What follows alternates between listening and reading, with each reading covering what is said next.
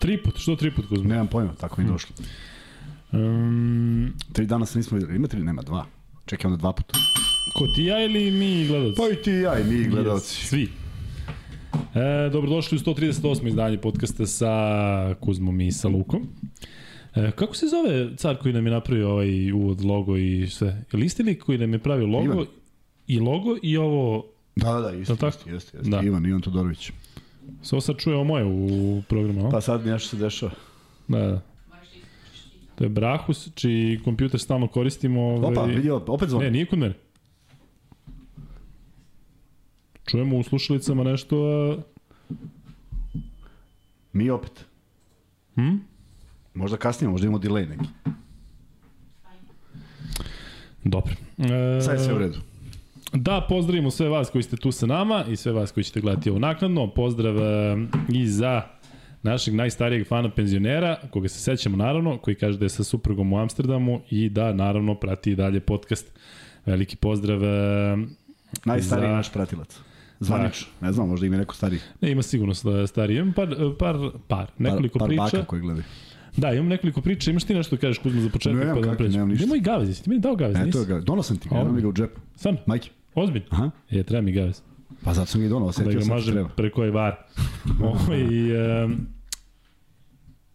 elem. Imaš priču? Da, e, znate da uvijek kada tako čujemo neke lepe priče, podelimo to sa vama. I dve e, priče koje izdvajam za ovaj put. Dakle, e, znam majku i ćerku koje nas gledaju. Nikakvih muškaraca nema. Znači, mama i ćerka gledaju podcast i uživaju. Veliki pozdrav za njih. Genijalno. I e, naš drugar i kolega Marko Vlahović mi je rekao, pošto znate da smo imali ovde onaj merch koji smo delili prijateljima i vama koji ste učestvovali u humanitarnim akcijama, e, Marko mi je rekao da ranac koji smo mu dali je nosila njegova supruga i da je u čitaonici prišao čovjek i rekao svaka čast za ranac. Znam. Da, pa imamo sad poručbinu od 100 ranaca. Ne, Baš da, danas. Tako da, Genijalno, ovaj, vidiš, e, širi se priča i to je divno. Priča ne da se širi, nego je super. Pozdrav za Belu crkvu, pozdrav za Irsku, e, pozdrav za sve vas. Pozdrav i Dejanu Tomoviću koji je startao ovaj, uh, ovaj podcast donacijom na Paypalu. Veliki pozdrav za Deke Tomovića koji je uvek tu prisutan. Jeste, on je iz Dobrote, iz Kotora. E, Dejan Tiganj, Dejan Dejan Tomović Tiganj i, je iz Švedske. i još jednog Dejana Ima imamo koji Dejan, su redovni. Da. Dejan. Ali Nikola, Nikola, dakle on, ludilo. E, Kuzma, nekoliko pitanja za nas na početku. Mene pitaju kako mi se čini ona utakmica Heidenheim, Hamburg. Kako ti se čini? Ja mi kažu da sam prenosio, mislim, jeste, prenosio sam ja. A ono 3-3, ono 3-0 pa 3-3, da, da, jeste. Ono kad ja kažem kao ovo je završena utakmica, ono bate jedan, drugi, treći i četvrti, da ovo.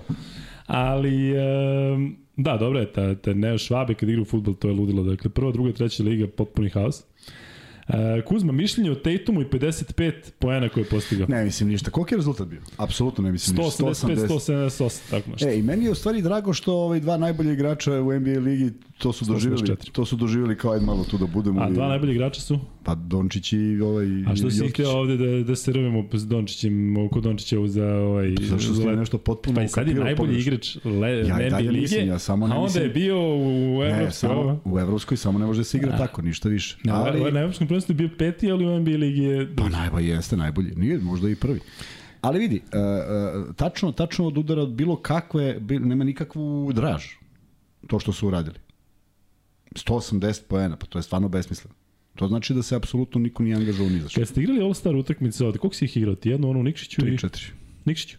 I u Nikšiću, i u Leskovcu, i u... Koliko se razlikovalo?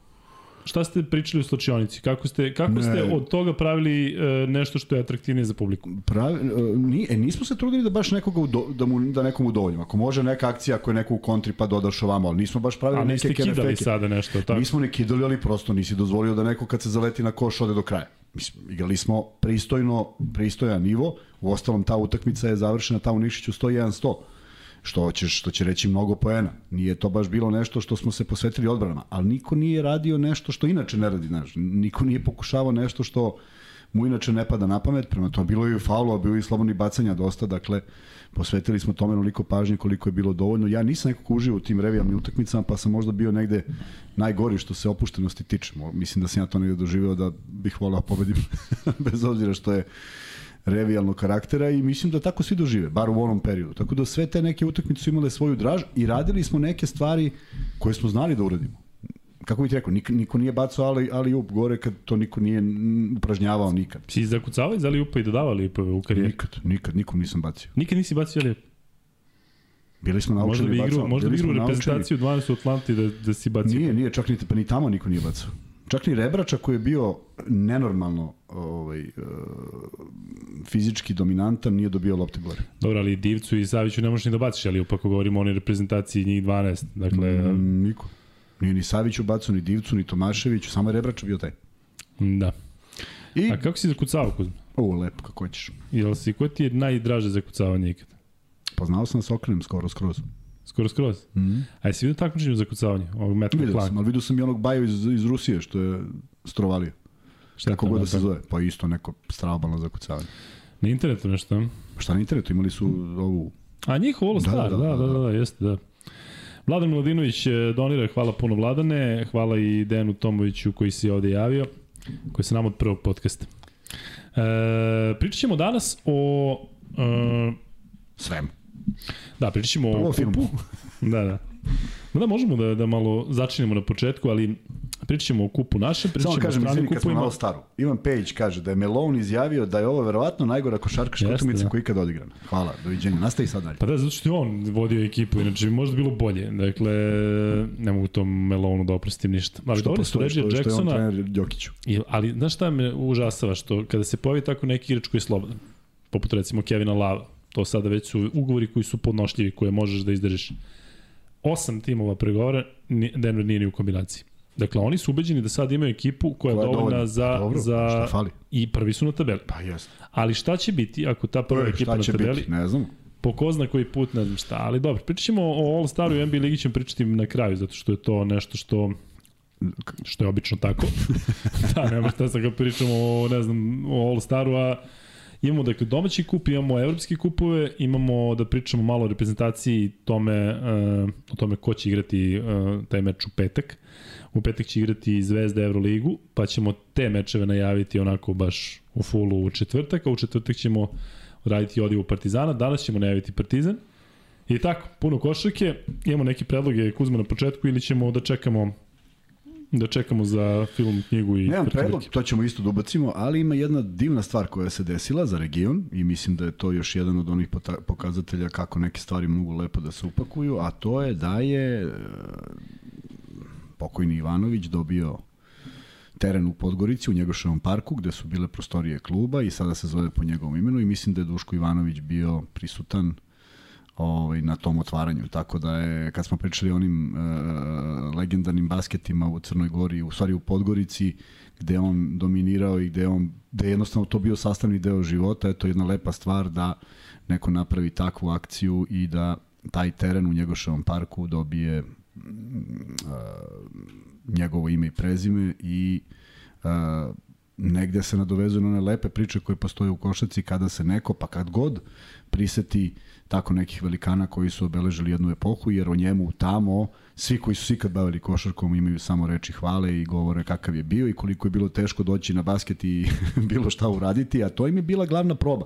Ti da bi igrao tu neku crnogorsku ligu koja je bila u zapećku u smislu u odnosu na prvu, prvu saveznu i prvu B ligu, Uh, nije bilo lako i onda se onda je to probijanje delovalo nekada i surovo kako su se kako kakvi kakvi su odnosi bili na na na terenu, međutim, eto, on je ostao zabeležen kao neko ko je bio predvodnik generacije koja je u budućnost prvi put uvela u prvu saveznu ligu 80. godine i to je bio jedan veliki Beše stariji nekoliko godina, jel? Da. O, Duška. Da. E, Hoshigaki Kisame, veliki fan i poznavalac Sopranosa, Kaže, pozdrav momci za Kuzmu informacija, ako nije znao, ali vidiš da je znao. Brat Duška Dragan Ivanović, po njegovom imenu se zove Ternu, jedan park da, u Podgorici. Već sam to vidio danas. Kuzma to, vidiš, unapred se vidi. Um, I divno je što jeste, zato što je ovaj, Zato što tako, ima, ima dosta smisla, ima dosta simbolike i ima ne, nešto što, što stvarno te ljude treba otrnuti iz zaborava i to je jedan od načina. E, ovde su te uhvatili u nekoj fori, kaže, pričao je Kuzma da je u OKK prvu tekmu bacio Eliup. Ja mislim da je Džangir pričao da sam bacio nešto. Neka asistencija, da, ali ne znamo da li je za, za kucavanje ne, ne, obično ne, ili šta. A, jesam, da, to na prvom treningu. A kad, smo, kad smo ušli, pa, nismo, pa mi je ovo pokazao moj saigrač op gore, ja iz globa izbacim, da, eto jednom. jednom, jednom su mi rekli nemoj to više da radiš. Takvi su bili, konzervativni su treneri bili u to vreme. Nisi ti mogao bacaš tako, aj realno nisi imao kome da bacaš, zaista. E, kada smo se nalazili, šta smo se nalazili za vikend? Da, ona šifra, da. šifra Brandy. Da. Ovaj, I okrećem tamo u despota Stevana. I sad pa ćemo ga Stevan, možemo ga zovemo i Stefan i Stevan, da. Stevan, Stevan. Stevo, despota Stevan. Uh, mislim da sam video natpis Džanger, ali izgleda nije, nego Džarger neki nešto. Jer, da li je moguće ne, da je ovaj čovjek... Možda je ovaj pod okriljem noći došao. I... Da. E, Kuzma, ne, ne, bi te, ne bi me to čudilo. Ne. Javljaju ti da je derbi u Beočinu u martu. Odlično, idemo u martu. Javlja. Jel, e, odlično. Idemo sigurno. Što su ni u februaru? Nekako smo, ja čekamo da dođemo u Beočin. E, Luka Ristić kaže da te pozdravlja i da je on momak sa terena iz Hale Čajre. Znaš o kome se radi? Ko? Luka Ristić, kaže pozdrav za Kuzmu i nesluženo, Luka, da, da, da. viđenje u Nišu. Nismo mogli da se vidimo zato što je Luka bio zauzet i bio je ceo dan u sali. Ja sam mu slavio svoju lokaciju gde se nalazim, ali prosto nije mogu da izađe i bit će prilike da se vidim. Luka, zašto Kuzma ne gleda Sopranos? Gledat ću, ubedit ću ga. Nije, nisam, nisam, prosto, valjda sam gledao nešto drugo, a i znaš šta, ja jedno vreme uopšte nisam gledao televiziju. Ili što bi rekli televizor. I, ovaj, i nisam, nisam ni pratio ništa što se dešava i čujem za njih i onda je to negde polu sezona. A onda još nije bilo to premotavanje baš kad ti hoćeš i onda da se uključujem u nešto o čemu svi pričaju i sve nekako saću, saću pa... Ja sam naknadno isto i gledam ih dan danas, 66. put, zato što su jako lepo uh, pokrili tom kao krimi pričom mafija, su pokrili neke, ono možda se poistovetiš sa, sa praktično svakim likom. Uh, Luka može komentar na Westbrookov odlazak u Clippers-e, pa dobro, drago mi je da se neseli, drago mi je da ostaje u Kaliforniji, Vidjet ćemo kako će to izgledati i mislim da Paul George je dobro procenio da bi mogao da pomogne ekipi. E, nije dobro da Bones Highland bude bilo šta bitno u tom timu, bar ne u ovim godinama i kada je ovako blesav. Ali Westbrook je vjerojatno još blesaviji, tako da vidjet ćemo kako svi oni funkcionišu. Čudilo, zaista sam se začudio kada sam vidio da i John Wall ide, ajde to još nekako zato što je čovjek u problemu već dugo sa formom i svim što je prošao u karijeri što se tiče povreda, ali um, za Reggie Jacksona me baš iznenadilo. Ja sam očekivao da će Reggie Jackson tu imati onako mesto kao Kawhi ili kao George, međutim, eto, znaju verovatno šta rade, mislim da je Lu čovek kome treba verovati. Um, daj da Kuzme iskomentariš All Star, komentarisa nisi čuo. E, da li je Radonja dobio šutku iz panate? Jeste. E, dakle, zvanično večeras. Kuzmi, imaš neki komentar na to? Na šta veš? Na odlazak Radonjića i se danas su pregovarali samo o načinu kako da se isplati ta sledeća sezona, pa su se našli i zvanično raskinuli ugovor. Vidi, pričao sam ti i prireću ponovo, zato što, zato što ja smatram da ja dragim prijateljem, nismo mi neko ko se za vreme njegovog boravka u Beogradu prečesto viđao, jer to ima neku svoju težinu i ne želim da uopšte ovaj, ima neku neki, neku težinu svega toga, treba da ima neki svoj mir, posvećenje košarci, on je zaista čovjek koji je 24 sata u košarci i, i, i da kažem, da sam imao prilike da ga posavetuje, molio bi ga da ne ide.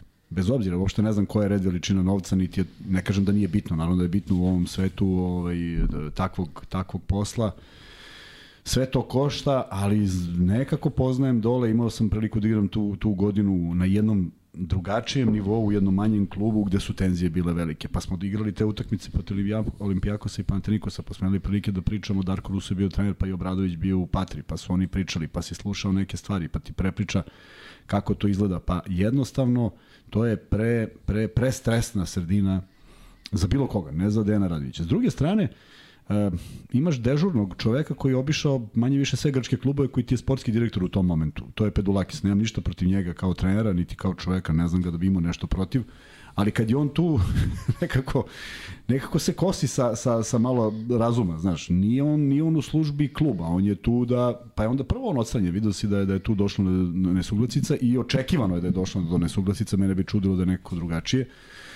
Jer ipak grčki treneri od, od svega onoga što su izvukli od srpskih trenera, naravno da ne žele više da oni baš uzimaju njihov posao i svakom tamo grčkom treneru koji drži do sebe je stalo da bude trener Olimpijakosa ili Panatenikosa i sad dolazi neki Radonjić, to, to je peta kolona u klubu i odmah imaš u najavi problem. Tako da, žao mi je što je otišao, zato što se bojim za jednu, za jednu stvar uh, generalno, uh, ne valja kad ispadneš iz ovog kruga. Što miš ispadneš na ovaj način? Ne, no, ispa, ne, samo pa vidi, sad on je isplaćen i sad, ok, treba da sačekaš neku sledeću sezonu, te se otvori neko mesto. Mnogo je teško da se neko mesto otvori. Da, ne, mislim ih... da je njemu posle ovoga zaista potrebna pauza, da i da se otvara sve, da bi on rekao, ajde... E, a, e, tu je sad, tu je taj to, nestanu neki treneri, ne pojave se više u Euroligi. Tako, je, tako, tako da je to ozbiljno. A, o, a ozbiljna je razlika između primanja u Evrokupu i, u, i načina rada u Evrokupu nego u Euroligi. Zato se svi grčevito i žele da ostanu u Euroligi. Tako da mi je zato žao jer mi nije delovalo kao mesto za uspeh. A znaš šta mi je prvo palo na pamet? Da bi možda sa njim, naravno uz dužno poštovanje svega što radi budućnost sada i trenutno Vlada Jovanović, ali da bi u nekom trenutku možda njegov povratak u budućnost mogao malo da pokrene tu sredinu o kojoj smo mi pričali da mi je potrebno nešto. Da li misliš da bi jedan takav trener, povratnik, dakle, ipak je on legenda kluba na stranu ono što su mu pisali kada je Zvezda igrala protiv budućnosti, ali povratkom eh, Dena Radonjića i eventualno u stvarno nekim normalnim pojačanjima, da budućnost stvarno može ponovo da bude na nekom nivou i da vrati neku energiju koju je izgubila. Može, može, ne kažem da ne može. Može, ali, kako bih rekao... On je podgoričan, tako? Tako Jeste, on je rođen da. u Podgorici, ali ovaj, ne, ne, znam, ne znam koliko bi mu to bilo, ne mogu kažem da bi bilo loše ili dobro, ne znam, ne znam koliko je izvesno, ne znam koji su planovi budućnosti. U krajnjem slučaju treba vidjeti ovu sezonu i šta je uradio Vlada Jovanović. A onda, a onda ako se već pravi zaokret i iz nekog razloga se desi dođe do promene trenera, ako se opet posmatra sezona kao neuspešna, ono što se desilo Partizanu može da se desi u budućnosti. Nema baze nema baze. Deo bi isto teško plivao u okolnostima u kojima imamo sedam stranaca u ekipi. Jer, bi, jer, jer je poseta, jer je zanimanje za košarku opalo. Da li ja razmišljam da bi se možda povratkom Radonjića vratili i neki klinci poput Žugića ili već koga, znaš, da jednostavno da, da budućnost bi, bude konkurentna ja, da bude, da bude uz Partizan i Zvezdu. Iskreno, nedostaje mi taj treći jak klub u ABA ligi. Naravno, naravno, sve stoji. Sve znaš, da, stoji. Da, da imaš neki meč da kažeš uje, daj da, da, znaš, ovo će biti stari pan. CDVita je napravila eto tu, tu, Jeste, tu da, uslugu da, Zvezdi, da. sad trenutno tako stvari stoje da je pobedila Partizan u jednoj ludačkoj završnici. Ali slažemo se da je pobeda Zadra u Beogradu i poraz Partizana protiv CDVita Olimpije ipak bio za sve našo kanter. Da, već je, već je, već je šok naravno, pobeda Zadra, Zadra da. nego, nego vidite, ipak je to jedna ekipa koja zna ovaj, da igra, ali, ali nedostaje budućnost kao ne, oni su izgubili neke silne utakmice ovaj, od, od mnogo loših protivnika. Tako da, ne znam, on će sad sigurno da odmara i treba da odmori glavu, jer ono dole, kažem, je i suviše stresno za, za bilo koga. Uh, ali kažem, žao mi je što je napustio na ovom na ovaj način, iako kažem, ništa mi nije delovalo tamo da obećava da to može da bude dobro. U krajnjem slučaju godinama sam pratio izjave Anakopulosa i ne deluje mi kao čovjek s kojim možeš da lepo ovaj, funkcionišeš. Da, nekako, ako je stvarno podseko opcija, neko mi se uklapaju njihove te energije ludačke. Da se šibaju naš, svaki da, dan da, i da daju otkaz jedan drugom svaki dan. E, pozdrav za Ljubljanu, pozdrav za Maribor, pozdrav za Saleta Božića. Saleta, tebi hvala za ono što, što si što si ponudio kada je bila ona drama u bolnici. Tu je i Marko Vlahović, pozdrav za njega. Inače, Mare, e, odlučili smo se, to sam zaboravio da ti kažem danas, neće nam ići ćere zajedno u vrtići, odlučili smo se za onu drugu opciju, tako da, da znaš, pričali smo o tome, ali e, eto, ovo nam je bliže. E, dobro, ima još dosta pitanja. Da, pitaju da li bi Radonjić mogu da bude kod Ivanovića pomoćni trener. Ne, pa kada uđeš ne, u tu, na taj nivo, onda ti više ne verujem da si za varijantu da budeš pomoćnik bilo kakav. E, ono nepoštovanje Luke i Jokića od sinoć je negledljivo.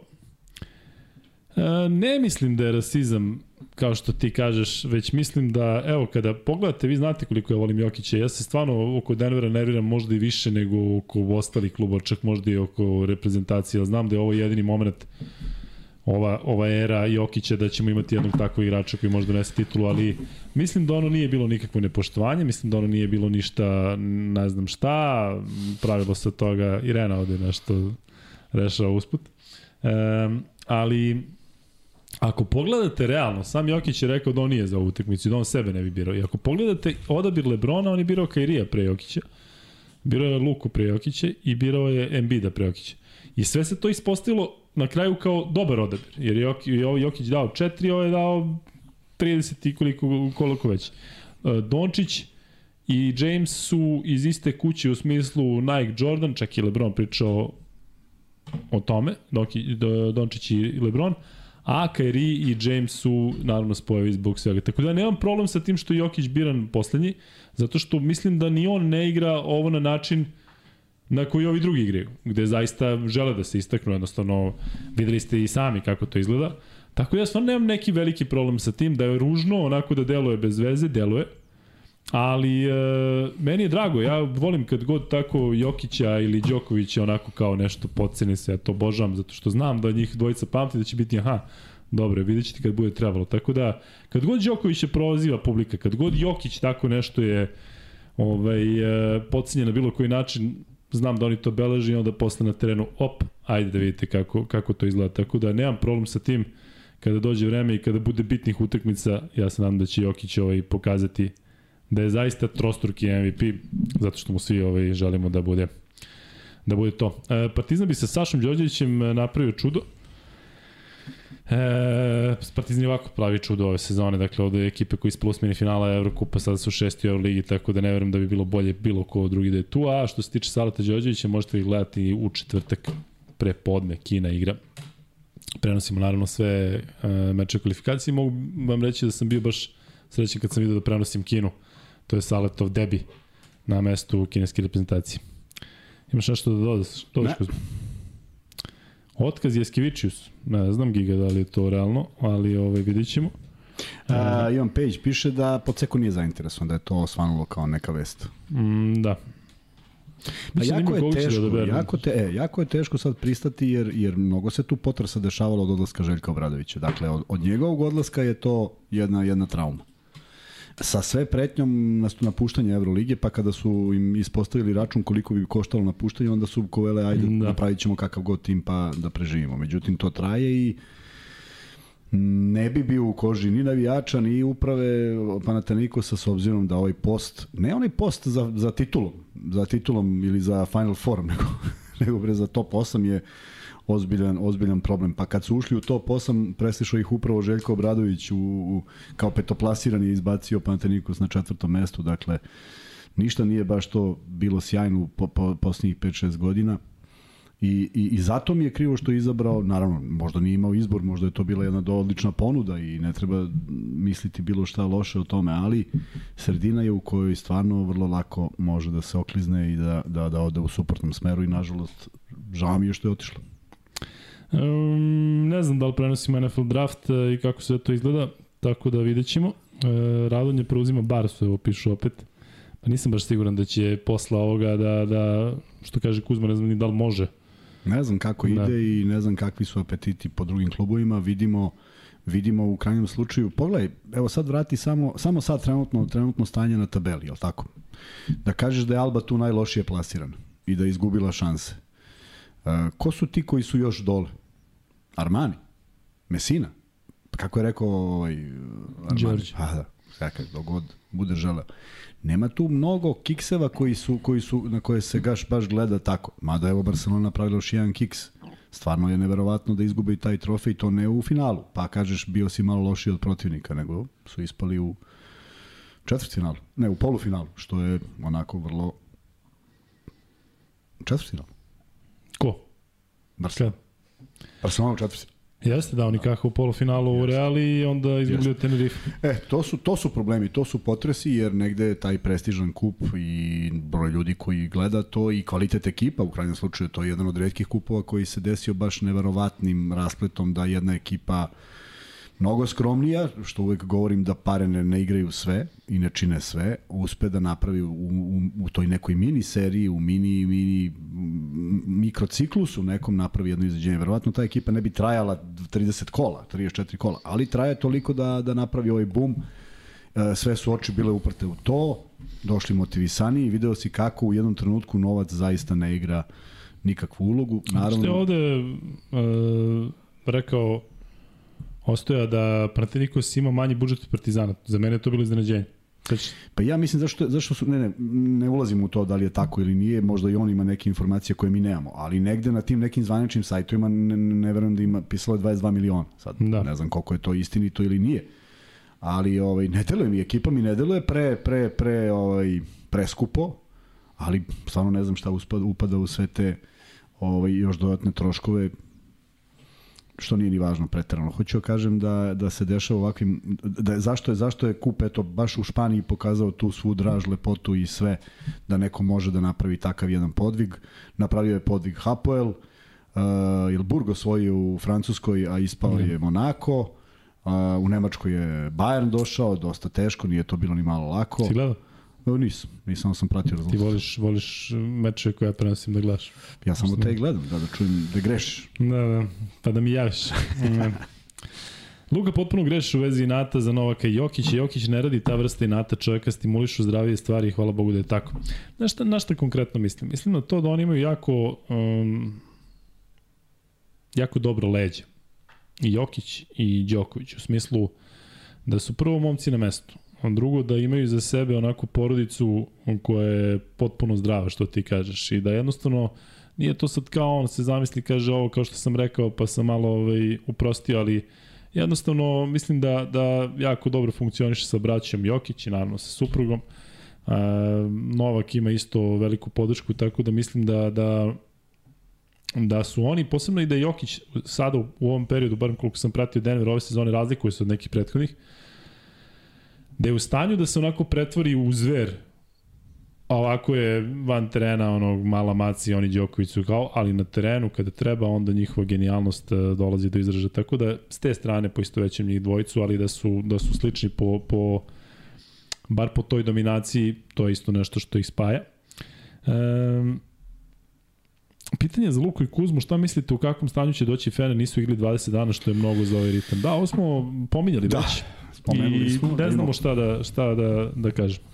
Ne znamo gde to može da bude jedna dobra stvar u smislu ispravljanja ogromnog broja grešaka jer Fener ne, izla, ne, ne izgleda i ne igra kako treba. Uh, opet činjenica da, da, da igraš, da treniraš suvo i da su eventualne neki ti treningi, trening, na treningu 5 na 5 nije dovoljno za, za osjećaj pravog onog uh, košarkaškog momenta i da, da si ti potpuno posvećen tome, tako da zaista dvojako može. A mogu da se dese neke odbrane, neke minijature, neke stvari koje e, Partizan sigurno ima vremena da spremi, jer uh, fokusirali su se na kup, uh, verujem da su u nedelju imali slobodan dan, dakle to je doslovce tri dana, a nekako kako je krenula onaj užas u, u Turskoj, negde se, negde se znalo otprilike da, da, da sigurno Fener ima ako tako mogu da kažem, više vremena, jer jer su mnoge utakmice i domaće prvenstvo i kup i sve vidio si otkazano. danas opet zemljotresi u Turskoj. Strašno, strašno, ne, ono je neverovatno. Tako da oni, oni naravno žive u jednoj psihozi koja nije ni malo prijatna, jer sve vesti su sigurno i hteo ne hteo, ti moraš da ih čuješ, da, da se dešava jedan užas u delu tvoje zemlje, tako da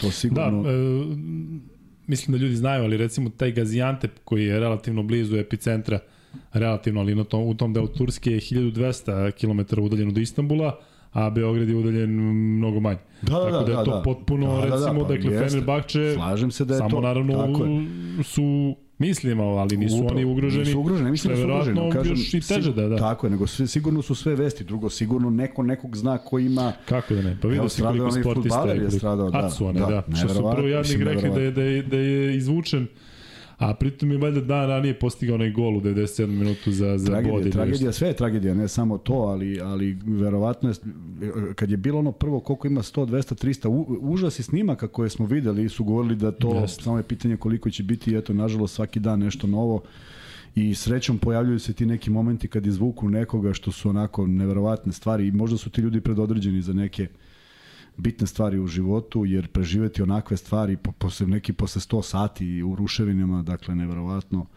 I kažem, sigurno da nije prijatno ni trenirati ni igrati u tim uslovima i negde su misli okrenute i ka tom i u tom, u tom pravcu, ali a, slede utakmice, koliko sam ja razumeo, a, Fener dolazi, ali opet neće igrati do 7. marta, neće igrati na svom terenu, je li tako?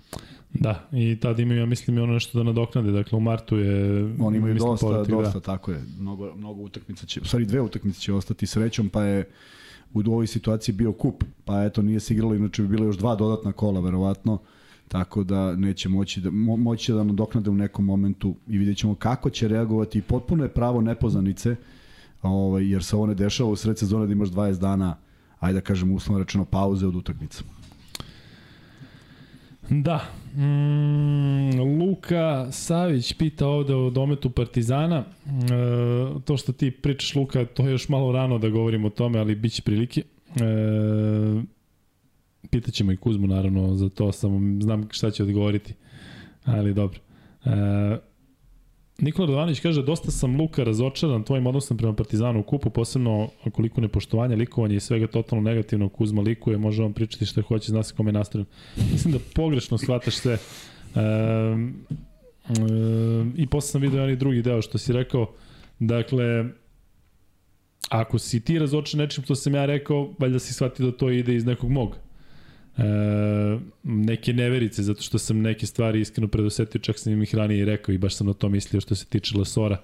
Ti kažeš da poznaješ tog dečka i da je dobar i da zna ko je Žućko, ali e, verujem i znam ja neke priče onako iz prve ruke, niko ne kaže da je on loš, dakle to niko nikada nije rekao već jednostavno da, da, da nije pouzdan u smislu da, da jednostavno zna da izgori. Znaš zašto, zašto tako govorim u Lesoru? Zašto sam ja bio isti takav kada sam bio igrač?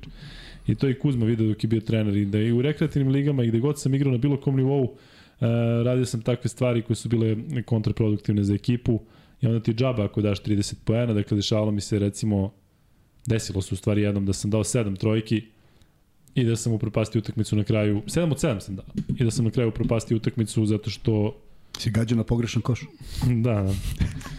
Neki deganži bio nešto, tako da ovaj, um, uh, vidim da ne može da se kontroliš. I to nije loše.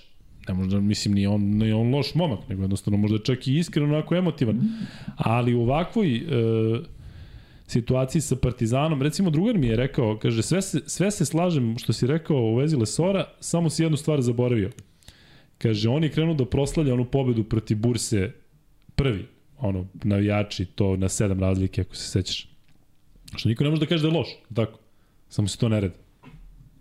Eto, i e, na sve ono što sam pričao, su mi čak rekli još nekoliko situacija. Jeste specifična, specifičan moment da je momak zaista kandidat za MVP-a lige, ali ja sam ovo govorio i da me plaši na početku sezone i da prvo on neće izdržati, e, prvo veliki kad govorimo o onim njegovim minutima, kad govorimo o tome koliko, koliko se troši.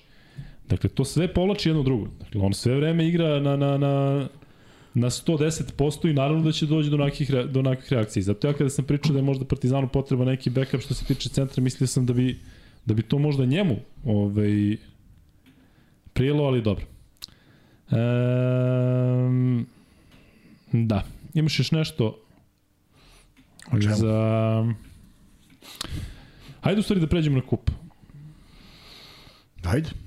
Mada pričali smo dosta. Ali ajde, evo još da ima, ima još pitanje. Pitanje za ovog malog Mahameda Landura, ovog što je, ima, što je dao milion poena i hiljadu indeks i ovaj mali od 13 da, godina. Da, neverovatno. Svaka čast ako ima 13 godina, eto ja verujem da ima 13. Ovaj, neverovatno kako on izgleda, ne, to nikad nisam video, a znam dominantne igrače, jedan od njih u svoje vremenu, kako god da se zvala liga, je bio Peđa Stojković, možda se nije merio indeks, pa možda nismo saznali koliko je bio dominantan ali on je dolaskom u Beograd igrao tu neku mini basket ligu ili tako nešto, to je izgledalo nestvarno. Milojević je bio u svom uzrastu isto Da, pa je pričao da nešto da. 100, 200 Ali ovo je, ovo je neko, nešto nevjerojatno, ipak toliko poena, svaka čast, mislim, prosto nevjerojatno. Ja iskreno jedno čekam da ga vidim u nekoj ozbiljnjoj konkurenciji, jer ovo je očigledno prevazišao, tako da ajde da vidimo o čemu se radi, možda o nečemu što nikad nismo videli do sada ovaj, jer jeste neverovatno. Brojevi su zaista i, mislim, 33 puta skočiti na prazno pa te zabole noge, a ne da, da još skineš toliko lopti u napadu, u odbrani svuda i ajde da vidimo kako to izgleda. Meni je impozantnije bilo što je to gledalo 8000 ljudi. Da, evo kaže ovde ja. Filip da je 8500 ljudi. Nestvarno, da. To je, to je ono što je interesantno. To je u stvari, da, da pa vjerojatno ga je to i... ne znam, ne znam, svaka čast. Kogod je došao tamo, svaka im čast što su to napravili. Te neke, te, te, takve neke ovaj, manifestacije kod nas, moliš ljudi da dođu, a treba bude prazni košarke, treba da vidiš tu neku decu talentovanu, Obično se to desi da ih bude na ovim na ovoj stvari koji si ti radio, pa tu bude malo više gledalaca, ali ovako generalno ne. E, to su da kažemo šta je onaj Next Generation koji si ti ovaj radio uživo. Ja sam kao scout imao priliku da gledam svoje vremeno i stvarno bude ljudi i pogleda, ali to su ljudi iz košarke, to su ljudi koji žele da vide nešto, tu ima puno skauta, puno... Ovde mi ne vedelo da je bilo 8000 ljudi koji su vezani za košarku, nego da. jednostavno su uživali u svemu tome, tako da eto, još nešto da naučimo i da vidimo kako možemo mi nekome, nekom detetu priredimo spektakl, jer znam koliko znači kad vide publiku i kada, kako se drugačije osjećaju. To najviše znam po košarkašima u kolicima. Dakle, mi smo napravili taj jedan uslovno rečeno spektakl u Košutnjaku gde smo okupili stotinak ljudi njihove utakmice su bile još skromnije posećene. Ali, ono, kad, smo, kad sam bio ja, tako. Nije, još da. pre, još pre, par A, godina pre, pre. I sad zamisli kad su u publici Miško Marić, Ratko Varda, Marko Peković, Mile Ilić je bio, uh, ko je još dolazio? Hoću ti kažem, uh, Paspalj otvorio turnir. Znaš, znaš kakav kako, je njihov, znaš kako lete tako lica? Pa kaže oni, hmm. ej, ovi gledaju nas. Znači, potpuno... Jest. Tako da svakome to znači, a pogotovo na uzrastu od 14 godina. E, kad sam kod ovaj, ove teme, sad, ajde, ovaj, e, neverovatna vest koju sam ja dobio od troje, četvor ljudi, hvala svima što su javili, našao sam je i sam. E, kako se beše zove sami stav... Papas, da, Nikos Papas je postao igrač Panatenikosa, ili ako sam ja dobro razumeo, košarkaša u kolicima. I sad su svi u zabezeku. Kako je to moguće? I čak su im poslali da li je po pravilima. Apsolutno je po pravilima, zato što može da igra kogod želi. Ali samo jedan može da bude. Ne, ne, ne, ne, ne, ne, može, ne, ne. Po pravilima je da ti možeš da budeš u ekipi. Ali ne možeš na zvaničnim takmičenjima. Znači, ne možeš nigde da, da postoji zvaničan protokol, zašto prosto moraju da budu osobe sa invaliditetom. Međutim, vrlo interesantno da se prihvatiš toga zato što nemaš ni jednu prednost fizičku. To što si ti zdrav i seo si u kolice. To nema nikakve veze da se ti u tim kolicima možeš bilo šta. Ja sam sedeo mnogo puta. Ja ovamo, oni svi ovamo. Ja sve kontra, dok ja savladam komande na neki način i tom, tom brzinom da se kreće. A šut, zaboraviš sve što si znao. Uzmeš loptu i pomisliš, pa okej, okay, to, i kako je podigneš iza glave, shvatiš da nemaš snage da dobaciš ne do, ne do mrežice, ne do koša. Tako da je divna stvar da se on prihvati od toga, zato što je to jedna fantastična stvar za promociju košarke u kolicima. Uh, a koliko će po, pomoći ekipi, da li će stvarno da se posveti tome, vidjet ćemo što da ne. Možda pronađe neku novu karijeru, s obzirom da imao Uh, imao je obećavajuću karijeru, pa su naišle povrede, ne zaboravimo, on je zvezdu, zvezdi je dao 33 poena, ja mislim, kad su igrali da li u Evrokupu ili one prve godine Evroligije negde. Da, jeste, napravio Znači, bio je, da. Tako da, šteta što nije završio svoju karijeru kako treba, ali možda se pronađe ovde, ima igrača koji igraju bez povreda, sve je to dozvoljeno, osim na uh, zvaničanim takmičenjima, zato što klasifikatori koji ocenjuju i koji donose ovaj, mora, moraju da se suoče sa invalidima, ne sa zdravim osobama. Prema tome, eto interesantne vesti koja u tom smeru redko ko da je išao. A, kažu da sam ja bio jedan od dva čoveka koji odmah se u kolica, to mi kažu ljudi koji, koje sam kasnije, s kojima sam se kasnije družio, a da igrači izbegavaju zbog uroka. Nemoj sad da sednem, znaš, ko zna šta će se desiti, tako da ajde.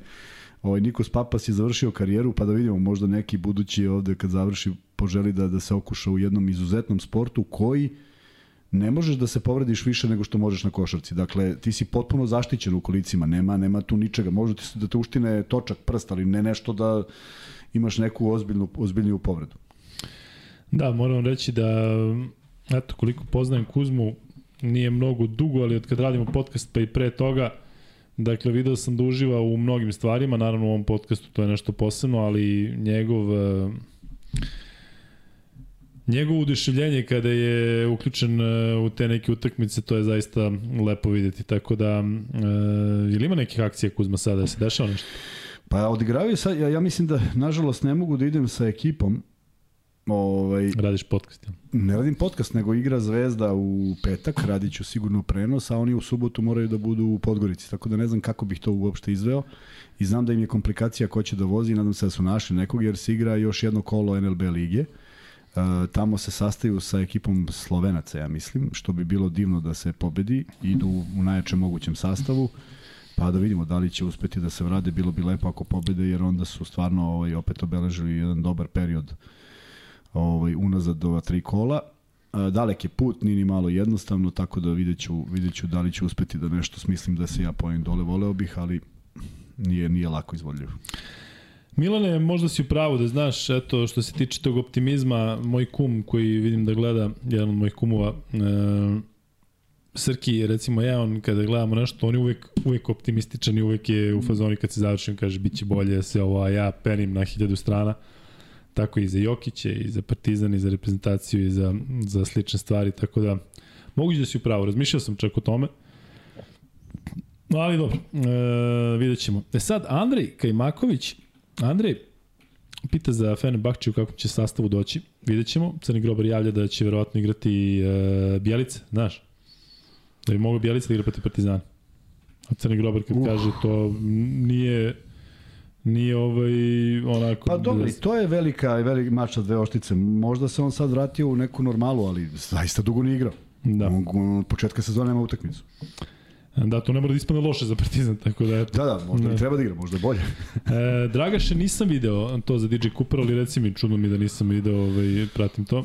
E, šta imamo još trenutno što bi mogli da pričamo pre nego što krenemo na ovu, na ovu priču? Da, Andrej Kemaković to mi razjasni, zato što kada, kada je bilo ono oko tog velikog seta, bila je, bilo da je Andrej Kemaković, pa onda kada smo se dopisivali, vidio sam da je Dule. Mi samo reci, jesi ti Dule, Ili sam, pogrešno, ili sam nekom pogrešnom odneo paket. da, da, da. A iznenadio se taj čovjek. Da, tako da Andreje razjasnimo da je kako vjerojatno ovaj, zaboravim, odnosno vjerojatno neću vidjeti šta i kako pošto vidite koliko ima, koliko ima poruka. Znate za pravilo, dakle, kada stignemo do 500 lajka, idemo na prvi free bet. Um, uh, uh, uh, uh, Drugar mrtvi grobar koji prati samo košaku i rukomet kaže da Panta nikad neće biti čovjek odluke dok za Nanali Egzumom misli suprotno. Pa ja bih iskreno uvek dao pre loptu Nanali i Egzum, ali ne možemo da kažemo da, da, da Panta nije rešio neke utakmice. Pamtimo svih Juventus, pamtimo, pamtimo neke stvari, tako da mene više nervira to što kod njega ide gore dole konstantno. Tako da ovaj, uh, vidjet ćemo. E, Kuzma, evo, pitaju za komentar e, o Dobrićevi partiji u finalu. Pitali su ovde mene za CJ McCalluma i to što je rekao Kampacu. CJ McCallum je jedan e, super tip koji e, će sigurno raditi nešto posle košake tog tipa, novinarsko, trenersko, dakle videli ste, odnosno ako pratite, znate koliko je ovaj inteligentan, e, tako da vidjet ćemo E, kako to izgleda to što je rekao za Kampaca, ko zna zašto je rekao da ga nervira. Svi da to što je ne. CJ McCallum rekao da ga ovaj iz Denvera nervirao, mislim na Kampaca, možda ga nervirao zašto ga je dobro čuvao. Tako da ne znamo, ne znamo konkretno. Jesi video onaj, uh, ide, ide taj shorts, ja ne znam iz koje sezone, ali je genijalan. Dakle, jedan igrač u NBA, ja ne znam kako se oni zovu, prima loptu, a ovaj mu igra nenormalno agresivnu odbranu. I on jednom laktom pored glave, drugi put i treći put i sve snage. Jesi video to? Ne. I promaši ga I ovaj čovjek ovako osetio je, vrlo je blizu bilo i on se ovako začudi, malo gleda, verovatno sudije traži pogledom i ostaje u stavu. I nastavlja istom agresivnošću. I ovaj uzima loptu i udari ga u glavu. Nisi gledao? Ne, ali mislim, to, to što si krenuo da pričaš, to je bilo između Randolfa i, i Demarcusa Kazansa, ali je završeno laktom kojim ga je pogodio. Ovo nije, ovo je loptom. Ja. Ovo je neki momak iz Vizarca kojeg ja ne znam, ne znam nikoga. I u svakom slučaju, zamisli kad je dobio, kad je ovaj toliko iznerviran što igra agresivno, udari ga loptom u čelo. Mnogo dobro izgleda. Mislim ne. da sam nekom uspeo da pošaljem pa ću da ovaj pa ću da nađem gde. E... Ne znam kome zove baš sad u live-u, očigledno ne gleda. ja, javi se. Luka, samo na vreme da napišem, nemoj da kažeš da je neko od igrača Fenera Kante, jer će nas unakaziti. Neću reći imam posle. Ali neko je pitao kako to da je Fener imao onih devet pobjeda pa su sad pali. Pa dobro, to je i normalno za ekipu koja se tako okupi pa šete gore nešto dole imali su. Da, nešto se sklopilo, negde su od, otkrili neke slabe tačke. Tako, imali su i onaj, e, one povrede Motlija i Vilbekina koje su ih zadesile u isto vreme. Tako da ja generalno, pretpostavljam i većina vas, nisam ljubitelj toga da se tako sklepa tim, daj sve pare sveta i sve igrače koji su na spolaganju i sad njih devet, devetorica novih upoznaju sistem, nov trener, to je bilo u Panatinikosu, to je u Makabiju, to je u Fenerbahčeu. E, eto recimo Tabaskonija kao primjer, oni imaju okusnicu tima iz prošle sezone. Dodali su novog trenera, dodali su Howard i još nekoliko pojačanja, ali 6-7 igrača tamo je ostalo od prošle sezone videli ste kako to izgleda drugačije. E, Kuzme me pitaju koji parfem nosimo. Pa neko si mi ti poklonio, šta si mi poklonio? Pogleda, pa onda nosimo isti. Poklonio sam te Onaj crni? Na Moskino. Ne, nisam taj. A pa što si dao, to si dao... Je li crni Moskino? Crno-beli. Ne, ne, ne, crni, on je baš crni. Tri si mi. E, pa to je onaj, onaj, onaj dobar, onaj crni, je tako? Dobar, dobar, ne da, da, koji. da, da. Ali Ali ne, ne znam kako se zove. Ali je. Moschino znak pitanja je super i ja volim Versace Dreamer, ona mi je super ovaj, e, jeftin za, za, za taj miris, malo možda više letnji. Tako da ono. Luka, koji je onaj tip što je pobedio za kucavanju? Matt McClangy je momak koji je išao u... E sad, ovaj kaže da je išao u istu srednju školu kao Iverson, nisam siguran, ali je u Virginiji. E, Da, ovaj, ne, ne moguće da su išli u srednju školu, to sam čuo u prenosu kao ista srednja škola, J.J. Redick i Alan Iverson. Ne bi trebalo. Uh, Iverson je išao u srednju školu kao i ovaj Soko, što igra za Britaniju, što je bio u reality u 2015 i što će doći u Beograd sada sledeće nelje. Um, Matt McClang je momak koji, se, koji nije nov što se tiče zakucavanja. Njegovi uh, klipovi su se pojavljivali još pre 4-5 godina, dakle Belac koji tako skače, koji radi neverovatne stvari, ali košarkaški on verovatno nije za NBA ligu u smislu da znate da je bio u nekoliko NBA timova, on je mislim da je odigrao nekoliko NBA utakmica ukupno, ali ono što radi je zaista nestvarno. Tako da ovaj, Ima tih belih zakucavača, sitnih, malih, koji, koji lete, dakle, ovaj iz Evrope, ova kombinacija Grabovski ili Pinski, što zakucavaju po ovim 3x3 takmičenjima, su momci nestani. Onda Jordan Kilgannon, koji je izmislio onaj unicorn zakucavanje koji svi danas rade. Ovaj... E, tako sam volao da zakucam. Sad nisam kako se zove. Te sam ja znao Da. kako se zove. Da, da. E... Luka valja parfemi, ne valjam ja, ali ovaj, Ali tako moje izgleda, druge valja, da. E, ja prelažu ovde sad silno neke parfeme. Ele, e, što se tiče Meta McLanga, dakle super je, sve ono deluje atraktivno, idealno za All Star, ali što se tiče, videli ste, i nije, nije na nivou NBA ligi. I e, videli ste, e, pitali su mnogi igrači poput Ja Morenta i Anthony Edwardsa zašto oni ne učestvuju u takmičenju za kucavanje, isto su pitali i Zajona. Izgubilo je to, ranije su ono, kad Pa znaš, da. da. Jordan, Jordan Wilkins, Pa da, ono, bili su tada najbolji igrači u ligi. tako je. Kenny Skywalker kad se pojavio, to je bilo kao otkud ovaj, O, šta je koga, ovo, koga da, da. ne znamo toliko, a opet on nije u Nixima i bio deveti igrač, bio je šesti. Ove, tako da, A onda malo su se promenilo. sve su manje. Vremenom se da to, znaš, Lebron nikada nije za kuce, učestvovao na takmičenju za Pa dobro, kucavanju, šta da radi? A verovatno mogu da za izvede to, nešto. znaš. Ma, zaleto bi se on sa, Pa dobro, sa nekog bi se, penala. nije sporno. da. Ali ovo je sve bilo neko lepo i bilo Da. ti koji su stvarno bili lepi. Ovo su sad samo fizikalije koje su strašne, ostaneš zabezeknut, ali prosto neupotrebljivo u košarci, pa mi onako kod da, a što, komu, što mora da bude košarka, što ne da bilo koga i uzme i zakuca tamo. Pa kad sam, znaš ti da na ABA All Staru, pričao sam ti to, kad, Jesi, kad su me zvali, da, da, Viš šta mi uradi čovjek, a to je priča o, o, o, zbog koje je krenuo podcast.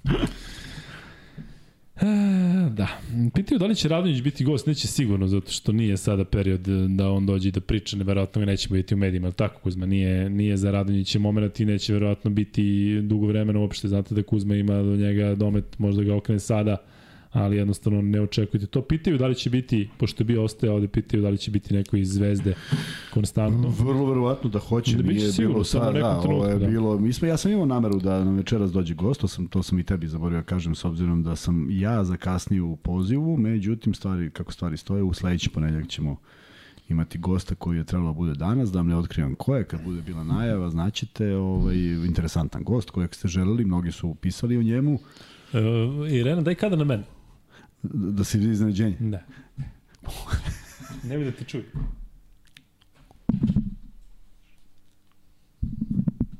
Pa ne vredi, ne budi sad nam to... Što si mi već rekao da će ono ranije? Što si rekao da... da, da Jeste, rekao sam ti, znaš, nego nisam ti rekao da sam ga zvao. A, Da, po- pošalji. I, ovaj, I nadam se da će, do, ne nadam se, mislim, dogovorili smo se već sve, samo danas prosto nije u Beogradu, tako da ovaj, ja sam zakasnio s pozivom, ali ostaje da se vidimo sledeći ponedljak, jer nekako mislim da, da, da je malo bez veze u četvrtak i petak, s obzirom da smo u kasnim terminima, ovako da imamo zaista prostora da se ispričamo sa gostom i o svemu i svačemu. Naravno, iz Ljuba Winston Lige, pa ko želi da sačeka, ovaj, vidjet će ko je. Luka Huertas ima bar 300 godina i dalje igra ozbiljnu košaku za Tenerife. Mi imamo u Srbiji igrače sličnih godina tipa Stefan Marković koji ne može ni 20% toga pokazati. Možda tvoj komentar.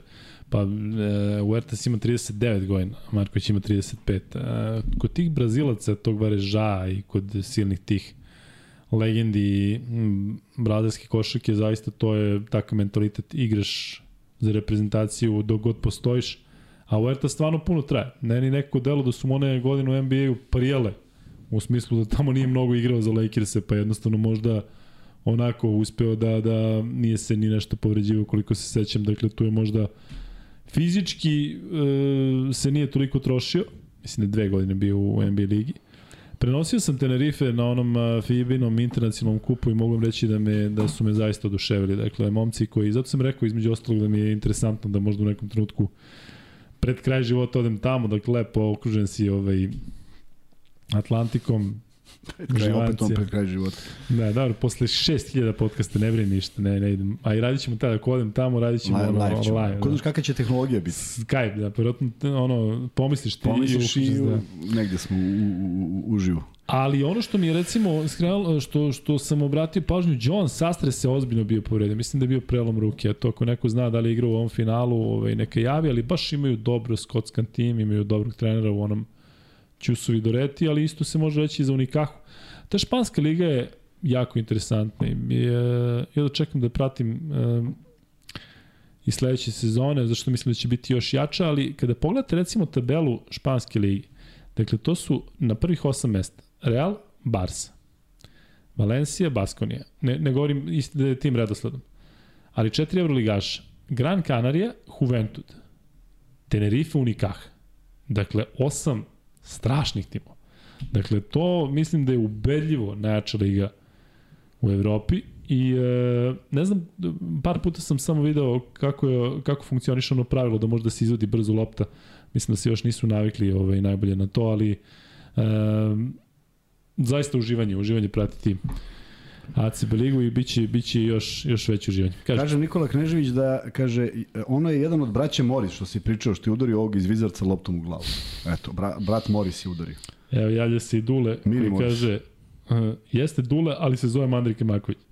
E, dobro, Dule, šta ti kažeš. Um, da. A, evo, provali su. Šta? Ko je gost? Ko? Je li ovo? Pa šta piše, ako piše, pročitaj, šta ti? Neću. Pa Što neću, meni inako im neću reći. Viš?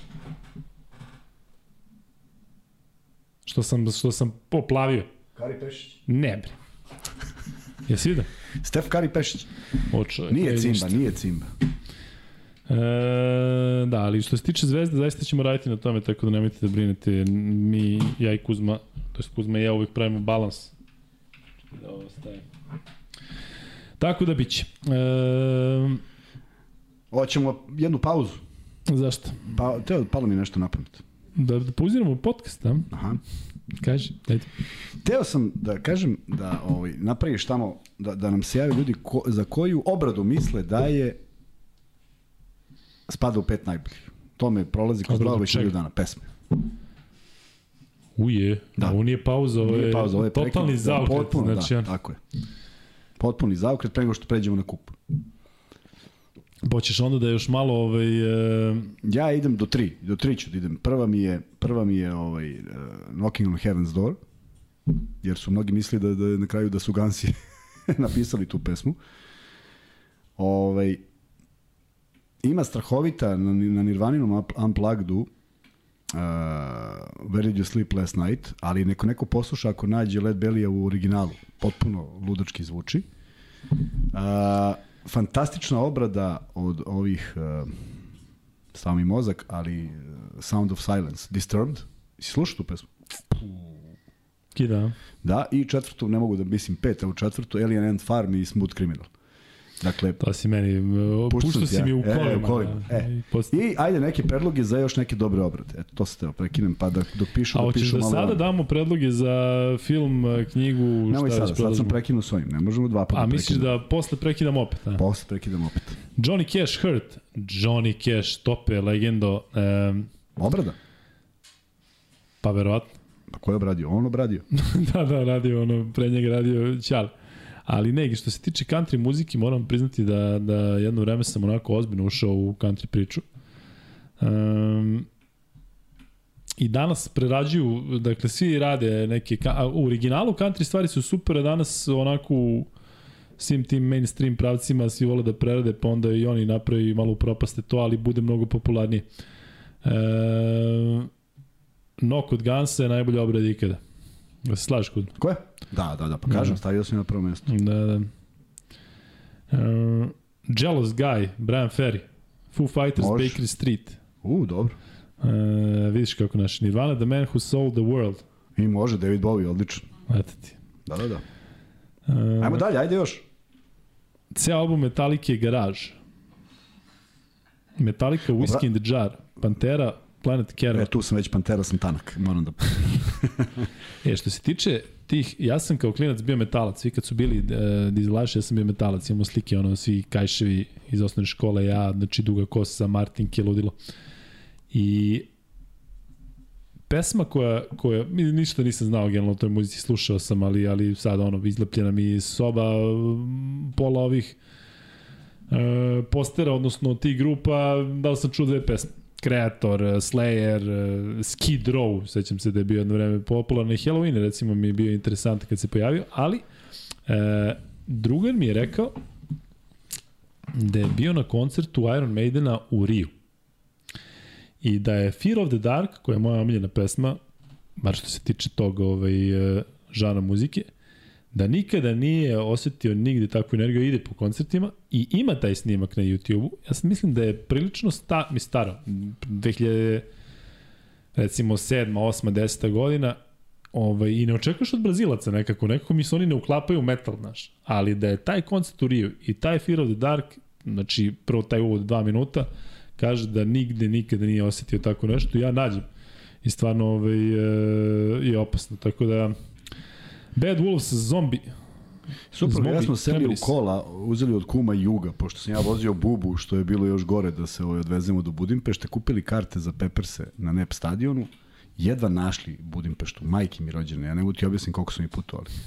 Držimo neku mapu pa gledamo gde je levo, gde desno, nema autoputa, nema ničega, stignemo tačno na, na početak i veruj mi, to je u pitanju Blood Sec Sugar Magic i da mi je neko od njih došao i rekao, ajde reci nam šta hoćeš da sviram i da sam napisao, mislim da bi se raz, da bi se mi išli u jednoj pesmi i to samo zato što ako znaš Give It Away, on ne zvuči lep, lepo uživo koliko zvuči dobro.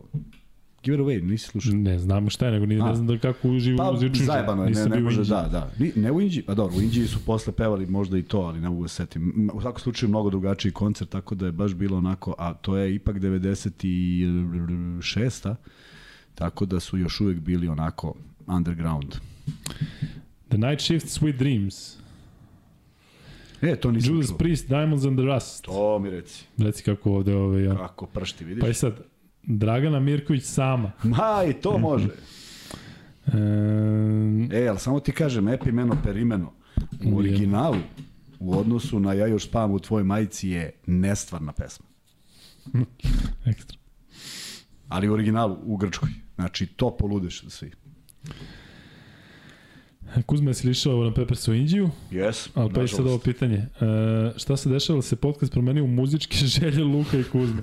da, nije još, ali ponedeljak je, počeli smo u 9, tako da, e, nažalost, Irene i e, možda još neko od vas radit ćemo dugo, tako da je bilo vremena i za ovo. E, šta Kuzma misli o Linkin Parku? Misli sve najbolje, to znam. Mislim da. Mm, da. Pazi, ta hrabrost da, oni otpe, da on otpeva ovaj Adel, a kapelo je majstorski, apsolutno, svaka mu čast. Da. E, Rolling into deep. Kuzma, hoćemo li da... Ćemo na košarku malo? Ajde malo. Pa malo. Ajde, ali posle da se vratimo i da pređemo u... Tigu, jednu vode. dobro. I čuo što je za kraj. To Zaboravio čuvam za kraj. Neću zaboraviti to. Ne, ne, Ali još zaboravio si da se zahvališ Velji za hemijski. I da Veljo, hvala za hemijski. Ali ovaj, poruka je dobra, Velja, da. Tako da,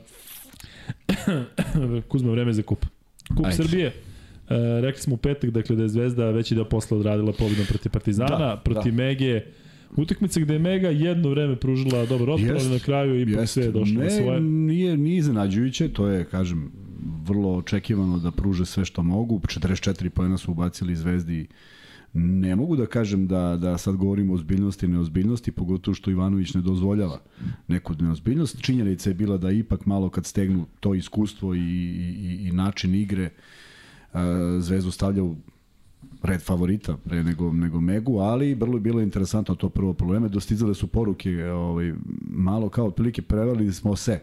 Ja kažem, ne znam ko jeste, ja nisam zato što sam očekivao da to je moment kada jedna ekipa pruži sve. Nema zašto da se čuva ili nema ništa sutra, što je toliko važno kao ta utakmica, tako da svaka čast momcima na, na toj nekoj uh, energiji pre svega i svaka čast igračima Zvezde što su ovaj, odgovorili kako treba naravno u drugom polovremenu napravili tu razliku i eto jedan Dobrić koji koji imao malu minutažu u suštini u, u, u, u polufinalu je dočekao da bude najbolji igrač finala svaka mu čast ovaj, jednostavno neko ko doživljava sve te utakmice izuzetno profesionalno i kad ne idu i kad idu on je negde na, pokušao da bude na, na visini zadatka tako da Je li to nešto što sad može da preokrene sezonu Dobrića? Kao što recimo pa- nekim igračima se desilo da odigraju dobru partiju da onda može tada krenu bolje. Može da, Ovo da. je definitivno partija u kojoj se istikao, jest, tako dakle. Jest. Iako je bilo možda statistički boljih, nije bilo u ovako bitnim mečima. Tako je, da neko ipak e, u, u umoru koji je vladao i sigurno da to jeste naporno u tri dana, da, da uspe da odigra dovoljno, ne dovoljno, nego izuzetno, ali kažem, igrao je malo minuta, međutim to je ono da te ne pokoleba što ti na toj utakmici nisi igrao, prosto svaka, svaki dan stiže nešto novo i uopšte generalno gledajući ovo može da bude jedan veliki podstrek za zvezdu, ne zato što je do sad nešto bilo loše, nego zato što je ovo ipak jedan trofej koji je osvojen i on ti prosto da, da neku dodatnu energiju da kažeš ok, sad je ovo jedan prvi stepenik, sad ideš dalje. A te podsjeća možda na prošlu sezonu? Isto je bilo neko cepanje, onda je Zvezda uzela, uzela kup i nekako tada je Mm. Da kažem, e, na šta se da desilo kaže, prošle? Daska, da, na šta se desilo prošle sezone? Posle one serije pobeda Zvezda došle su, došle su četiri utakmice koje su bile, ja mislim, na gostovanju. I onda je bio jako težak raspored. Sad kad pogledaš ovih 10 utakmica koliko je ostalo Zvezda nema toliko toliko težak raspored u toj seriji, ovaj e, tako da mogu da imaju malo više optimizma i u krajnjem slučaju uh, ta utakmica protiv Partizana, to je jedna utakmica protiv Evroligaša, izuzetno respektabilnog i kvalitetnog, prema tome tu su pokazali neku svoju snagu. E sada sledi Alba, koja ne može da bude arhivirana, jer ako je tako, onda neće ništa da se desi do kraja sezone, dakle to mora da bude poseban napor, pogotovo protiv te ekipe koja Zvezdi ne leži, jedna pobeda u velikom broju poraza ne znači ništa, treba sad ovu sezonu potpuno okrenuti ali uh, Zvezda se nalazi u dobroj energiji, svi su zdravi. Uh, Ivanović će sigurno biti priključen ekipi, Holand je takođe tu, prema tome da vidimo kojih će 12 izaći na teren uh, protiv Albe i to je u petak i tu sad jedino što, što, što, što kvari ceo taj utisak tog četvrtka i petka gde Partizan i Zvezda igraju izuzetno važne utakmice je činjenica da reprezentacija igra isto u petak, što nikad neću moći da shvatim da li je moguće da nije postojao drugi termin. Uh, I dobili smo vest pre nego što je počeo ovaj podcast da je da su i Partizan i Zvezda povukli igrače i da neće biti na raspolaganju. Svi su nisu samo Partizan i Zvezda, dakle i ostali timovi ne šalju igrače mahom na, na ovaj prostor. Dakle, nisu samo Partizan Zvezda. Ne, ne, ne, ne, misliš neke druge ekipe? Da. Ma ne zanima me šta oni mislim. Ne, pa, ali, nego, sad, nego je sad, sad je već faza, momenti, pazi, da, nemoj da me shvatiš pogrešno da ja sada nešto pravdam. Znači, prvi bi ja voleo da igraju svi. Mm, ja ali razumem, razumem da. da jednostavno sada je utakmice su u Euroligi toliko bitne, da jednostavno Ali da li misliš da bi bilo drugačije recimo da je ovaj meč protiv Grčke biti ili ne biti? Jer ti imaš mislim, posle, mislim imaš da je bilo, da, mislim da je bilo. Mislim da jeste, da. mislim da jeste ovaj biti ili ne biti da je ovaj da je da je da bi bilo drugačije. Da bi makar Partizan koji sticam okolnosti igra u četvrtak, bila to Zvezda da igrala u četvrtak, morali da daju da je to ta utakmica u petak koja koje pitanje kako bi Grci izgledali da je to odlučujuća utakmica i koliko bi oni mogli da pošalju jer e sad, znaš kako? Uh, Panathinaikos nema, ima, ima nekoliko grčkih igrača. Možda bi oni poslali zato što se nalaze u toj poziciji u kojoj se nalaze. Ali Zvezda i Partizan sada, kada, kada bi taj poraz došao iz tog razloga, koliko god, koliko god razmišljao dobrobiti nacije i svega toga, mada ipak mislim da bi jedni i drugi poslali igrače, oni koji mogu. Jer oni koji igraju tog dana zaista ne vidim da postoji bilo kakva mogućnost da, da to učine. Tako da, Uh, ne mogu da, ne želim da omalovažavam uh, tim Grčke, koji je sastavljen iz nama nepoznatih ljudi, igrača. Uh, Ima nekoliko njih koji naravno, su... Ima okay. ne, I dovoljno znaju da igraju košarku. Tako da, s obzirom da nije pobeda u nekom u nekoj obavezi, a mislim da koga god pošaljemo i mi imat ćemo dovoljno konkurentnu ekipu. Da li je to dovoljno za pobedu i da li bih voleo, sam sad selektor Pešić, naravno da ne bih voleo. Zamisli napraviš neki spisak koji ima XY Da. igrača i odjednom ti se javi njih 10 i kaže izvinjavamo se, ovaj, ne možemo danas.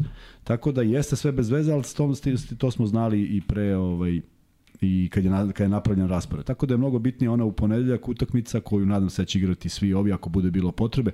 Jer tek onda ako se savlada Grčka, tek onda nema potrebe da bilo koga opterećuju dodatnom utakmicom ovaj, protiv Velike Britanije, je tako? E, doći ćemo do tog rostera e, reprezentacije, da. ali moramo da pričamo još malo o, O kupu. kupu. Da. Prebacili smo na Zvezdu kao osvajača kupa. Veliki, veliki peh za, za Partizan. Mislim da su videli sebe u završnici. A, da Pričamo... Mislim da bi bilo drugačije, to nismo ni jedno pomenuli, e, da i generalno taj sistem da se Partizan i Zvezda sastanu u polufinalu. Videli smo da, je, da, da bi tako bilo i u španskom kupu. Videli smo da su u Nemačkom Barni i Alba sastali u polufinalu, ali ja sam ti rekao da je meni ok to zato što bi vjerojatno bili još veći incidenti, ko zna šta bi bilo da je baš utakmica za trofej. Ovako petak uveče, Pa Yes. možda su se neke, ali nekako se podrazumeva da, da meč između Zvezde i Partizana u ovakvim okolnostima treba da bude direktno, direktno ta borba za trofej i direktno finale. Pa to znam, zasmetalo? ali onda, pa, znaš kako, onda se gubi bilo kakva draž. Ti ovako u, u, ipak zavisiš od nekog žreba, koliko toliko. Da. Kažem, evo, zar nije, zar, evo sad, ok, zamislimo da će stalno to da bude tako i sad u polufinalu treba neko da iznenadi, a evo, ta utakmica nije odudarala od bilo kakve druge kvalitetne utakmice Mega, koja je imala svoju šansu i koji momci koji su želeli trofej, tako da i njima treba odati priznanje i reći čekaj, oni su zasluženo u finalu. Što je žreb takav. Bojim se da dirigovanje svega ovaj, malo u, u, u, izgubi se ta neka draž i mogućnost neka za za iznenađenjima i ne znam e, e, jedan Oliver Spasića mislim da nam je pisao i pita i pita za ne bi bilo dobro da postoji neki sistem eliminacioni 32 ekipe pa se one rasporede pa se igra samo jedna utakmica u toku sezone. Bi, i to je davalo draž u toku sezone, ali prosto ne postoji kalendarski mogućnost da ti to ubaciš.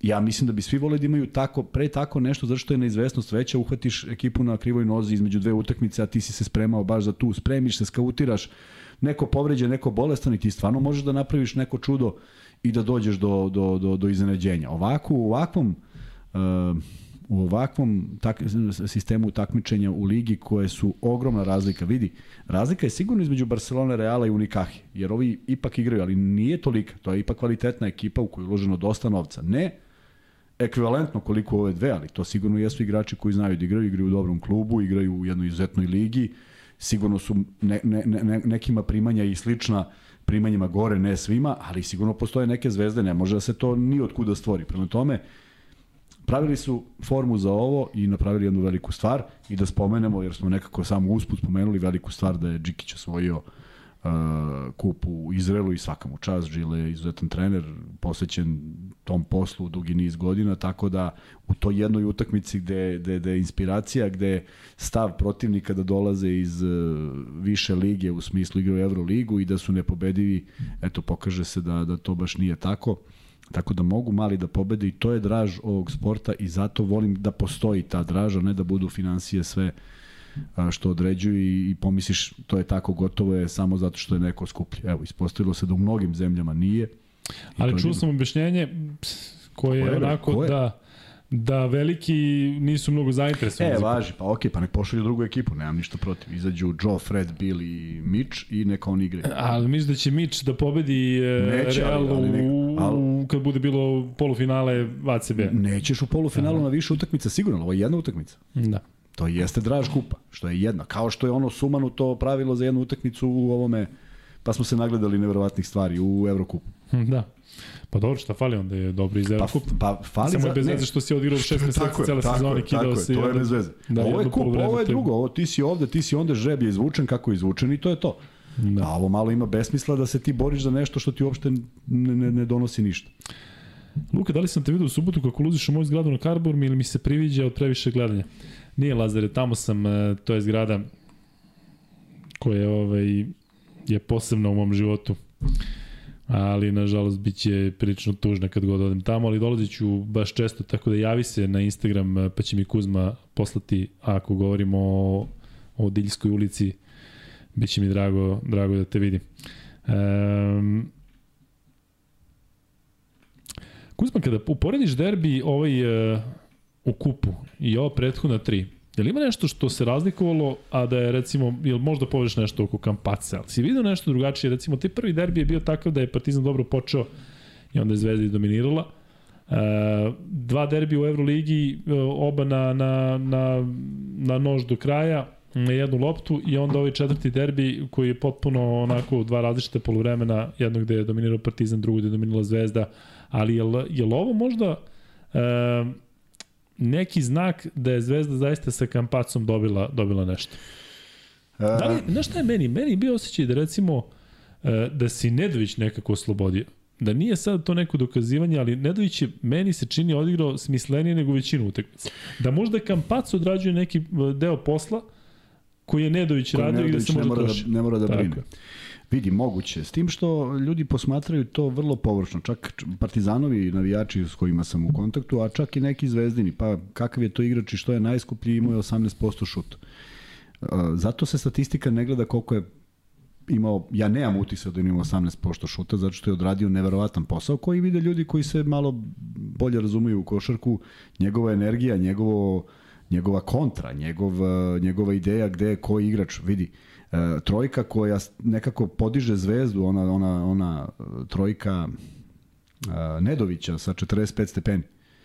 Pa to je pre svega pas Kampaca koji je našao nekoga u ćošku, a ne zato što je Nedović bio uh, sam, nego je lopta stigla na potpuno praznu stranu, a kako je stigla najbrže moguće. Dakle, nije to baš sve da se posmatra uh, kroz statistiku, ja mislim da on donosi jednu fantastičnu energiju, deluje mi, deluje mi ono što sam rekao, kao neko ko se uželeo košarke, što je potpuno razumljivo, on se uželeo utakmica jer je dugo pauzirao i apsolutno mislim da je u svom košarkaškom rezonu, ne u njegovom učinku od utakmice do utakmice, apsolutno pojačanje. Dakle, prosto To se vidi u jednoj čvrstini, ne samo u napadu, jer ja mislim da odbrana ne trpi kad je Kampac u igri. I mislim da je Partizan preterano dugo forsirao igru da se ide i da ide um, egzom na Kampaca. Nije se dobilo mnogo. Bilo je tu nekih dobrih momenta, ali nije to donelo prevagu. Nije to donelo onih 18 poena razlike. Nije Kampaco primio od egzuma mnogo poena. Šta se dešavalo u tom momentu kada je to pokušano? Evo, neka, neka pogledaju svi da se igralo samo na jednoj strani terena. Lesori i Panter su bili na neki način i su više dugo bez lopte i zato nema učinka Pantera koji je bio prilično raspoložen za igru. Bez obzira što je bila odbrana dobra njemu. Ja mislim da bi on u završnici uz malo više lopte i bio, ali Naneli bio tu neko ko je doneo te silne poene. Donosio ih je Ledej, ali opet je Lesori izostao sa nekim većim brojem poena. Tako da, uh, Mislim da Campazzo ima svoje mesto i apsolutno je to divno kad dobiješ jednog igrača koji tako razume košarku i koji pre svega igra za ekipu. Mislim da on tamo ni igrao nešto za sebe, ali je bio svuda po terenu. U krajnjem slučaju, uh, zaista ne mislim da je Ledej na bilo koji način namerno šutnuo Kampaca onom nego je čovjek prosto pao i kada je pao za loptu zakačio ga nogom, ali si ti vidio šta je Kampaca uspeo da stigne? Svoju izgubljenu loptu je stigao, dakle Govorimo, Još on kad je kad je, dva slobodna bacanja. Kad je iznudio dva slobodna bacanja, da. Na stranu što ne mislim da to jesu dva slobodna bacanja, pošto... Ali vidio si koliko je snalazi. Snalazi, pa da, da. Znači, da. on je bacio samo da bi pa, bacio, ne da bi pogodio, ja nego da bi bilo tamo. Da, ja sam nervni slom dobio na utakmici protiv Žalgiri sa Zvezdom da, Žalgirska čovjek But, Butkevićius tri puta baca nešto sa zemlje yes, u posljednjem. I to sve u drugoj četiri, sve da, jedno za drugim. I sve jedno za drugim. I oni dobijaju šest da. poena ni za šta. Tako da, ovaj, ali eto, navuko je sudije, sudije su donale takvu odluku i, i, i zaista mislim da bez, pogo, bespogovorno predstavlja, pogotovo u ovim utakmicama da će biti teško sa, sa albom, na primjer taj, taj nivo igrača koji zuje, on to može. Video si koliko se dobro pozicionira, on je stalno negde da preseče loptu, najmanje na terenu, ali on zna gde treba da stoji, on osjeća prostor i ja mislim da je tu dobra stvar što mislim da mnogi igrači od njega mogu da nauče nešto prema tome. Gledajte u kampaca malo i vidjet ćete neke nove stvari. Da, inače Lazare Jogo nam je tu odmah preko pute, tako da sam inače u kraju često, baš preko Biga se nalazi Jogo sa kojim, kojim radimo. E, pozdrav i za Gorana Neškovića koji je tu sa nama, ko nije odgledao jedan od naših prvih podcasta gde smo pričali sa njim o Pitu Maraviću, neka odgleda, možda sazna mnogo interesantnih stvari. Kako nam se zvao taj podcast Kuzma? Najbolji Srbin u NBA znak pitanja, tako? Da. Da, da. tako da ovaj, poziv za vas koji ste se recimo kasnije uključili da da pogledate i taj podcast i još neke ranije, ranije podcaste kada su nam bili gosti. Bilo je mnogo interesantnih, dakle Radmanović, Andjušić, e, Luka Mitrović, dakle sve to bilo, ajde da kažem, na nekom našem početku. Dobro, Andjušić je na toliko, Andjušić je bio letos, ali uh, ima tu zanimljivih stvari da se probere. Uh, Govore ovde o protoku lopte sa Kampacom uh, i koliko Zvezda u stvari sa njim deluje drugačije na terenu. Uh, Jeste, nema, to je, to je brzina, jedna, jedna, jedna, jedna anticipacija svega što se dešava i tu nema kočenja. A ti deluje da, da su se brzo navikli jedni na drugi? Jesu, jesu i tu su, da, da. I tu su treninzi ono što smo pričali, koliko odmognu kad ti shvatiš da ipak ti na, taj nedostaje, ali kad imaš, kad, ima, kad, kad je dobar kvalitetan igrač, lako se on uklapa u sve i a mislim da će sve više igrati i, i mislim da je sve vreme igrao, jer on je u protivničkoj petorci koja je zamišljena kao protivnička na, na sledećoj utakmici donosi ozbiljan problem. A ti imaš u takve, takve playmakere po ekipama. Prema tome, ako će da izigrava Jamesa, to je fenomenalno za odbranu da neke stvari... Čak, uh, znaš kako su radili pojedini treneri? Uh, gledamo, gledamo ko igra u protivničkoj ekipi i onda mu kaže da radi otprilike što on radi. Ne da li će on pogoditi koš, nego da se odbrana navikne na to kako će oni da igraju. I onda, na primjer, imali smo, znali smo za igrače koji šutiraju iz nekog prvog povratnog pasa i taj koji igra njega dobija obavezu da, da šutira. Da bi ti reagovao na pomeranje odbrane i na građenje koša. Tako da sve su to neke divne zamisli koji kad se setiš ima ih mnogo i donose jedan kvalitet, tako da sa takvim igračima je sigurno lakše. Donio je taj potreban kvalitet, mislim da bi bilo drugačije da nije bio u ekipi, kao što mislim da bi e, cela utakmica bila drugačija da je samo Papa Petru bio u, u, u, u, u, u, u, u, u, u ekipi. Znaš, onaj klip, u, oni političar nešto priča. Ovako slično bilo. Slično, da neko pravljenje neke stranke. Um, Kuzma, šta nam ovaj derbi pokazuje za nastavak sezone? U smislu konkretno duela Zvezde i Partizana. Dakle, ne mislim, ne mislim tu na organizaciju ili na bilo šta. Nego, e, nego generalno, je to sada... E, hoću da kažem da će biti jako interesantno između u, u svakom duelu Zvezde i Partizana koji god nas čeka do kraja, sigurno sam da. da će biti njihovi duela, dakle još jedan čeka u ABA ligi kada Partizan domaćin, imamo, imamo verovatno ABA verovatno finalnu seriju i daj Bože da imamo još još neke derbije pored toga. Ali e, tih 3-1 za Zvezdu ukupno. Je nam to pokazati neke stvari? Zašto pogledaš e, tabelu Euroligi i Partizan je gore, Zvezda, Zvezda u teškoj situaciji. Je li ovo sada recimo uh, možda jeste i neki da kažem, pokazalo nekim smeru kojem možemo da očekujemo nastavak sezone. Partizan mora da se podigne protiv Fenerbahča momentalno. Yes. Dakle, nema više vremena kao protiv onog prvog zvezdinog poraza, odnosno poraza od Zvezde, pa je bilo 3-4 utakmice gde se tražio, pa se tu onako nadovezalo sve i svašta. Dakle, sada ovo mora se zabori momentalno. Misliš da je da, Partizan da, tu u stanju, nije, a za Zvezdu nije, nije konkretno, lako, da. je ovo sada odskočna daska, Zvezda igra još jednu utakmicu u Euroligi bez Kampaca yes. i onda ovaj, Kampaca igra do kraja sezone. Šta znači ovo za jedne i za druge i konkretno što se njih, njihovih duela tiče? Kampaca nema protiv Albe, a upravo je to ekipa koja igra igra brzo i to je onda zamisli da je, da je, da je na terenu koliko bi on pomogao u tim nekim svojim, tako da i treba izdržati to još jednu utakmicu i sad mora se da se resetuje, da se vrate na ono bez kampaca. Uh, Ivanović će sigurno zauzeti njegovo mesto i verujem da mu nije lako palo što je bio prekobrojan, negde je bilo realnost, tako da očekujem da, da on bude u rasp, raspol, raspoložen da ponovo dokaže nešto. Uh, Zvezda je pobedila Albu i to je nešto što je najbitnije. A što se Partizana tiče, uh, utiče jer su, jer, su, jer su zaista videli sebe i imali su potpuno pravo da se vide pošto je poslednji derbi pripao njima.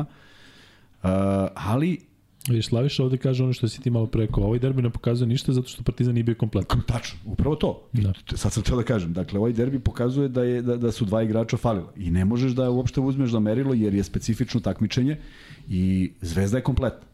Zvezda mogla je da bira koga će da stavi u sastav. Partizan očigledno nije mogao da bira, morao da se odrekne pojedinih igrača. Izbor je nažalost pao na Papa Petro i Madara. I ono što bi za Partizan bilo vrlo važno, to je da da nema da da je Papa Petru zdrav, jer on je igrao još jednu prethodnu utakmicu zbog bolesti, pa da se on toga ovaj oslobodi da bude na raspolaganju u narednim utakmicama. Partizan će sigurno na utakmici protiv Fenera biti u tom segmentu jači. I naravno ta dva igrača su vrlo bitna da podignu i atmosferu i da podignu ekipu i da daju neki svoj doprinos koji su naročito Papa Petru u tih posljednjih 6, 7, 8 kola generalno svih utakmica izuzetno bitan faktor u, u, u igri Partizana. To i kažem, žao mi je što nije bio tu jer mislim da bi utakmica bila još interesantnija, ali je situacija bila takva i to je nešto što u suštini, kako bih rekao, Partizan je znao s čime se suočava pred kupu. Dakle, onog dana kad je napravljena ekipa, znao si da te čeka jedan moment kada moraš nešto da presečeš, presečeno je ovako i, i, i nisu nisu uspeli da triumfuju, ali potpuno je u pravu ko je to napisao. Sledeći uh, derbi je u punim sastavima. E, tu sada vidimo kako Partizan može da odgovori, jer će Zvezda biti u ovom sastavu u kojem jeste. Jel, uh, jel ti deluje da je možda Zvezdi i Partizanu potrebno još nešto? Što se tiče pojačanja. Zato što svi govore u nastavku sezone, posebno kada dođe onaj presek, e, kada bude pauza, e, da će možda biti potrebno još neko. Jel, ti, jel bi ti menjao nešto u ovoj situaciji? Ja odavno sam, ja odavno... Da, ti uvek govoriš ovaj, bolje da ne dolazi niko tokom sezona. Da, tako. ja, ali ja odavno pričam da, da imamo negde mi malo pogrešni, pogre, mi, mi bismo možda i želeli, u, što bi bilo dobro. Da, ali ne znam. Ali predsednika Partizana koji ne priča da, da ima neki višak novca koji je planiran za tako nešto. A odavno mislim da je da bi bilo dobro da je Lesor imao još nekoga. Još nekoga. Baš još nekoga. Ne nekog strahovitog igrača. Samo još nekoga ko može da odradi jedan dobar 10-12 minutni posao da ovaj čovjek može da se odmori. Jer, jer nije ni čudo kada, kada se toliko trošiš da, da ti ono što se desi, da mu se desi jedno padne klapna i više, jer si potrošen, mnogo se trošiš Nažalost, nema ko to, ko to da, da odigra. A ovo što se desilo Egzumu i Lesoru, Egzumu i Ledeju, ja mislim da će često biti slučaj što se tiče Lesora u nastavku prvenstva, da će insistirati na tome da se sve gura dole i da on što preuđe u problem sličnim greškama i onda nemaš Balšu koji je povređen. Je imaš dakle opciju Smajlagića ili da igraš tako sa je. Ledem, tako da... Sposobnost, sposobnost koju je očigledno dobro savladao Lesor u ovoj sezoni, to je da igra prilično korektnu odbranu. Brz je, brži od svojih protivnika, vrlo atipičan. Nije on, nije on toliko veliki i, i, i, i, i, i gabaritan kad igra leđima, ali video si kako se snalazi, vrlo dobro kontroliše da ne pravi korake. Uh, i, ovaj, i predstavlja ozbiljan problem, čak i kada je udvajanje. Video si, nisu igrači Zvezde baš bili nešto preterano slobodni kad ih on preuzme, ali naravno u toj želji on napravi neki faul koji je nekontrolisan. Međutim, e, to, to u završnici Evrolige može da bude bolj kako to igrači protivničkih ekipa budu, budu forsirali. Jer video si, Exum je napravio dva faula vrlo brzo. Poremetila se igra Partizana momentom. Zamisli kad bi Lesor dobio dva brza faula, I to bi uticalo na igru, jer ne možeš, možeš da igraš sad sa niskom petorkom, ali to više nije ono igra koju si planirao pred samu utakmicu. Znaš, dok je Brozijanski bio tu, znamo koliko on malo učestvovao u bilo čemu, da, ali opet jest. je bilo okej, okay, znaš, imaš nekoga pa može tu da pomogne, jest. da nešto, Makar znaš, bar u ABA da. ligi da igra, igra neke minute. E, tako da ne bih imao problem da je Brozijanski ostao tu i do kraja sezone, tako kako vidite da je momak proigrao u Juventu, da i pričali smo o tome da će se vjerojatno vratiti u taj tim gde je bio prethodnih sezona, ono u Bakče Šehiru je baš nešto bilo kratak period, jednostavno. Ali Kuzma iz ovog sada ugla, uh, da li ti deluje, meni i dalje to deluje kao dobra odluka da Papa Petru ima dar ne igre. Jel, kada razmisliš koga drugog da staviš od stranaca da, da, ne, ne, ne, da izostane. Da, da, Zato što je Papa Petru bio, nije bio skroz tako fit. Nije bio skroz fit. A Madar jednostavno a ovde, u, u ovde, ovim... Da. Ovde sad, evo, ako pogledaš izdanja Nanelija, koji da. bi, na primjer, trebao bude neki, neko ko bi možda, kako da, iz, koji je bio najsigurniji igrač i zaista odigrao vrhunski ovaj, polufinale teško, teško da možda nađeš baš nekoga ko bi mogao da, da, da ispadne iz rotacije, prema tome, ali kažem, s tim su se suočavali s početkom, s početka se zamisli da je Madar u vrhunskoj formi. Zamisli da je stvarno u vrhunskoj formi. Zamisli da je Papa Petru u onoj formi u, u kojoj ga pamtimo, koju on polako stiže. Mnogo je teška odluka. Ali da stvarno recimo vidiš taj, taj okršaj e, da je Madar u vrhunskoj formi okreši Madara i Kampaca gde Madaro, Madar može da ima bilo kakvu prednost i da, da, da napravi bilo kakvu razliku? E, može.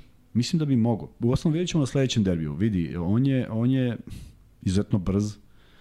Uh, ovo je pa mnogo iskusniji. Mnogo iskusniji, mnogo što iskusniji, se tiče mečeva i godina tako i svega. Ali, ali uh, ne mogu da kažem da, da, da kada, kada malo svede svoju igru na najracionalniju, jer on negde, iz, on negde izgubi, izgubi uh, fokus i su više driblinga. On, ja mislim da kad bi mu neko rekao da može da igra samo sa tri, sa tri driblinga, mislim da bi on mnogo ubitačniji nego kad ovo ima na raspolaganju šta god hoćeš. Uh, slažem se ja da, da, da, da, da sad pričaš o dva različita tipa igrača, ali mislim da on ima svoj kvalitet i mislim da u, u do, dopreti do njega, do, do, do, da razume. Videli smo i na nekim utakmicama da ga vrlo brzo Obradović skloni zato što ne radi ono što se od njega traži. To je njegov najveći problem, fokus. Možda on misli da treba da igra neku drugu košarku, što ne valja. Pogotovo ako imaš trenera kakav je Obradović. Ne može da misliš ništa, ne može ni kod jednog drugoga, kamoli kod ovog koji hoće tebe da napravi boljim igračem pre bilo čega drugog. Tako da, Ma Darko, već neko vreme kada dobije šansu, prvo polovreme igra često gotovo bez greške. I onda jeste. To je, to je, da li misli da se sad očekuje još Tako. nešto više, da li on misli da nešto mora, da li... Njegovi procenti šuta su odlični. Dakle, oni za dva i od duge dvojke, trojke e, pogađa i to priča onako sigurno tu ima tu je tu je bila jedna šala, znaš, ide nekom dobro i onda ga trener izmeni kaže da da ne upropasti sve što je uradio. Ali ovaj stvarno on ima malo godina i mora da sluša to zato što je on potreban više za završnicu nego za bilo šta drugo. Ta lopta mora bude sigurna kod nekoga. E sad Zvezda ima tu prednost u konkretno na ovoj utakmici što si u onom momentu zaista imao loptu kod tri igrača i svuda je bila sigurna. I kod Kampaca i kod Nedovića da. i kod Vildosa. I to je ta razlika u završnici. Mm, ja mislim da je red da ipak još malo pomenemo Megu, koja je došla ovde do finala, pa pružila dobar otpor. Jeste. Šta mogu oni da očekuju u nastavku sezone? Dakle, igrali su finale, zaslužno izgubili uh, od Zvezda, ali mislim da oni posle tog meča i sutra ujutru zaista nisu imali za čim da žale. Uh, podigli su formu, odnosno na recimo period od pre meseci i po dana. Da, da, da, i to strahovito. Uh, neko da. se potrefilo kada je Gagi Milosavljević otišao, naravno da to nema veze, nema veze kako da. on otišao Mega je odjedno Nešto se desilo, zbog njega. Da, i meni um, mogo je da uživa u ovim i bilo bi sigurno još bitniji faktor sada na terenu. A jel Mega može da bude neki faktor kasnije u ABA ligi Mega, ili u Mega, sad je da pitanje, da sad je pitanje gde će Mega završi. Pazi, nema tu sad neko, to je 6. 7. ili 8. u nekim najboljim scenarijima, ne može da stigne dalje, ali to su Cedevita, Partizan, Zvezda. Dakle, sa nekim će se ukrstiti, sa nekim s kim mogu da odigraju te utakmice na, na, na polet, na, e, na jednu veliku želju, to su vrlo nezgodne utakmice, jer oni zaista u tom trenutku nemaju, mogu samo produže sezonu, nemaju šta da izgube, već su, već su napravili samim ovim povratkom u, u, u, u život, jer su u jednom trenutku bili malo iznad e, MZT-a. I, ovaj, I sada se te neke stvari dešavaju koje njima mogu da daju krila i da možda naprave jedno veliko iznenađenje. Uh, A, mislim da će, ne mogu kažem da sad neko ima gore ko može da ih izbegava. Nije to ono kao svejedno nam je na kom smo mestu, pošto i, i tamo zavisi koji si. Tako da ko bude naleteo njih imaće možda i najtežeg protivnika u ovom momentu ovaj, što se neke forme tiče. Ali znamo za Đurišića, znamo za još nekoliko igrača da će ipak biti okrenuti ovom letu u Americi. Da li misliš da može da se desi ponovo kao prošle može, sezone, da naravno. svi odu tamo pa, na, naravno, na treninge? Što da ne može Može, tako. I onda da. praktično se pada u vodu u smislu gradiš yes, neku sezonu, dođeš je. možda do neke pete pozicije, eventualno. I I šta ćeš onda? Ništa, to je to. Da, ili očekuješ možda neke promjene u tom smislu? Ne, ili misliš da ne, da će to, biti sistemski to, to, isto? Ne, ne, ne, isto, isto će biti. Ništa da. se tu neće, nema kako.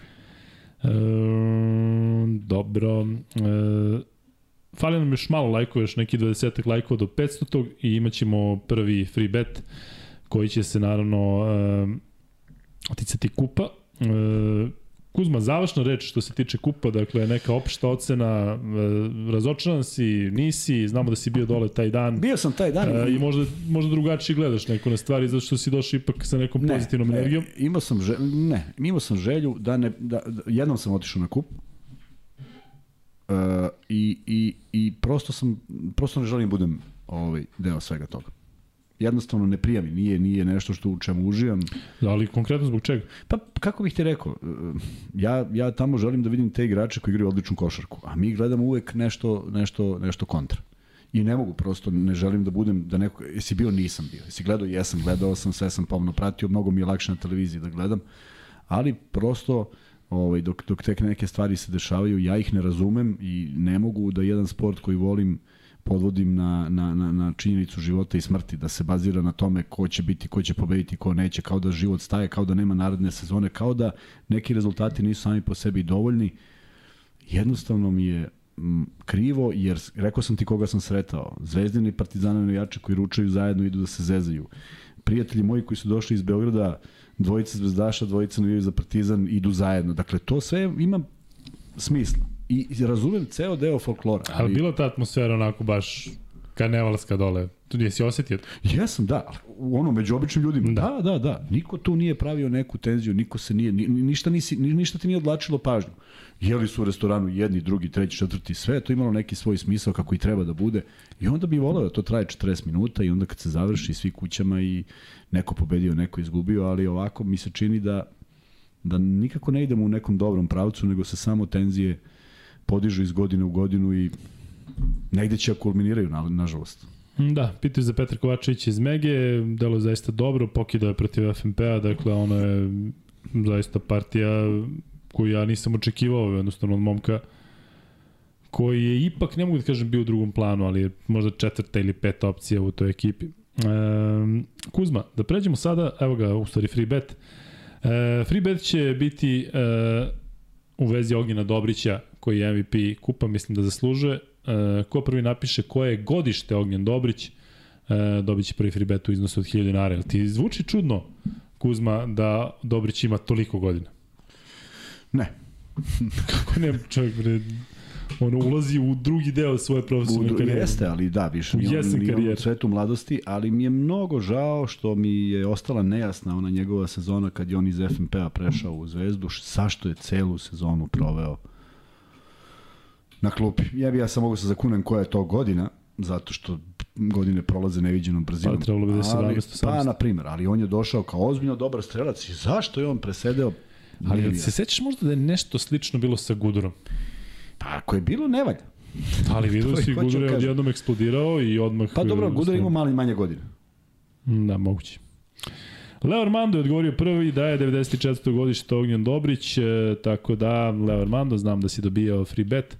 Šalješ na luka i gmail.com, a plan e, naravno je i dalje da ove nedelje imamo po jedan free bet kao i obično, radit ćemo ponedljak, četvrtak i petak, pošto će u petak biti vrlo interesantan dan i Zvezda i Evo Liga će igrati to veče, 99 yardi će biti u petak Irena. Hoće? Da, nisu on kao završena sezona, pa kao i oni ono, ne. A da im predložimo to, možda im kažemo kao ono da je ja, da im kažemo da završena sezona. sezona. Ne, ne.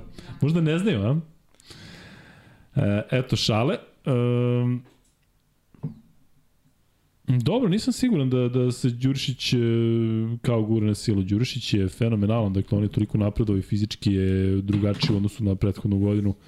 Tako da sa onom građom, koliko je on, 2.03, sa onakvim šutem, sa onakvim prodorom, samo malo iskustva, imajte razumevanja, dečko je još uvek tineđer, biće to ludilo. Javljaju ovde da je Rubit pokidao tetivu. O, na kupu? Pa ni igrao final.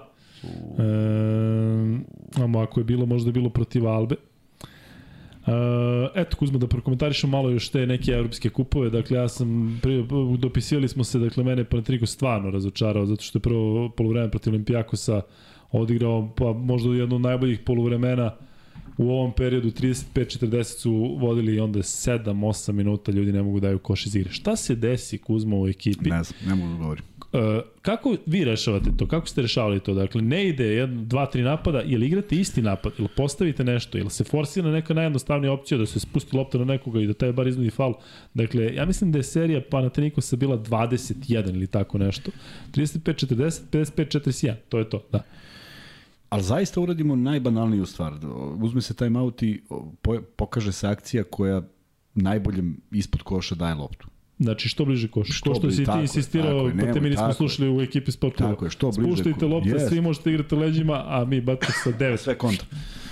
Tako da doće vreme kada možda se vratiš u ritam da šutiraš, ali tad je potrebno da presečeš nekim laganim poenima. Ili ako ima u nekom nekih ovih uh, dobrih brzanjaca na, na mestima bekova, na prodor, dakle nešto najjednostavnije. Ne duga dvojka, ne trojka iz, nekog, iz neke kretnje, jednostavno dogovorimo se da to bude najjednostavnije, svi se podredimo tome, raširimo se u strelce, on igra izolaciju dole ispod koša sam, pa iz tri pokušaja daće makar jednom ako je baš to neki odmrmeni igrač kojeg ne može da, da, da savlada. Prema tome, uh, jeste neobično, je, a naročito u ovom periodu kada, kada se mnogo napada promeni u tih 7 minuta. Nekada si promenio u 7 minuta, možda i promenio 10 puta sve ukupno. Znaš, ono, trajale 30 sekundi, pa možda bude faul. Sada se veliki broj poseda desi u 7 minuta, a ti da ne postigneš koš toliko dugo. Tako da, Mislim da, mislim da ovaj, to mnogo zavisi od hemije u ekipi, od poverenja koje imaš u trenera, u to što ti je nacrtao, a nekako bi se bojim da Panathinaikos ima bar pet igrača na terenu koji misle da to može i na drugi način. Um, što se tiče te konkretno nemačke nemačko finale i nemačkog kupa, Bayern je stvarno izdominirao. Ono što ja ne volim kod Bayerna je što te neke utakmice za koje procene da nisu bitni žrtvuju. Oni su prošle godine od tog Oldenburga, Oldenburga izgubili 30 razlike. Pa su pre možda mesec dana od Ludwigsburga izgubili 30 Ovi na, burg, na Burgim ne idu. Šta? Ovi što završavaju na Burg. Da, da. Što je moj uh, drugar stari kaže, ludaci iz Ludwigsburga, neko kad kažeš Ludwigsburg, odmah očekuješ nešto ludilo. Um, Oldenburg je zanimljiva ekipa. Uh, znaš ko igra, ko je najbolji igrač Oldenburga, Kuzma? Ko je? Znaš čiji brat? Ne. Ovog tvog Rasela iz Monaka. Stvarno? Dwayne Russell, znaš ko je ono igrač? E, kako igra moj Russell? Je neko pratio? Fec Russell u Galatasaraju. A, pa ne igra sve stalo. Ne igra. On gde dođe, to, znači, haos nastane. Uh, šta je, smeška se nešto. Dwayne Russell je ozbiljni igrač. Oni TJ Short su, da kažem, postali već interesantni nekim ligaškim timovima, obojice jako niski, s tim da mislim da je Dwayne Russell bolja opcija. Dakle, momak je sazreo ove sezone. Pratili smo ga naravno i prethodnih godina, igrao je u Trevizu, međutim nekako mu je baš legao ovaj tim Oldenburga. Dakle, on je dugo juče bio jedini, ti, jedini igrač Oldenburga koji je, koji je imao poene. Dakle, recimo 7-8 minuta je samo on postizao poena, nije toliko silio i u polufinalu je protiv tog Ludisburga igrao prilično racionalno e, i sviđa mi se više od Šorca koji je niži ali je levoruk, ali bit će mi interesantno da pratim kako će se razvijeti njihove karijere, posebno zato što je Šorc e, reprezentativac Makedonije. A što se tiče Dwayna Russella, e, nevjerovatan osjećaj za asistenciju, eto, mogao bi da bude, da bude zanimljiv i nekim, nekim e, timovima koji su, ajde da kažem, finansijski moćni i sa većim ambicijama od Oldenburga. To je ekipa koja igra samo nemačko prvenstvo, tako da me ne čudi što su onako stavili akcenat na kup. Igrali su pred svojim navijačima, bar zasluženo dobio, ali ono što je bilo interesantno prilikom dodele trofeja, pošto su svi dobili medalje, e, dakle, ono, od ekonoma, svih, svih, svih, koliko je bilo igra ovih e, ljudi sa ovog prostora. Dakle, u stručnom, stručnom štabu uh, Adžić, Sesar, um, zaboravit ću nekoga. Da, dobro, tu je ovaj Draymond Green. Uh, ali onaj, uh, mislim da se Emilio zove onaj koji im je kondicioni trener, pa onda imate Fizio, pa ovaj, onaj, pa Marko Pešić, naravno, koji je tu uh, koji je tu sportski direktor i Lučić koji je kapitan uh, Naravno i Jaramaz je tu, Trinkierija gledamo isto kao, kao nekoga ko je, koji ima korene sa ovih prostora i onda onako Balkan u malom, što je, što je vrlo interesantno, tako da čudo da Bayern nema više navijača na ovim prostorima. Uh, ja mislim da je tamo najdominantniji jezik kojim govorimo, govorimo u ovom regionu. Što se tiče Španije, Kuzma, dakle, tu je Unikaha pobedila da. i Barsu i Real da. i kasnije su se vjerojatno izduvali pa su protiv Tenerifa izgubili u finalu, ali vrlo, vrlo interesantno. Šta je? Kuzma ne veruje da, je ten, da su Tenerife osvojili Tenerife? Da. Šta je? Sad da zoveš nekoga da pitaš. Neću, nešto mi je palo na pamet. Šta da zovemo u RTS-a u podcast, da? Um, Mm, da, TJ Shorts, kaže Marko Zorić, da su uvek izmigulji. Pa jeste, kad imaš 1,75 a brzo si onoliko, ovaj, brzo se, brzo se ovaj, izmiguljiš, kao što bi ti rekao. Um, voli ga naći to ili ćeš nas držati sve u neizvesnosti što, čemu se radi? Pa, ovaj... Pa jebi ga. Uh,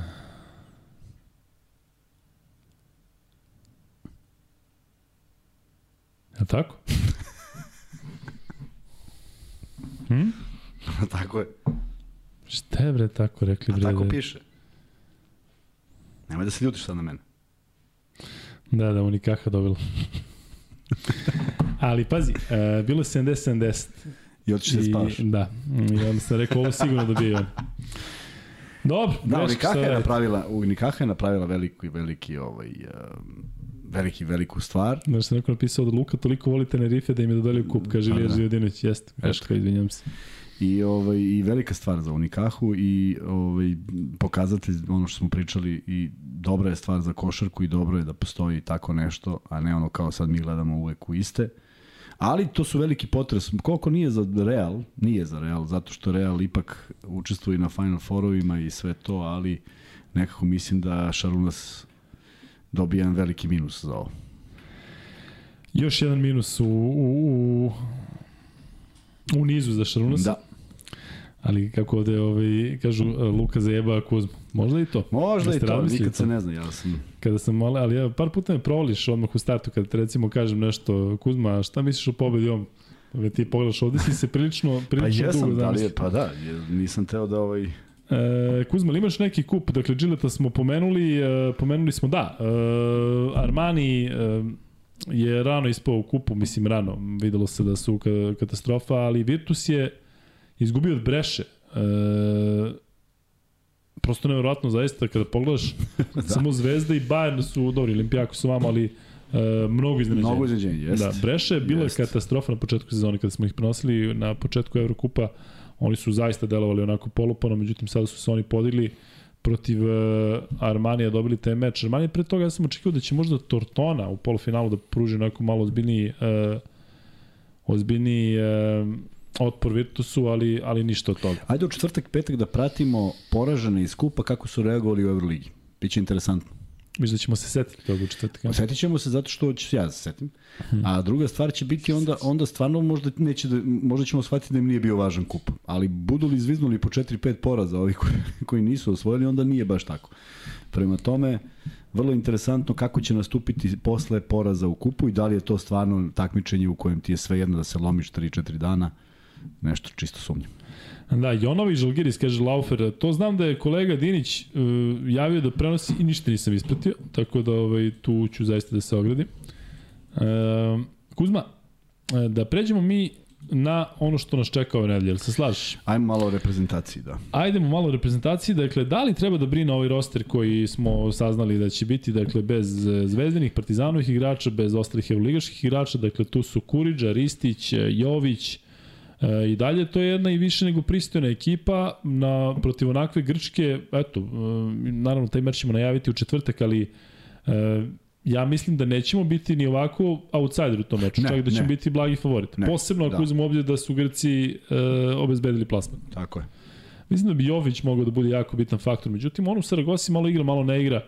Dakle, i dalje on uh, ima možda neki problem sa, sa povredom, zato što sam baš pratio, bila je utakmica kada je, kada je pauzirao. Uh, što se tiče Ristića, on posle one pauze, u, odnosno posle partije protiv Turske, Uh, mislim da samo može na reprezentativnu ovu da, da igra se još više samopouzdanja. Igraće i trebalo bi da igra i treba da bude tu i da a bude Kuzmin. Kuriđa će biti pravi Ne lider znam, ovde. dobro, je li zdrav, jeste. Pa evo i najavljaju ovde da će da igra i bio je Dobro, i biće na to, biće to pristojan sastav koji može da odigra utakmicu protiv Grka i ako, ako žele da učine uslugu i sebi i svojim prijateljima i kolegama za ponedljak bilo bi divno jer tom pobedom bi Srbija zaista ovaj završila ceo posao, a onda mogu da se nap, da se promešaju karte pa da dobiju šansu stvarno neki. Mene čudi da nema Topića na primjer na na na spisku. Da, ti si Ne- da bi mogao da bude. Ne, ne vidim šta bi falilo tu uopšte, pogotovo u moru otkaza, naročito je igrača sa spoljne linije. Ali on misli da bi stvarno mogao nešto konkretno da Protiv koga? protiv bilo koga. Da. Na toj poziciji playa, Da, u pa tim ne- bekovima gde su pa ipak iskusni igrači. Ko? Pa dobro, imaš Jovića, imaš Jeremića. Ne, ne, ne, ne, ok, ali mi nismo znali, kažem, ko će da se odazove. Znači, Da, mogu da. si ga staviš na spisak, pa ako se odazovu svi koji su koji su, govorimo o protivničkim igračima, bez nekog respekta, sa puno rezona bi odigrao par minuta, 3-4, mislim da bi to bila dobra stvar, ali ajde vidjet ćemo kako će se stvari odvijati, e, zato što je zgodan moment, bankar na jednoj od, od, od ove dve utakmice. Um, da li misliš da će recimo biti situacija da kada, a ne daj Bože da Srbija izgubi od Grčke, da se onda veštački svi dovode odmah sada za vikend protiv, protiv Pa Britanije? neće Ajde veštački, sad. onda ti treba samo Zvezda i Partizan koji su slobodni. Samo Zvezda i Pa Partizan. ne dovoljno, ja mislim da je to apsolutno dovoljno. A ovo što se piše Davidovac i Milutinu, to bi zaista bio jedan tandem koji, koji kada bi pustio CSKA pa napravio da, apsolutno razliku. To je lepo da oni dođu, ali ako ne dolaze na utakmicu protiv Grčke... Ne, ne, baš u Grčke govori. Pa bilo bi divno, što da ne. Ja, ja nemam protiv da mi odemo sa što boljim sastavom. Samo da ne trpe klubovi koji igraju. Ako se u Rusiji ne igra, ne igra se, onda zašto da ne? Naravno ako ih klub pusti. Kuzma, da si ti sada u Savezu čovjek koji odlučuje da ili ne. Dakle, Zvezda i Partizan moraju da pusti igrače ili da zadrži igrače? Ne, ovo je, igra, ovo, je, ovo je sad moment, upravo kažem, da je odlučujuća utakmica Grčka, ja bih kao zaposlen pa, u Savezu, da, insistirao, rekao, braćo, mislim, sve u redu, razumem vas potpuno, ne možeš one koji igraju tog dana, ne možeš fizički. U stvari, ajde, ako idu svi, neki idu pa, svi. Da. da ali mislim da je, da je to preveliki ulog bi bio za nešto što ne donosi ovo o čemu pričamo i srećom nije tako. A, pitanje je kako bi Grci reagovali da njima biti ili ne biti, možda bi oni poslali najjače, možda bi njihovi timovi bili oslabljeni. A, e, kažu da su momci već u Beogradu, da idu u Grčku, da, da će biti tu. Ko? Bravo, divno, divno, divno, fenomenalno. Tako da odlična stvar neka odu, neka da odigramo u najboljem. Svaka pobeda protiv Grčke se piše, ne zanima nas u kom sastavu, jednostavno ti cepaš neku svoju priču i bilo bi divno da vidimo dobro izdanje i da kažem, poštede sve ostale one nervoze ili nekog, nekog onako lošeg, loše energije u ponedeljak. Prema tome da to bude zaista praznik na kojem će se uh, u, kod nas o, overiti ta viza posljednom utakmicom za svetsko prvenstvo i time ovaj, završiti jedan poprilično stresan period. da, jeste, baš stresan period. Da, zato, zato mi je drago što nisam pogrešio i što, sam, što nisam pogrešio ja, nego što je procena bila dobra da se okupe u onom momentu kada je to bilo najvažnije i imali smo zaista najjači sastav u onim momentima kada su to bile ključne utakmice i nije me osjećaj prevario da će to biti ključne jer su svi hendikepirani u ovim prozorima i vrlo je bitno da smo mi tada ostvarili te pobede i neki rezultati koji su nam išli na ruku, tako da nije moglo bolje. Kada dođemo do 700. lajka imat ćemo drugo pitanje koje će se ticati ovog prozora Fibinog. Nije. Aha, dobro, e, dobro. E, I onda ćemo treći free bet da ispucamo, on će biti oni neko šarkaški i njega ćemo ispucati negde pred kraja emisije. E, Kuzma, da ne komentarišeš zvezdu i da si kod kuće i da zvezda i reprezentacija igraju u ovoj situaciji u istom trenutku. Šta bi gledao? Jel bi vrtao ili, ili šta bi ti bio prioritet? Znači, odlučujući potencijalno meč Srbija pobedi Grčku i overava plasman, a Zvezda igra jako bitnu utakmicu sad u Euroligi. Da ne radim. Da ne, da ne radim, motao bi. Bilo bi vamo tamo. Pa da, morao bi da gledam, pa bi se nervirao i na jednoj i drugoj strani ako nešto ne ide. Šta bi se nervirao, da i jedno i drugo će budu pobedi, tako da šta. To ne brinem, da. Ovaj, ali hoću da kažem, znaš, stvarno volim da gledam dok imam, imam taj jedan problem, ovaj, nešto, nešto sam u posljednje vreme počeo pretrano da se unosim u utakmice. Nekad sam to gledao onako, a sada... To sada, uglavnom koji ja prenosim. E, i, onda, I onda, znaš kako, i onda reprezentaciju sam doživljavao kao nešto u čemu nisam mogao da učestvujem i onda me nervira kada reprezentacija ne izgleda, potpuno razumem zašto ne izgleda tako, niti je moguće da ovi momci koji dođu u prozore budu uigrani. Kako da budu uigrani? Pa tu se igraju neke najjednostavnije akcije koje se sada zovu slično po ekipama zato što su vrlo univerzalne. I onda kada neko kaže da ćemo da igramo red, onda svi već znaju šta je red? Ne, kod nas mi smo krili i akcije, to, to si morao ozbiljno da skautiraš da bi našao nešto, pa smo menjali dan pred utakmicom. Kako ste pa... zvali akcije? Ste imali ono klasično... Imali smo 21, imali smo dva, imali smo rogove, imao samo da jeste, da pokažeš. Jeste zvali za nekoga? Nadimkom ili nešto? Ne. Ono, dijamant za... Ne, ne, ne, samo dijamant. Dijamant, kad se poređamo da. dijamant, znamo svi šta igramo. Ovo, ovaj, ali bilo je, bilo je dobrih, bilo je dobrih finesa bilo je dobrih momenata kada na time outu napravimo potpuno nešto novo i postigneš 6-8 poena, ovi još nisu shvatili. Je bio neki trener koji je baš te neke specijale, kako zovu, nešto istrta i se pa, kao vidi, ja u tom periodu i sa Mutom i sa Darkom Rusom apsolutno da. Jeste, jesu imali table, sve su crtali tad ili ili jesu, je kako nisu, da da da. da. Nacrtaju nešto što prođemo ga nekad na treningu. Redko kad je to nešto što je baš izbačeno tog sekunda. A bilo je i takvih momenta. E onda bukvalno nacrta pa ko je šta ukapirao, ali kažem, imao sam privilegiju da igram sa pre svega možda ne najboljim igračima, ali vrlo pametnim igračima, što je negde u mom svetu predstavljalo veliko blago da, da razumemo svi o čemu se radi i uh, jednostavno smo igrali. Javlja ovdje kako na Wikipediji piše da Bolmaro igrač zvezde. Na Wikipediji stvarno je pisalo i da je Singleton još uvijek u zvezdi. Ali Vladidov Dave koji je ovdje insistira na tome da pita, odnosno pita da li Petrušov ostaje u zvezdi naredne godine, pa Kuzma reci da ili ne, ali bi volao da Petrušov ostane duže u zvezdi. Uh, Naravno da da. ne znam šta je napisano na papiru, ja bih voleo da ostane, ja bih voleo zbog njega, zbog samog sebe da ostane i da se eksploatiše još malo u Euroligi. Uh, naravno, to sve zavisi kakva ponuda bude na stolu, koliko je ona primamljiva, koliko rešava nekih hiljadu problema u životu. Ali baš bi Petrušev u, recimo u ovom meču, mislim da bi baš se istakao. On se još nije pokazao u reprezentaciji. Dakle, da, sada, da, da, da, da, ovde recimo dobije šansu pa protiv taj, Grčke, vidi, generalno... I on ima taj peh da je pozvan u onom momentu kad igrao za EFS. Jeste, ali vidio si protiv Letonije onaj prozor, pa protiv Belgije nije igrao, da. pa onda na evropskom prvenstvu znali da neće da, biti ali, ali to su hendikep, to nije, nije aj sad igraš, kako sada? Mislim, ne ide to tako, drugo želiš da pokažeš najbolje izdanje, ne najlošije. Boriša Simanić koji nije igrao tada nigde gde je bio, dođe u reprezentaciju Bi volao baš da vidiš malo da, da se digne u Ma, repke. pratim ja stalno njegove ništa. U Saragosi, ja? Ma, da. Jeste, no, poen, pa četiri pa poena. puta je dvocifren u 20 utakmica. Da. Kažem ti, ja kad, ja kad on raširi ruke na 2.30, kad bi se samo vrteo oko sebe, mora da upadne tri lopte. Ne da skočiš, mora da upadne tri Ali što ti recimo, što Lazić nije bio možda tri put dvocifren cele sezone? Koja je razlika recimo između Simanić i Lazića? Ja znam, ali objasnim u smislu, Simanić očekuje. Očekuješ, pa da. naravno. Ja, ja od Simanića očekujem da zaustavi čoveka bez problema, ali to se ne dešava. Kad bi on to radio, pa ne bi imao problem ništa, ne mora daš ni jedan koš.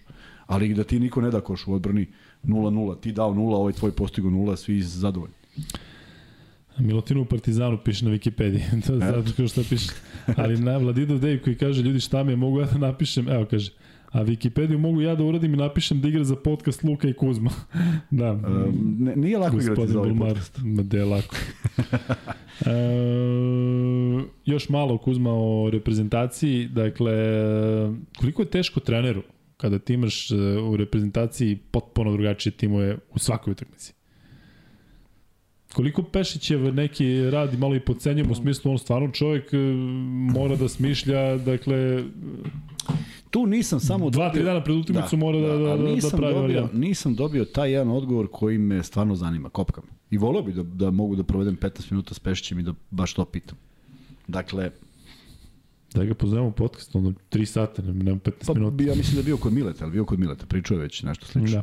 Vidi ovako, znači, uzmeš i eliminišeš sve igrače iz Euroligi. I popišeš, na primjer, popišeš Milutinov, popišeš Davidovac koji sada ne igra u Euroligu, koji mogu teoretski da budu slobodni. Ja mislim da tu možda napraviš 20 respektabilnih imena. Znači od igrača koji nisu zauzeti u momentu odigravanja ovih utakmica. I od tih 20 nemaš 21. Od tih 20 vrtiš najbolji 12. Možda neće svi biti slobodni iz nekoliko razloga, povređen, ne znam šta, ali ne bih, ne bih išao predaleko. Dakle, to bi mi bio fokus na ekipi. I ako mi je Ristić u, pr, u prvom prozoru, što Ristić nije onda svaki prozor, bez nekog daljeg razmišljenja. E, to su neke stvari koje su... A kada su svi slobodni, i to se desi, lako ćeš da napraviš reprezentaciju i da ih okupiš, to je najmanji problem. Ali tačno bi moglo da se napravi da je postojao plan, da ne lutaš. Evo, ja, na primjer, ovaj spisak ne mogu da razumem. Jel ti... Da, šta je... Ne razumem ga samo iz razloga što jesi ga napisao da bi ovi rekli da ne mogu.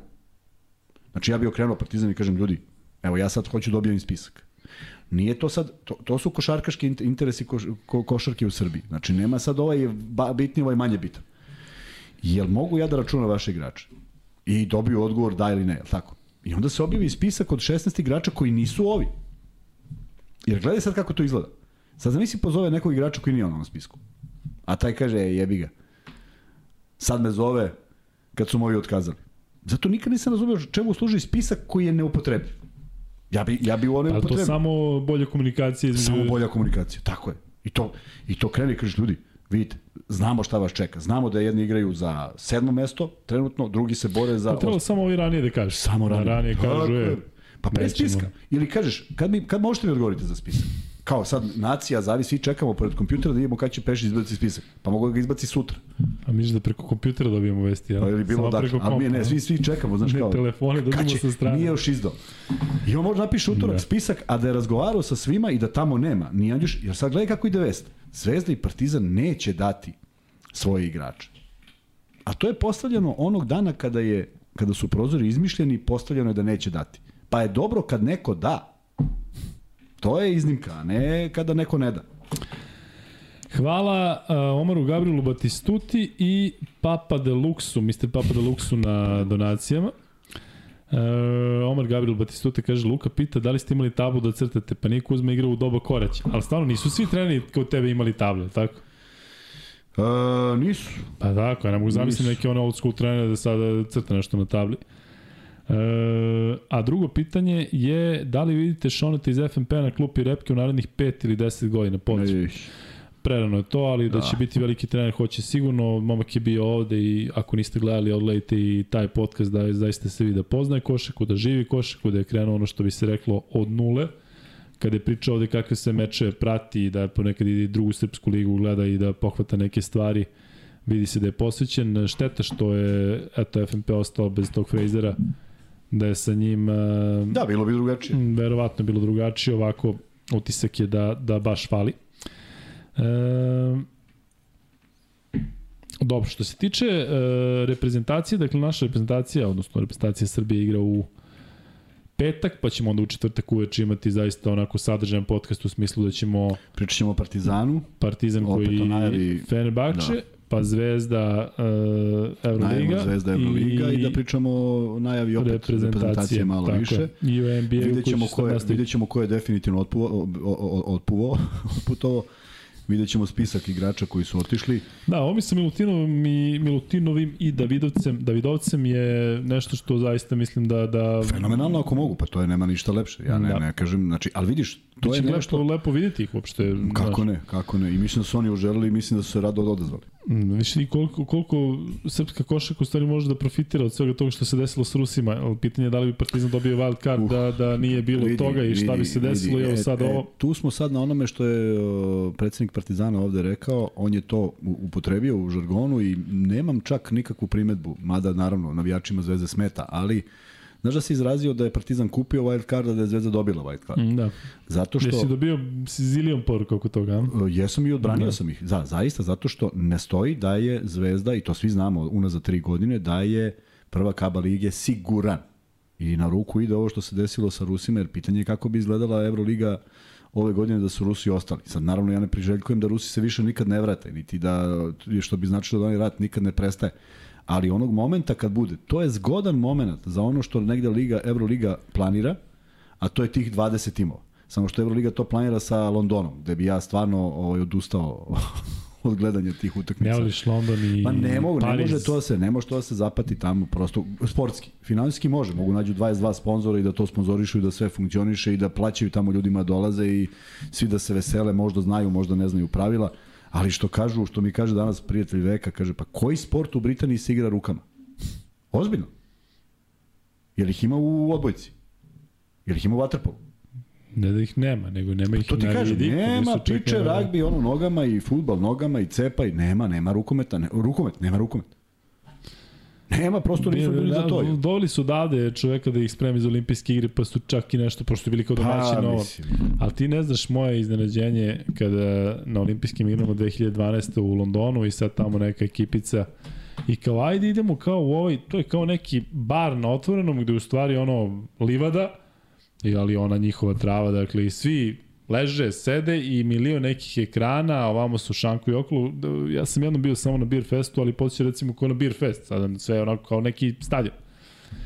I kaže ovaj, ajde, a taj je bio Britanac, kaže, ajde brate da vidiš, ovaj, ovde pratimo sve sportove. I ja rekao, super, sad imam... Kad ono, kriket i ostalo. Kuzma, ja ne znam koji su ono sportovi. Polo, kriket, Ono je nešto, curling. sa štapom na travi, ali nije ono kao hokej na travi, nije ni ne znam šta, dakle, pa onda, znaš, jahanje, ono, šmekersko jahanje, ne znam šta. Pa dizanje e, tegova, neki njihov, znaš, kao dizanje tegova, e, to rade rukama, sad to rade rukama. Eto.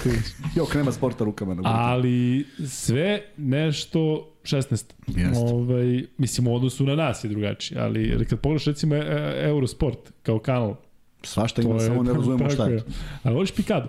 Kako da, pa najviše Eto i to, to igraju rukama takođe. Eto vidiš. Um, dobro. Ajde free bet, smo stigli do 700. Nismo stigli, ali bi mogli free bet da ispucamo. Ajde, ispucaj. Imaš neki Ja imam neko šarkaški jedan. Ti si rekao dođeš sad do reprezentacije. Mm. Ja imam neko šarkaški.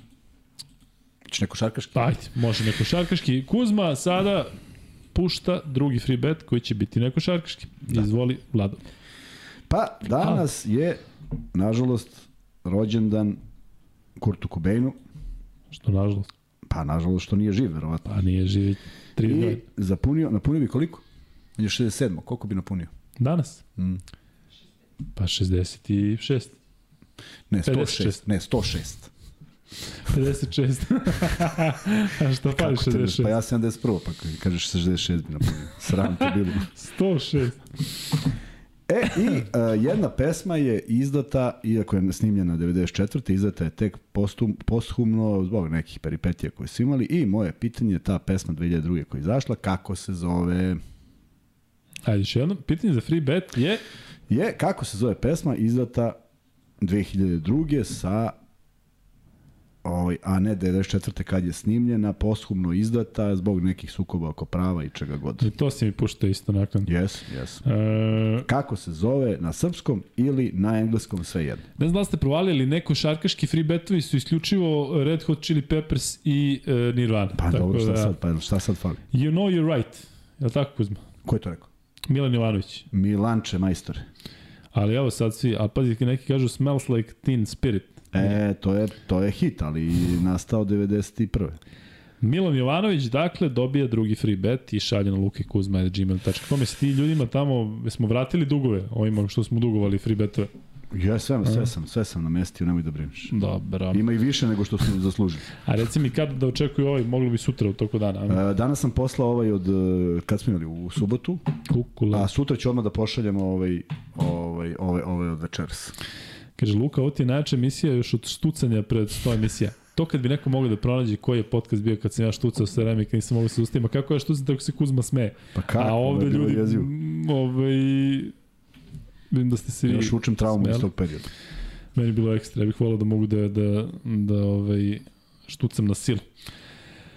Da, kažemo, da će u četvrtak biti igrane sledeće utakmice, dakle, e, još jednom da ponovimo da reprezentacija Srbije igra u petak, ali u četvrtak što se tiče Austro-Azije, e, odnosno azijskog kontinenta, Japan, Iran, Australija, Bahrein i Kina, Kazahstan. Dakle, Sala Đorđević debituje protiv Kazahstana. E, što se tiče evropskog dela koji je nama najinteresantniji, Litvanija, Mađarska, Češka, Francuska, Holandija, Hrvatska, Holandija, Đorđija, pardon, e, Bosna i Hercegovina, Crna Gora, Island, Španija i Italija, Ukrajina.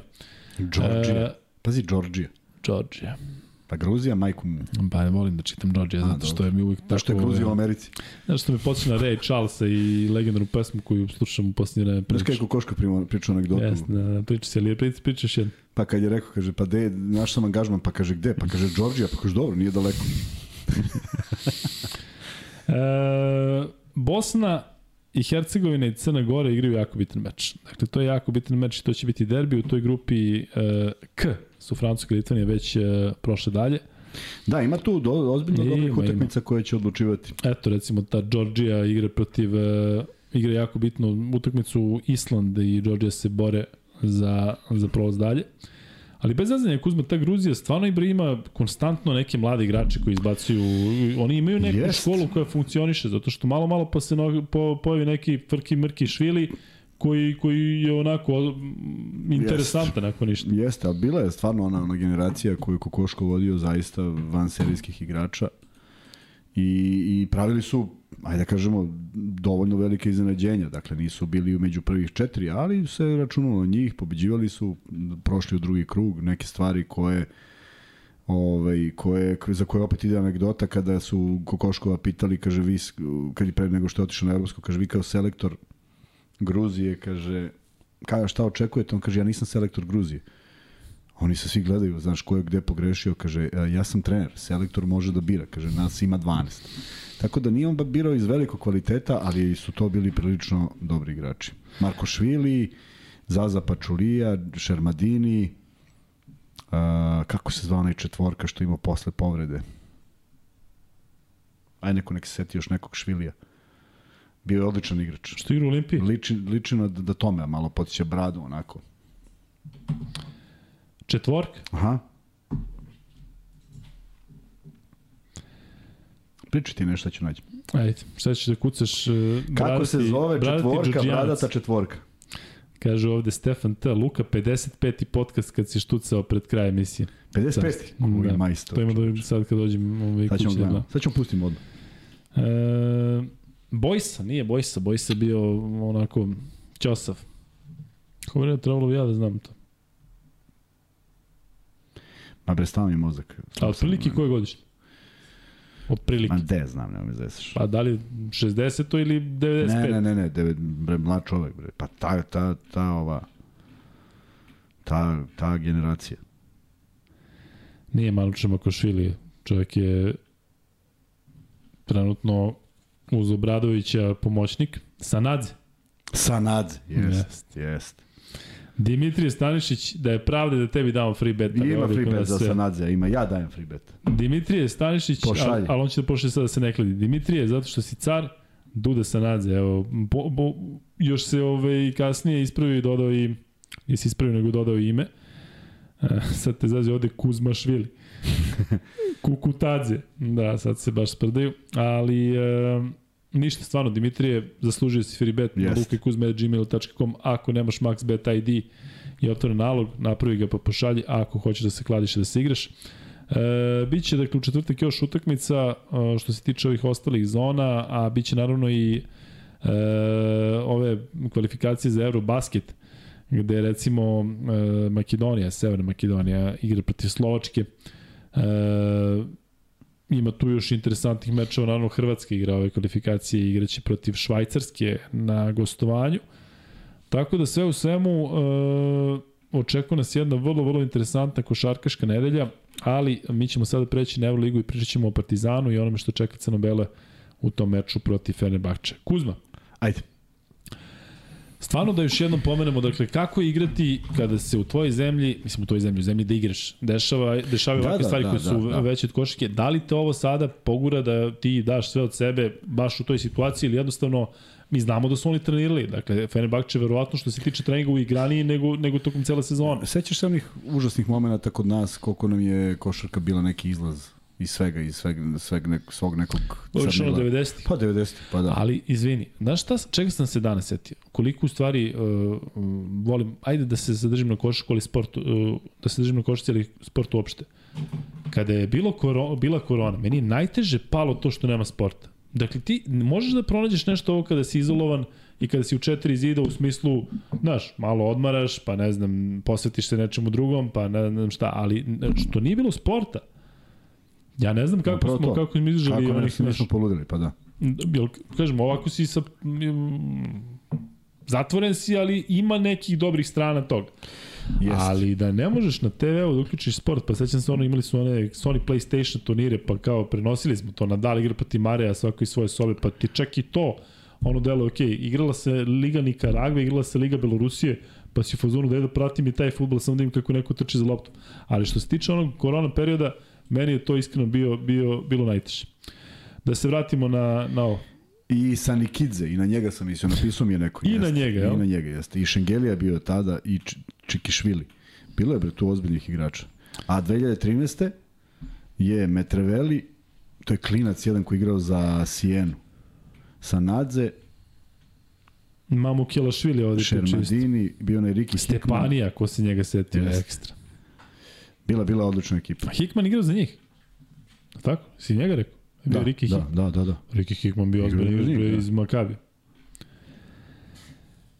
A, Kuzma, da se vratimo da, na ajde. Partizan. Partizan, i, gorak ukus posle svega ovoga, naravno, bili su, bili su više nego spremni za osvajanje trofeja. E,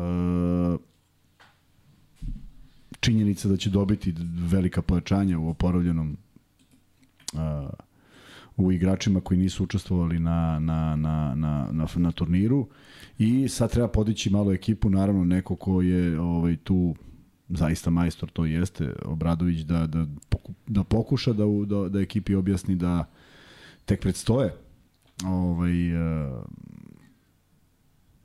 glavne utakmice. Sad tu ima jedna njegova izjava koja je malo onako, rekao je na dva fronta. Ja sve želim da verujem da ipak na tri. Zato što ima taj Da, još jedan, za da, to. ima još jedan treći, ali ajde, možda je to sada nešto što što nije u fokusu, pa zbog toga. Ovaj, I zaista su vrlo bitne utakmice. Fener dolazi i ranjen i još jedna stvar koju negde ne možemo da zanemarimo, učitelj, učenik protiv učitelja. Dakle, Da, prvi meč je pokazao da je učitelj e, bio uspešniji 73-72 za sve Partizan. Stoji, tako je, sve stoji, ali to su to to je jedna želja koja je izvan svega i tu sentimenta nema i to je ono kako treba da se poštuju dva takva aj sad rivala nekada nekada saradnika baš zato što ćeš dati sve od 13 sebe. Da, zajedno. baš zato što ćeš dati sve od sebe i prosto divno je kada postoji neko ko je toliko naučio i došao do nivoa do kojeg je nau... došao. Jeste malo zeznuto kad ti postane rival. Si imao to recimo u karijeri da ti neki najbolji ortak igra za suprotni tim i da ono pre tekme se vidite Da, Dobro, da, ovo je da. malo drugačije, u smislu treneri su. da, ovo, ne ma da će se oni kako. videti pre toga i nešto da večaju i sve, zato što... Mi, mi smo i, nema, nema tu da štednje, pošto, pogotovo što mu znaš sve mane, pa to koristiš i on tebi i ti njemu i želiš da pobediš Po desilo da si, da si neke odnose pokvario Ne, na ne, terenu? Ne, ne, ne, nikad. Nisam bio taj koji kvari, a pritom nikog nisam štedeo.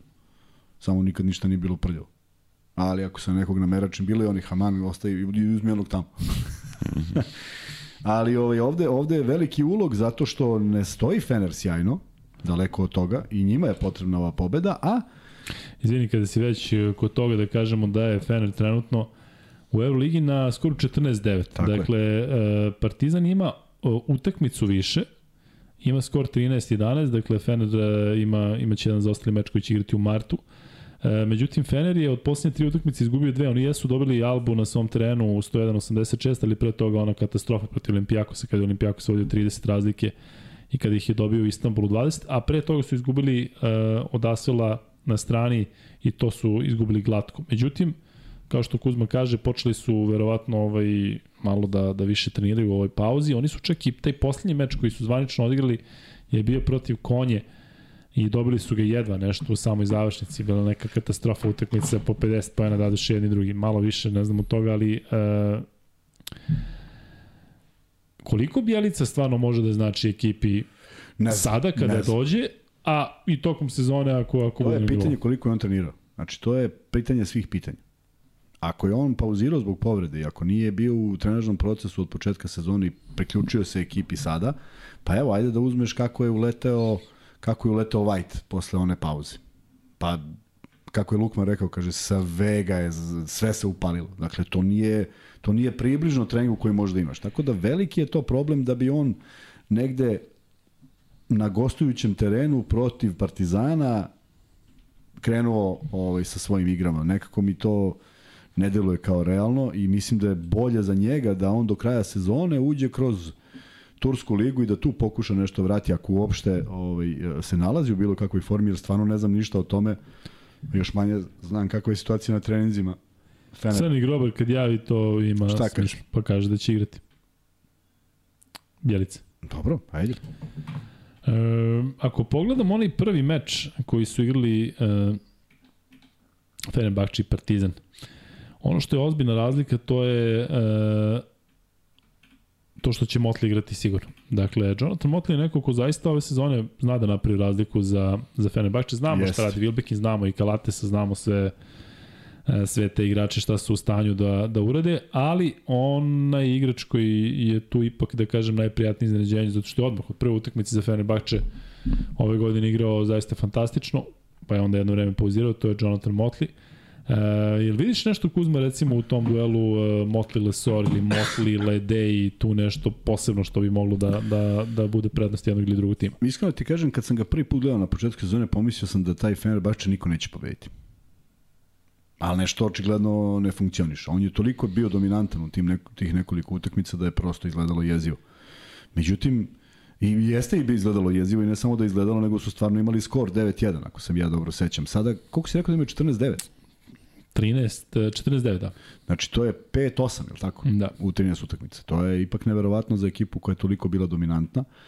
E, mislim da se mnogo više očekivalo od Bukera koji stvarno igra toliko gore dole da, da verovatno i ne znaju šta će se desiti sad kad dođu u Beograd, ali e, Motli je neko ko je ozbiljno nedostajao Feneru u toj prvoj utakmici, Partizan je to iskoristio i zasluženo pobedio. Sad vidjet ćemo koliko će to biti, a bit će mnogo drugačije, zato što se radi o jednom izuzetno pokretnom igraču, koji možda čak i više može da leži u toj nekoj svojoj napadačkoj priči ovaj, Ledeju, nego Lesoru. Tanan može da igra iz polja, može da napada licem, ozbiljno, ozbiljno, ovaj, kada je u dobroj formi, ozbiljno izgleda, međutim, i pored njega je bilo mnogo rupa u odbrani u odbrani uh, Efes, uh, Fenera i ono što je bilo interesantno, jurili su po svaku cenu te, te, te kako se kroz maglu sećam utakmice 3 po 1. Sam, sam Gudurić je šutno nekoliko trojke u istom napadu. Dakle, kao da, kao da se tu traži na, na neki način i vođa ekipe, pošto koga bi ti opredelio tamo za nekoga ko je sada taj čovek koji je na lopti? Ne, znaš, nekad bio dekolo, pa se znalo ko je tu, ko je šta. Dobro, Kalates je neko ko Kalates zaista koji, isto, koji da, i koji opet i on bio van forme. Jer, jer, jer su neke nedopustive stvari u odbrani i u nekim pasovima koji se njemu nisu dešavali. Jeste, jeste, bio je bio u nekoj krizi, Bio u nešto nekoj nije bilo krizi kako treba, možda tako posledica onoga iz Barcelone, ali e, Kalatis kada igra pik to deluje baš Tako je, tako je. Dakle, šta se to- desi, šta se po, samo vrati utakmicu protiv Partizana, ni približno ta Jeste. opasnost na stranu što je Partizan korektno odigrao odbranu. Koliko može prosto- da znači Partizanu i Željku što on poznaje Kalatis i radili su u Panathinaikosu prošlo je x godina, dakle to i dalje isti taj tip igrača da ga on zna i da kaže e, pazim u ovo ili ga Može usmeri da vamo zna, ili se... to treba igrač da sprovede. Može onda znaš šta god hoćeš da mu nacrta šta će ovaj da radi. On verovatno radi gro stvari isto, jer Kalates nije promenio igru. Nema sad Da. skok šut sa polu distance. Ali, ali to što radi, radi maestralno. I Jednom prilikom kad smo pričali kad je ovaj, Šakota igrao protiv, eh, pa sam se sreo s njim, I kaže, rekli ste, rekli ste da bi Zvezda mogla da brani ispod, što bi nam bilo logično zbog eh, šuta koji ima Kalates, to smo i Darko i ja u prenosu, ili možda Ilija i ja. A Šakota je rekao, ovaj, kaže, ne zameram, samo što, kaže, postoji ta druga stvar koju on radi, a to je povratni pik. Da. Jer ako u jednom ideš ispod i on te vrati, ti više to ne stižeš i odlazi, odlazi sve u nepovrat, tako da oni to dobro rade i stvarno treba rizikovati koliko god je moguće, ali ne poceniti ga. Ne baš reći, ajde, izvoli, šutni sam, jer zna da pogodi, pogotovo što ne voli takav igrač tog kalibra da ga neko ni podaštava pa može da ubaci, ali treba ga testirati i sigurno mu zatvoriti prodor pre nego bilo šta drugo. E, Kosta se Kumbo igra, um, tako da zaista mislim da njegov šut treba provocirati. Dakle, No, on je neko ko, ko ga treba bukvalno puštati Jeste. i od- odmaći se dva metra, zašto onako nešto može, može blizu koša. Znaš, ima jedan moment, izvini što te prekinem, ima jedan moment kada su igrali Fener i, i Panathinaikos, Kalatis igra za Panathinaikos, Željko ga poznaje i sve to, i ima moment kada je došlo do potpunog preuzimanja i raspada u igri Fenera na izgled, a onda Judo, koji stoji na dva metra od, koš, od Kalatesa i Kalates koji se sprema da uzme šut i Judo okrene leđa. To je toliko loše. Znači, Kalates ne znam da li je pogodio uopšte obruč, jer zamisli da ti u momentu kad uzimaš šut vidiš čoveka koji se okrene od tebe. Ej, kako god da si jak u glavi, to utiče i tekako. E, to su možda neke odbrane koje su koje su for, Ali Judo je dobar, Judo je inače Ne, ne, ne, ali vidi, i mutajimo takve odbrane i ti neki sa tim nekim lucidnim idejama su imali te odbrane koje su donosile bez obzira koliko su bile nelogične. Mm, da. E, Kuzma Partizan je taj prvi meč dobio e, pola koša prednosti je bilo na kraju, ali Avramović, to je bio onaj, ako se sećaš, povratnički meč Jeste. Avramović je kada je jednostavno pogodio neka slobodna bacanje, kada je spasio onu loptu, uhvatio, uhvatio onaj skok u napadu. E, jel realno da od Avramovića očekujemo više ili možda čak mnogo više u nastavku sezone? Zato što je sad već prošao određeni period kada je on e, se vratio, kada je odigrao neke jako dobre utakmice u Euroligi ili više u ABA ligi, dakle on je sada fizički i on i jeste fizički, Jeste, ali bio niko- spreman ili ruka bila, pa je, Da, nije, nikako nije, da se vrati u, u, da se on osjeća dobro. On ovo, on ovo što je igrao, vidi se govor tela da je bojažljiv. Nije to onaj Aleksa Avramović koji uzme loptu i ti znaš, ok, desit će se to jer je on Da. to. Kao da je kao da ne veruju u sve to. A defanzivno, jel ti deluje ok? Defanzivno, da, defanzivno je sasvim ok. Gde bi ga stavio sutra, Kalatis ili Vilbekin? Kalatis. Kalatis. A Vilbekina? Ko da juri Vilbekin? Uh, Vilbekina Panter. Pa da, ali Panter, e, ako juri, njih dvojica uđu u Jurnjevu, to nije dobro za Partizan. Mm, Vidi, mora, mora znaš kako da ga čuvaš. Panter je viši. I ja bih rizikovao da mu prilazim što bliže da, da, da Vilbekin ide na prodor. Da mora da podari loptu. Bolje on da podari loptu nego da, nego da, da, da on šutira, jer nezgodan je, a, dovoljno bezobrazan, dovoljno samopouzdanja ima, ali nije on neko ko predvodi, ne, ne deluje mi da on baš rešava utakmice, čak naprotiv neke utakmice reši u kontrasmeru na odlučujućim momentima i nekako mislim da je bez obzira kakav je on igrač, ja još ne videh da on dovede ekipu neku svoju ovaj, u taj neki Final Four ili nešto. Ajde, možda je neko vreme da se to, ne mora u stvari protiv Partizana da bude to baš vreme, Ali mislim da Mislim Mogu da, šutem za reprezentaciju da nas... Mogu da, da nas, nas... u nakazi, tako je.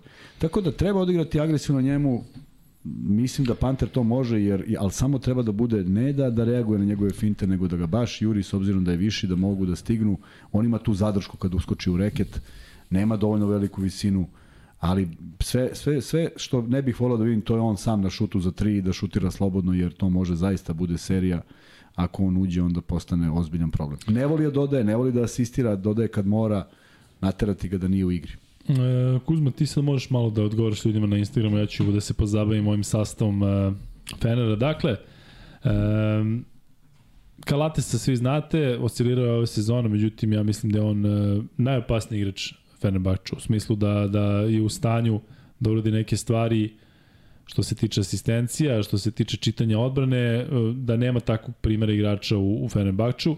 Tu je Nigel Hayes Davis koji je toliko nezgodan i nam je bilo čudno u komentatorski kada smo molili da posle toliko godina Nigel Hayes, Nigel Hayes, da govoriš Nigel Hayes Davis, ili muškarac koji je dodao još jedno prezime, ovaj, zvuči čudno, ali to je ispoštovanja prema očuhu E, tako da eto, sada je Hayes Davis i ako sećate prošle sezone kada je igrao sa Barcelonom u Beogradu, bio je u centru pažnje zato što se slikao sa Novakom posle pobede Barse protiv Crvene zvezde, a u tom trenutku, odnosno sutradan se ispostavilo da ima koronu, ili već kako je bilo nešto, neki haos je nastao.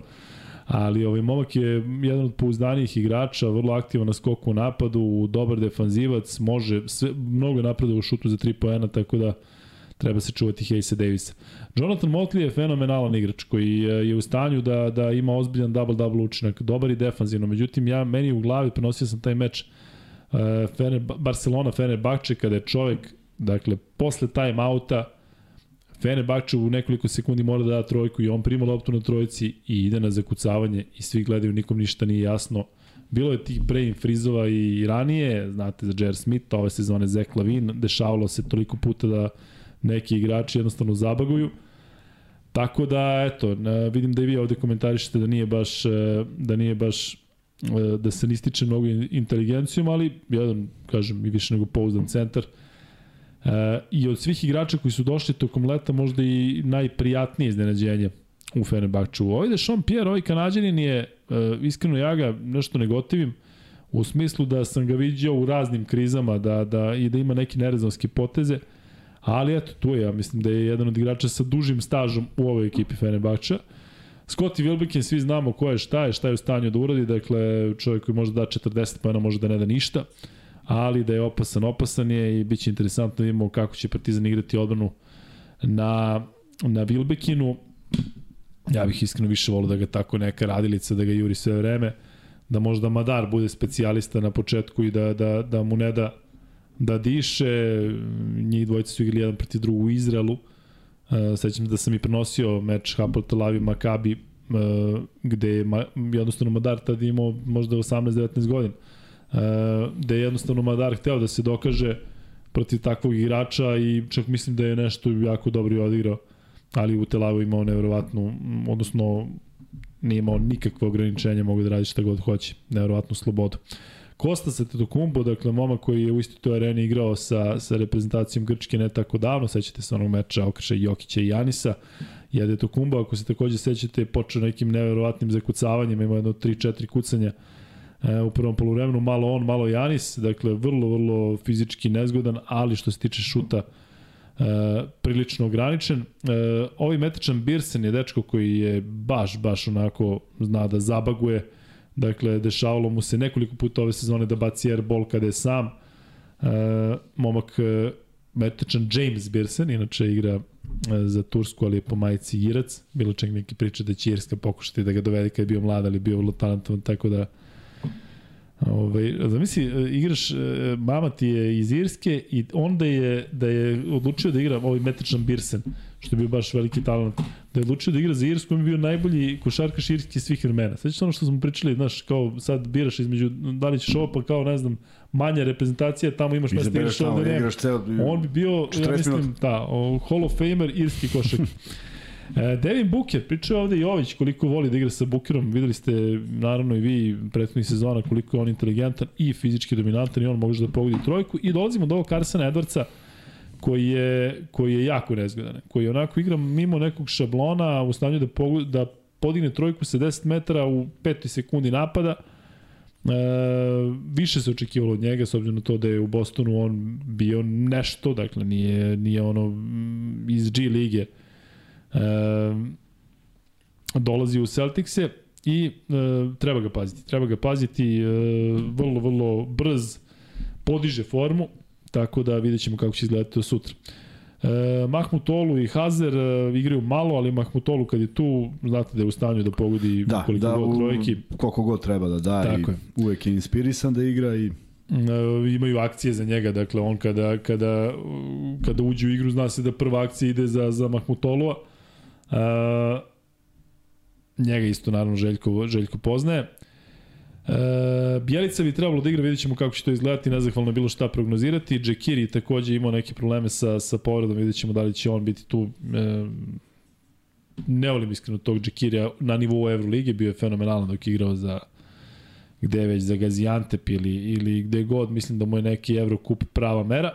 I naravno, za kraj sam ostavio Marka Gudurića, znate svi koliko je Marko e, nezgodan, opasan i on je ove sezone imao neke lošije faze, ali mislim da je neko kome i tudi sveruje i to je Kuzma jedna specifična situacija, može da se desi da Marku Guduriću zviždi cela arena u četvrtak i da onda svi za njega navijaju u ponedljak ako bude ovaj, Da, to su to. protiv I nemam problem, i nemam problem da zvižde, ali sam uvek bio protiv bilo kakvog vređenja tih ljudi koji čine reprezentaciju. Neko me stalno pita da li se da li podržavam kada se Željko Obradović skandira pogrdno, naravno da ne nikad to nisam opravdavao i u prenosu sam to i rekao da prosto imaš ljude kojima se to ne viče. E, desio se jedan paradoks da je u jednom momentu Stefan Marković dobio neke pogredne reči od zvezdinih navijača kada je dolazio sa Zenitom, valjali sa, ne, ja mislim sa Zenitom, a onda je evo ga tu i sad je odjednom ovaj, omiljen. Tako da samo treba biti oprezan. Sve je deo folklora 40 minuta. Dekoncentriši ga na koji god hoćeš način, ali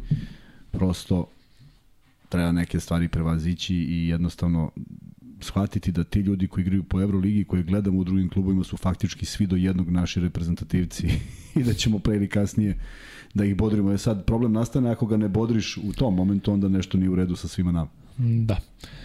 Još nešto Kuzma oko tog meča Partizana i Fenerbahča ulazimo u tu fazu sezone kada je da, jako bitno da, ti, ti mečevi, o čemu si ti pričao ranije, ti mečevi kod kuće su ipak e, nešto što što jednostavno upravo, mora da se dobije. Upravo mora da se dobije i ako je Partizan ne sad ono zbog toga što pobedili u Istanbulu, jer je stice okolnosti bio takav, ali uh, ovo je utakmica koja nosi još veću težinu, pogotovo što se Partizan nalazi tu gde jeste i da bi ostao tu to, te utakmice koje, kojih ima, ako je 10 utakmica, ajde da kažemo da ima 5 kod kuće, pet tih mora da pobedi da bi se uopšte ovaj, i dalje kotirao za, za top 8. E, Tako da. da tu ne dolazi, ako se kiksne, teško će se nadoknaditi na strani, jer ipak je Partizanu uh, dobro što igra kod kuće sa najjačima. Ne mogu kažem da je sjajno, mnogo bolje nego na strani da igra s njima.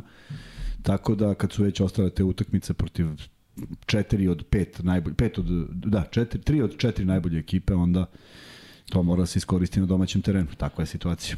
Dolazimo do tog momenta koliko je bitan e, taj duel zbog međusobnog skora, dakle Partizan ako pobedi Fenerbahče, jedan i drugi tim će imati po 14 pobeda, Tako s tim je. da će Fenerbahče imati utakmicu, utakmicu manje. Ali ako Partizan dobije, onda ima 2-0 protiv Fenera i to je preozbiljna stvar. Su bolji.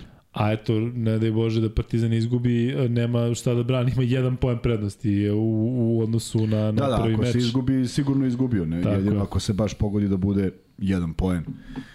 Ali, ali ajde da gledamo, da vidimo da, da, da, da Partizan nastavi sa svojim izdanjima u onom kompletnom sastavu, jer ovo nije bilo kompletno i da nastavi tamo gde je stao u Euroligi.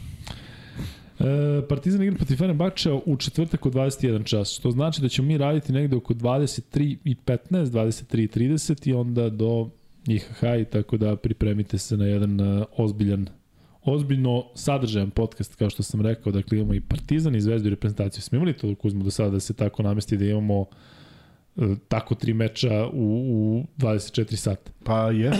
pa jeste, ali nije bilo ovako bitno, tako. Ne, ne, pa do, sad, dakle, ovo sad, je, sad je ipak moment u sezoni tako kada da, četvrtak to... žurka, odnosno pet, ne, četvrtak da. A u ponedjak pa, onda, u ponedjak odjavljujemo utakmicu, tako? Da, u ponedeljak, e, ovo, ne, ne, što ne znam za gosta, onda da ne dovodimo baš nekog iz Juba Lige, a slavit ćemo po pobedu Srbija. Ajde, smislit ću. Ajde. E, dobro, što se tiče mečeva još koji se igraju u okviru Euroligije u četvrtak, Maccabi Bayern,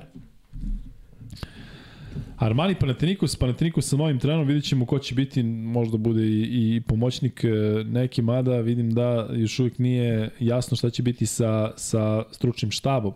Tako da nije realno da Bošković ostane, ja tako Kuzma, bez Radonjića. Sada Bošković ostane kao... Ma jo, pa to se nikad to, nije desilo. Pa, da. to, prvo, prvo ne zna se ko bi tu bio luđi, da li ovi što ostaje da, ili ovi što ga zadrži. Jeste. I drugo kako, on ti je ne samo trener, nego si ipak vezan za njega na sve moguće načine, bilo bi krajnje ovaj, neverovatno da ostane. Real Madrid Žalgiris, uh, to je dakle taj uh, četvrti meč koji se igra uh, u okviru Euroligije i sve se igra onako jedno za drugim u smislu u samo sat vremena, dakle 8.05 Makabi, 8.30 Armani, 8.45 Real i Partizan od 21 čas, odnosno od 9. Tako da puno, puno košake u četvrtak, e, sve ćemo prenosti na sport klubu, dakle i ove prozore, imamo i ove Eurobasket e, predkvalifikacije, imamo dakle naravno i Euroligu, ne igra se Eurokup ove nedelje, Ali, otprilike to to što se tiče uh, ovog dela. Kuzma, moramo još malo da pričamo o, e, o NBA ligi, o All Staru. Dakle, Lillard pobedio u trojkama, McClung pobedio u takmičenju za kucavanju, bila je ona žurka tamo, onaj Rising Stars, gde je Alvarado izdominirao, znam da ti sve ove informacije prilično znače. Da, slušam, slušam sve. E, međutim, što se tiče ovog samog All Stara, e, to je ujedno i prilika da, da se ekipe malo odmore, čak i ovi koji su na All Staru, videli ste da ne zapenju puno. E, Tako da se zahuktava u NBA ligi, evo već za, za, za nekoliko dana, dakle nastavlja se tamo priča, tako da sve u svemu e, e, biće jako interesantno i tamo. Mnogi ekipe su se pojačali, mnogi se počavaju, dakle Lav je u, u Majamiju, e, Westbrook u, u Clippersima, vidjet ćemo da li će biti još nekih igrača koji su eto, imali te buyoute pa, pa mogu sada da pojačaju timove. Ja bih volao da dođe još neko pouzdan u Denver, međutim sada među ovim košakašima koji su slobodni, jedino Beverly je taj koji je interesantan, sigurno ekipama koje napadaju napadaju titulu, ali ono što deluje, ne možemo da kažemo sigurno nije to realno, ali Denver ide ka tom prvom mestu što se tiče zapada. E, prenosio sam pre neko veče Colorado Avalanche, dakle to je ekipa koja je 10 puta popularnija u Denveru, i ko je naravno šampion NHL-a, osvojili su Stanley Cup i to je, ajde da kažem, to prokletstvo Denera, što verovatno i neki igrači možda im nije to interesantna sredina. Koliko god bili prvi na tabeli, imali Jokića koji MVP, e, možda im se jednostavno ne igra u Denveru. Bila je ta priča oko Beverly da je on odbio, odbio mnogo veće e, novce u Sakramentu e, i onda je otišao u Clippers zato što je sa Clippersima e, napadao titulu odnosno imali su roster koji bi mogao da napade titulu, tako da eto, možda ima zaista i, i, i do toga, ali da sam očekivao više e, više od, od ovog prelaznog roka i tamo u trade deadline-u sam se nadao da će biti nešto, posebno kada se znalo da je Kyrie e, hoće trade, da, da je Durant posle isto slobodan i toliko igrača se izmenjalo. Ali do, šta da se radi? Da li će Jokić biti po treći put MVP, pita Lazar, ja sam siguran da hoće, samo da zadrži triple-double u proseku, trenutno je to negde na 25 e, poena u proseku, 11 skokova i 10 asistencija. Ako to ostvari i Denver bude prvi na zapadu, dakle to će biti bez bilo kakve konkurencije. Ali znaš šta je zanimljivo, Kuzma, što e, mi smo pričali o tom meču region protiv e, Amerike, ali e, oni su u sve većem problemu, mislim na Amerikanci, što zaista gube korak sa stranim košakašima. Ti kada pogledaš sada, o tome stalno pričamo, dakle Jokić, Dončić, Janis, Embiid, pa pazi, dolazi ovaj mali Vembanjama kao prvi pik koji je Francuz i evo taj mali iz Reala koji je već sada interesantan i on bi, ako ostane zdrav, mogao da napadne nešto. E, mislim na to prvo mesto na, na NBA draftu. Dakle, Amerikanci gube korak sa, sa, sa, sa ostatkom sveta. Lebron uskoro završava karijeru. Cela ta generacija, da kažem, 88, 89, Durant, Thompson, Curry, Westbrook i ostali, svi oni su na zalasku karijere. Tako da, jel vidiš možda neke promene u NBA ligi što se tiče što se tiče e, sistema igre, zato što Jokić i Dončić ipak igraju na drugačiji način. I delo da je budućnost lige u njihovim rukama, dakle da se igra glavom. Vidio si Dončić na Staru jedva, jedva skoči da zakuca Jokić koji deluje toliko sporo, ali jel, jel treba očekivati da NBA liga i, i narednih sezona bude takva da sve zavisi od fizikalija, oni skaču, oni su jaki kada vidimo da, da momci koji igraju mozgom dominiraju. Znaš šta, ja mislim da, da je taj kurs koji je zauzet za dovođenje evropskih igrača talentovanih koji već igraju sa ozbiljno starijim igračima od sebe, a ne oni koji igraju na koleđu sa vršnjacima, doneo jedan ozbiljan kvalitet NBA ligi. Vrlo slično se igra i to jeste neka ideja da, da košarka u Evropi bude približna NBA i to se ta ideja se plasirala iz NBA. Zašto bi čekali tu razvoj nekih igrača kad mogu dobiju gotov proizvod po ne kažem pristupačnim cenama, nisu ni malo jeftini evropski igrači, ali prosto ne moraju da se bakću oko nekih stvari, jer je ogromna razlika između NCAA i NBA. Mislim da je nikad veća u načinu razmišljanja, u načinu igranja, u svemu. Sad, sad, sad je drugačije nego pre 30 godina, a i tad je bilo, i onda si imao priliv dobrih igrača kojih, tako mi nekako deluje, sve manje. Ja ne mogu baš da se zakunem da imamo neki igrače od pre 4 godine koji dalje traju u nekom neverovatnom uh, usponu u karijeri, prema tome mnogo je teško, a treba održati tu uh, prvo internacionalnost, uh, njima odgovara kad ima svoje vremeno ovaj Dallas je jurio da ima 12 iz različitih zemalja ako je to moguće. Tako da San Antonio teži tako, tome da Tako da to donosi nešto, nešto, neki kvalitet, naravno Amerika je tako i koncipirana, ali Mislim da je to pre svega zbog toga što nema priliva uh, NBA igrača, NBA kvaliteta u, iz, iz NCAA. Negde su konzervativni treneri koji su sad već u ozbiljnim godinama, zadržali su neki način igre koji nije lako uklopiti kada završiš NBA, kada završiš koleđ karijeru. I deluje mi da je to najveći problem. Otuda veliki broj ovih igrača koji odgovaraju predispozicijama, brzini, iako, iako sam mišljenja da će mnogo teže uspeti igrači do 2 metra iz, iz Evrope nego oni preko. Ima tu nekoliko razloga. Prvo, svi ti igrači preko 2 metra u Evropi dobijaju loptu da igraju s njom i znaju da driblaju. I svi igrači preko 2 metra u Evropi to apsolutno znaju. Ti ako imaš 2 metra u Americi i nalaziš se na malom koleđu, ti si neka petica koja tamo igra ispod koša jer nemaju više igrača i to se dešavalo i ljudima koji su odlazili odavde i zavisi gde si i kako si i šta si.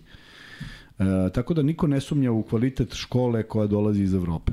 Da li se i radi u Španiji, da li se radi u Srbiji, da li se radi u nekoj Litvani, da li se radi u nekim tim zemljama koje drže do sebe košarkaškim, ovaj, njima je potpuno sve jedno i vidi se da postoji ozbiljan broj igrača koji su promenili izgled NBA, I to više nije 1, 2, 3 kao nekada skromno, nego imaš zaista evropske igrače koji su obeležili NBA kao takvu, postigli neke rekorde, Dirk Novicki je posljednji koji je tu negde priznat po tom pitanju, sad će biti tih igrača koji će u Hall of Fame, a, nalaze, a dolaze iz Evrope, prema tome taj trend se neće ovaj stišavati, već naprotiv mislim da biće da će biti sve veći, tako da iz godine u godinu bojim se, bojim se za evropsku košarku da će priliv takvih igrača biti sve veći.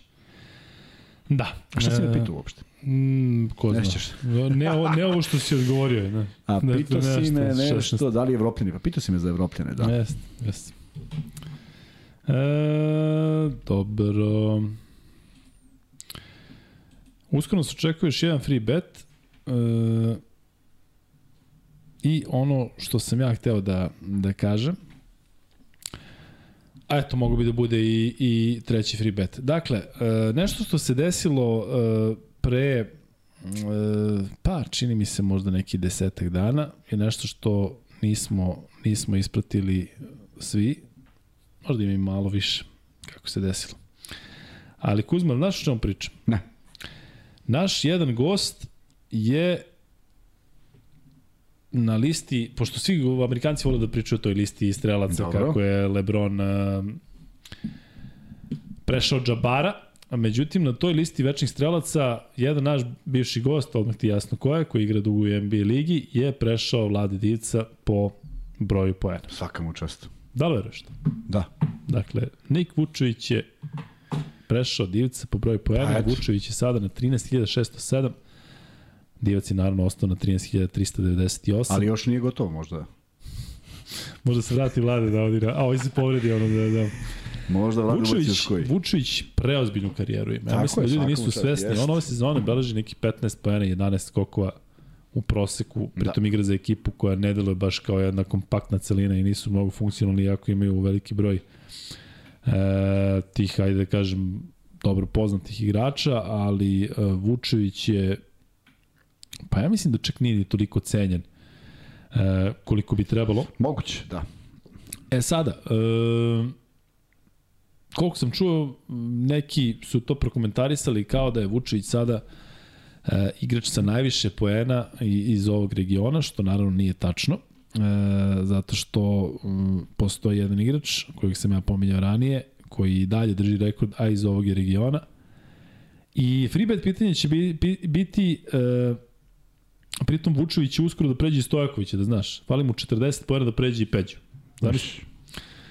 A, ali, igrač koji je poreklom iz ovog regiona, zove se Pit Marević, je bio legenda uh, svetske košarke, nažalost prerano je otišao, nažalost i karijera je mogla da mu bude mnogo bolja da je bio zdravi i uh, pitanje za free bet je koliko je Pit Marović postigao poena u NBA ligi. Ko prvi odgovori, dobit će dakle, taj poslednji treći free bet, tako da čekamo odgovore i uh, nadam se da neko nije ranije unapred odgovarao zato što te stvari Aha, evo vidim da ste već odgovarali da je Stojković 13.647, ali uh, ja vas pitam za Radmanović, za Maravića. 15.948 je uh, poena dao Pit Marović u NBA ligi i prvi koji je odgovorio tačno je Ivan Nićin. Uh, Ivane, uh, znaš koja je procedura, uh, dakle, MaxBet ID imaš, to znamo da si slao ranije, pošliješ na lukekuzme.gmail.com i Kuzma ti odgovori tako što te časti sa 1000 dinara. Jeste. A inače imaš pitanje od Rasima, pošto si pratio Izraelsku ligu, da li možda znaš nešto više o Ramiju Hadaru, koji je sada u košarkaškom klubu P iz Peći, pa da li ti je on nešto poznat iz Izraelske lige, jer je vodio veliki broj izraelskih klubova. Ti je on poznat? Rami Hadar, trener? Da. Ne. Ja. Možda kada bih video lik, verovatno ovaj bi... E, sad ću da je. Evo ti. Ima slika, a? Aha.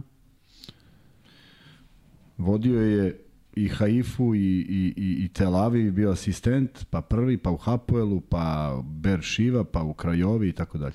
Možda ti poznat lik. Čisto zato što verovatno je prešao dole, pa pitaju kakav je. Kako ne, pa da, Rami Hadar je dugo, da, da, da. E, pa ne sećam se iskreno, ako je vodio te klubove, onda okej. Okay. E, ne sećam se da je vodio Hapoel Tel Aviv. Hapoel Tel Aviv vodio. Da.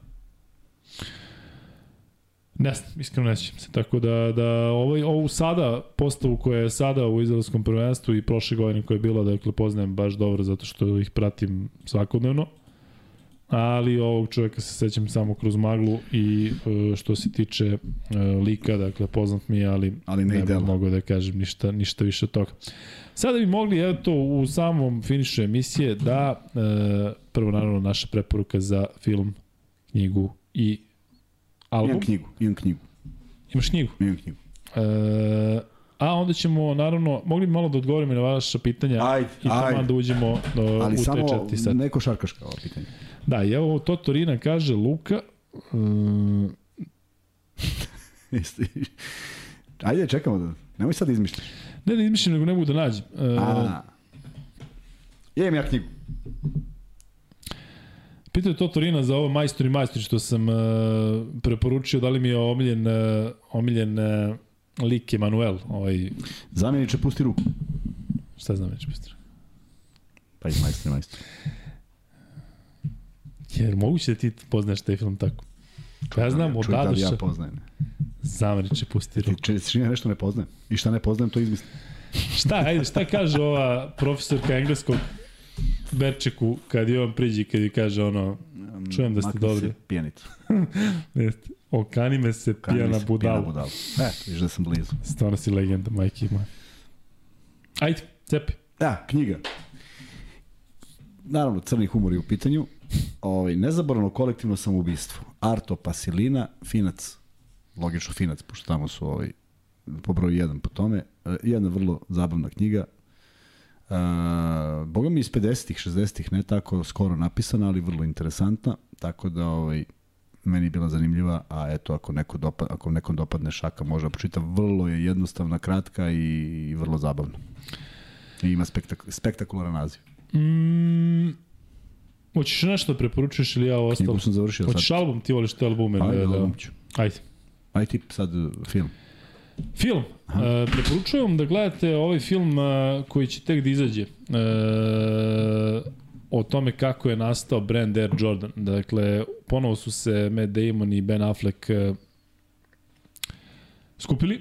Dakle, posle dobrog Will Huntinga imali su naravno još oni neke zajedničke projekte.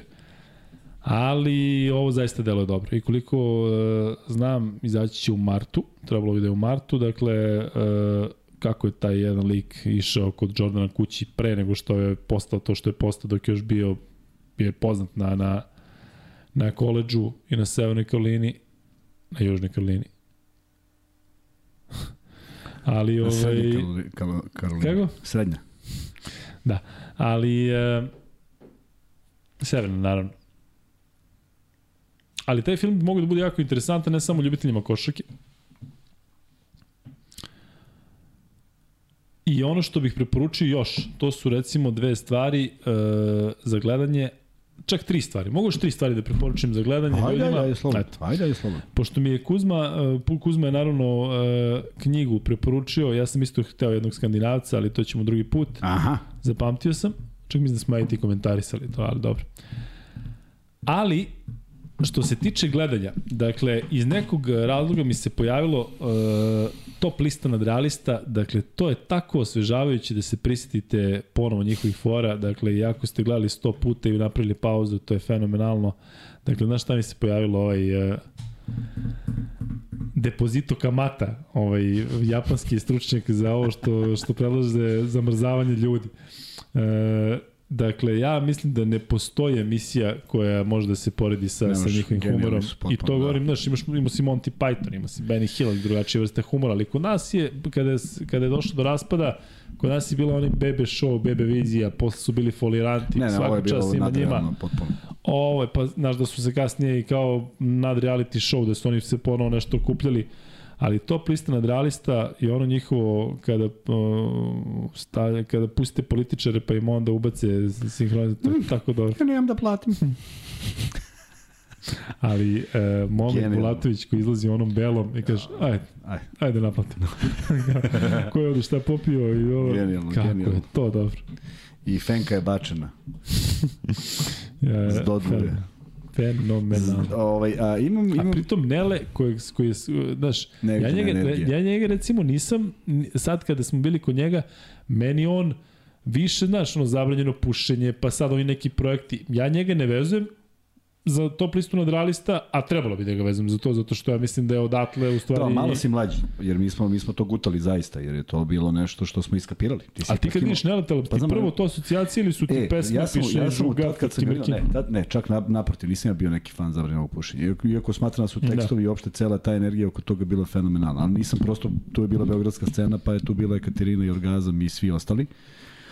Ali ja sam mu, nešto sam mu rekao kad smo se upoznali, rekao, vidi, ne pam, sve je to u redu, top lista, zabranjeno pušenje. Ali ona opera, rock opera, kad oni igraju u Sava centru, Kusturica što je režirao. Pađi on tad je u ozbiljnim godinama. Ja ne mogu ti objasnim kako to dobro izgleda. Koja je to energija na sceni u tim godinama?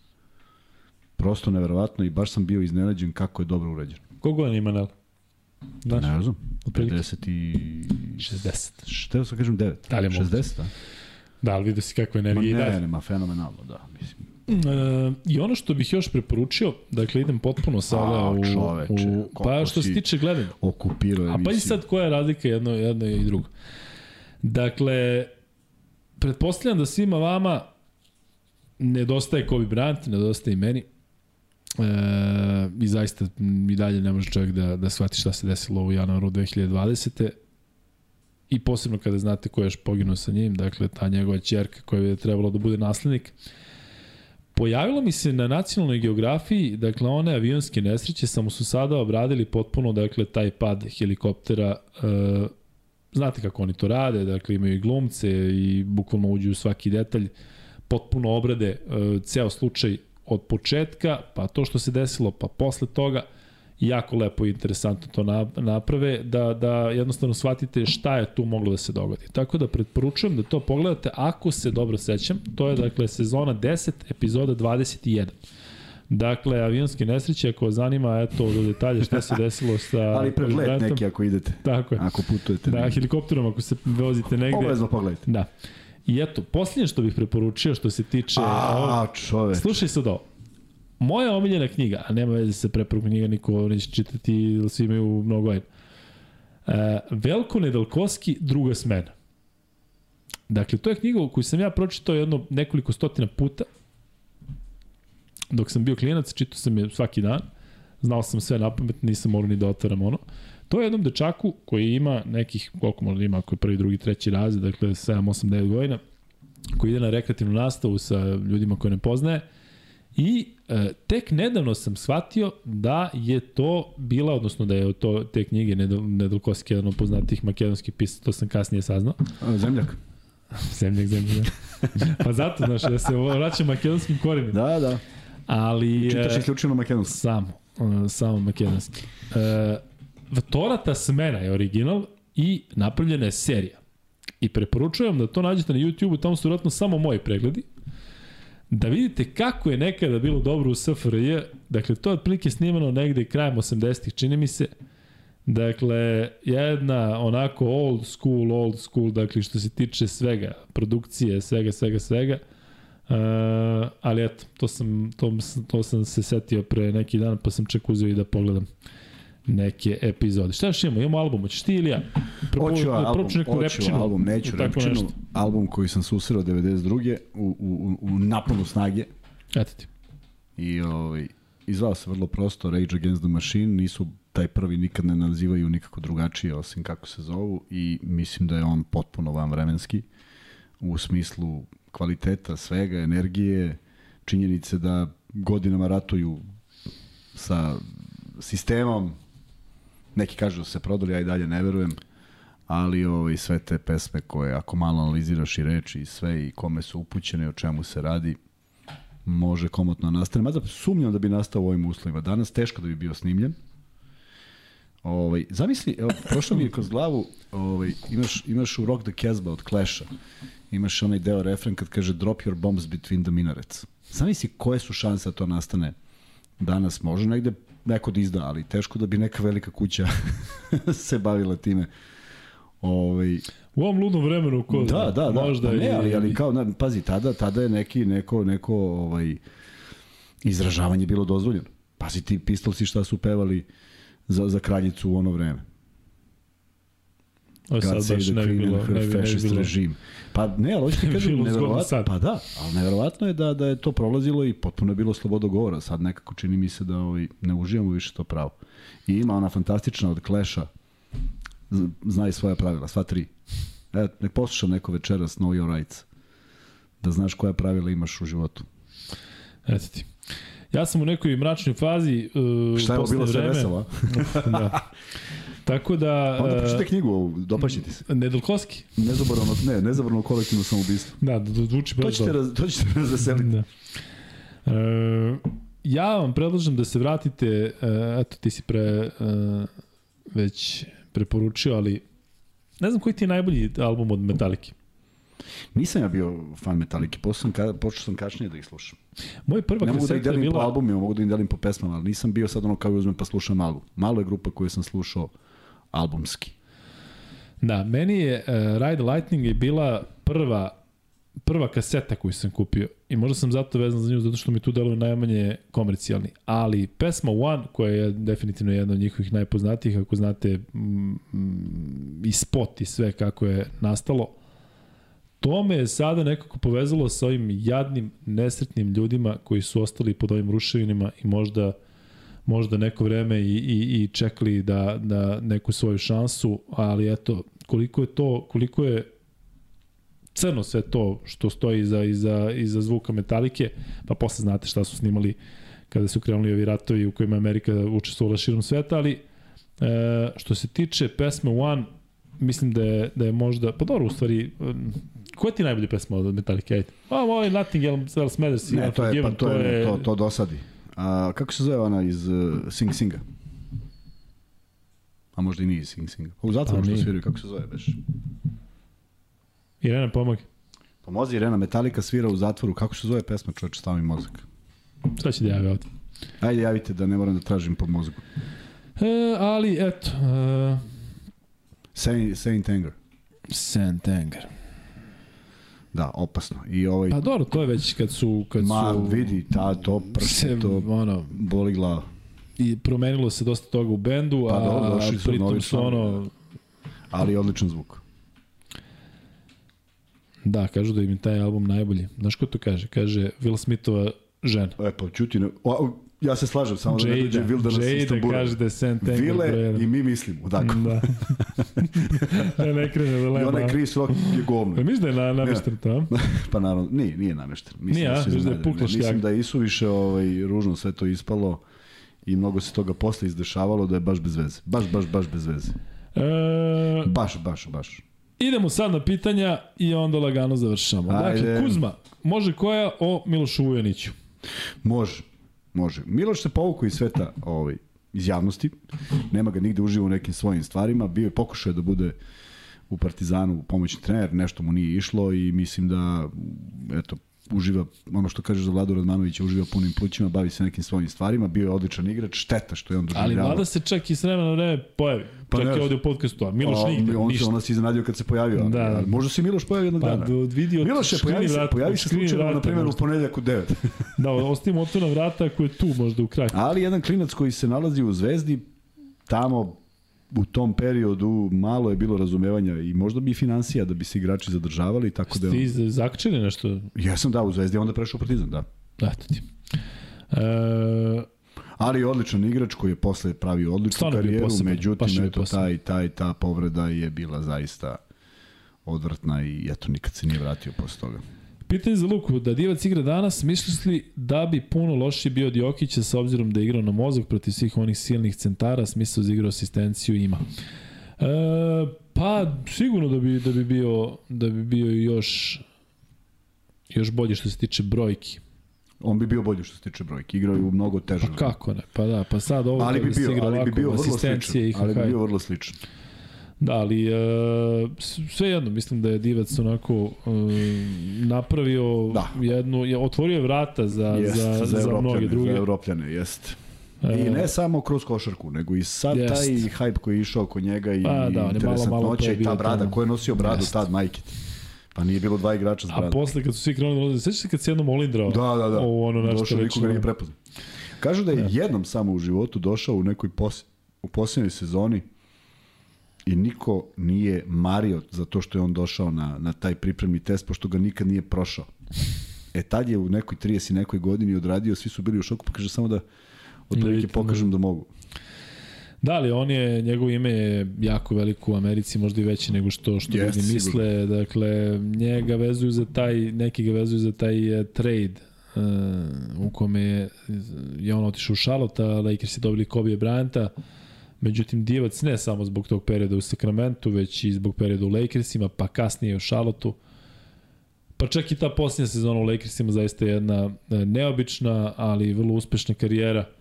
Tako da Vlade je neko, recimo ja kada sam bio u Americi, pa su tada, aha, Vlade, Stojaković, i stalno su me mešali sa onim lukom uh, iz, iz IR-a sa Goranom Višnjićem, to je njihovo poznavanje bilo što se tiče Srbije i ovog regiona. E, Luka, šta misliš koji su dometi Lakersa posle ovih trejdova, da li mogu da uđu u play-off i koliko bi mogli u play-offu? Pa dobro, u ovakvoj kombinaciji e, bi sigurno mogli do play-ina, s tim što ja ne bih volao da naprave nešto, zato što je taj LeBron James prvi, e, da ne upotrebim neku težu reč, ali pljuvao po tom play-inu, sećate se da je rekao kao treba taj koji o, je to smislio da dobije otkaz. I šta je bilo prošle sezone i šta jure ove sezone. Tako da sa ovim čišćenjem i odlaskom Westbrooka i što je mene začudilo Beverlija, mislim da, da, da će napredovati, zato što su dobili D'Angela Russella koji se tu osjeća kao kod kuće, tu je odigrao nekoliko prvih sezona. Davis bi trebalo da proigra samo da je zdrav sa Lebronom. Vidjet ćemo, ovo iskreno jedva čekam da vidim kako će igrati uh, Mo Bamba i Rui Hachimura. Dakle, njih su takođe dobili, tako da obojica visoko rangirani pikovi, a nisu ni jedan ni drugi opravdali očekivanja ovaj u Orlando, ovaj u Washingtonu, tako da biće interesantno pratiti Lakers-e, e, ali ne delo mi kao, kao, kao ekipa koja može da napravi nešto iznenađujuće. Kuzma, koji ti je nik na Lee Chessu? Kuzma BFC. e, Kuzma, da li imaš informaciju da li su se ostavom kontaktirali iz kluba Soko? A, ne znam, proverit ću, pazi, da, saista sam rekao da treba da se čuju, vidjet ću šta je uradio Vesa, rekao sam da javi ako negde zapne, dao sam naravno Ivanov broj, ne, ne, ne, ne ostojim, ni nemam ga u krajnjem slučaju, ali ovaj, mislim da će mi se javiti. Mislim da će se javiti ovaj čim pre, tako da rekao sam da to urade od ponedeljka, pa javit će, javit će pukovnik šta je uradio. Nikola preporučuje film Green Book, zaista treba da, Odlično, da, da, odličan da, da. je Tony Lip, koji je, tu mu je pola familija mu je u tom uh, filmu, ali uh, zaista, zaista lepo. Iako je meni recimo bio spor na početku, nije mi se nešto neki prvi čao, pola sata, sat ali i onda i sa onim ovaj. krajem. Aragorn je maestral. Da. Kako se zove Aragorn u Kalitu? Ne znam, pitao si me već to, zašto sam ga gledao, vrlo, pitao si me kako se zove, ne znam. To sam te baš pitao. Baš si me pitao kako se zove Aragorn u Karlitu, ja sam rekao ne znam i ti si rekao ne, ne znaš. Sam Benny Blanco sam te pitao. Kako? Benny Blanco? Da, pričali smo o njemu ako se pričali o Karlitu. O ovom Johnu Leguzijamu ili kako se već preziva. E, pitanje je kako komentarišete što je Pešić pričao za snimanje domaće pro lige i da Zvezda i Partizan nemaju interes da igraju regionalnu ligu. E, ja se slažem sa onim što sam što sam e, čuo. E, to sam teo, da, tako Ajde, je. Da, da, da, da, da, da. Pešić to izjavljuje, da li samo njemu ovaj, znano zašto ili je neke razgovore obavljao, ali da, ima smisla u tome što je rekao. To je bilo baš lepo, da se iskoristi sada to nešto što se dešava u Euroligi, da, da se podigne domaća liga, zato što kao što si ti rekao prošli put ili pretprošli, dakle, za nama nije svejedno da li Partizan igra protiv Splita ili igra protiv Slogi u smislu... Apsolutno. Ali tako? Apsolutno, Samo možda bude bolje. Razlike, možda da. bude bolje. Da. Uh, vidi, vidi šta je sada. Ti, ti sad kad bi izvadio neke statističke podatke, i prezentovao ih Euroligi bukvalno od 2001. godine kada su se raspolutile na, na, na dve, je tako? I stavio, u stvari po ujedinjenju, kad je, znaš da je bila ona Supro Liga, pa je to sve po ujedinjenju, da vidiš ko je koliko puta učestvovao i ko je koliko puta bio, zaista zanemarljiv broj o, klubova koji nisu iz Srbije i kad je već ovakva situacija, kad već ABA Liga ima svoju, svoje probleme, možda probati na drugi način taj drugi način ne, ne bi zadovoljio region, ali ja ne vidim ni ovako kako zadovoljava region, s obzirom da su najglasniji protiv ABA lige bili baš hrvatski klubovi. U smislu nečega što je evidentno, a to je da, da je razlika ogromna.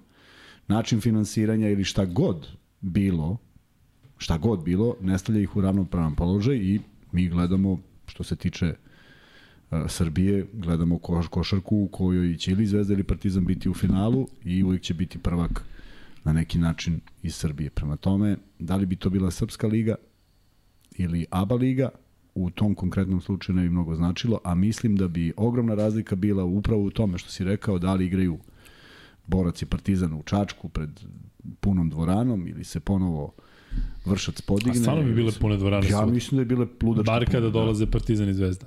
Pa da ja mislim da bi slogu pratili sve jedno i ovako. A, a verujem, zamisli... verujem da bi se igrački vrlo brzo, ne mogu kažem da može se izjednači, ne može se izjednači ako su budžeti u tolikoj razlici, ali mislim da bi igrački dobila na kvalitetu.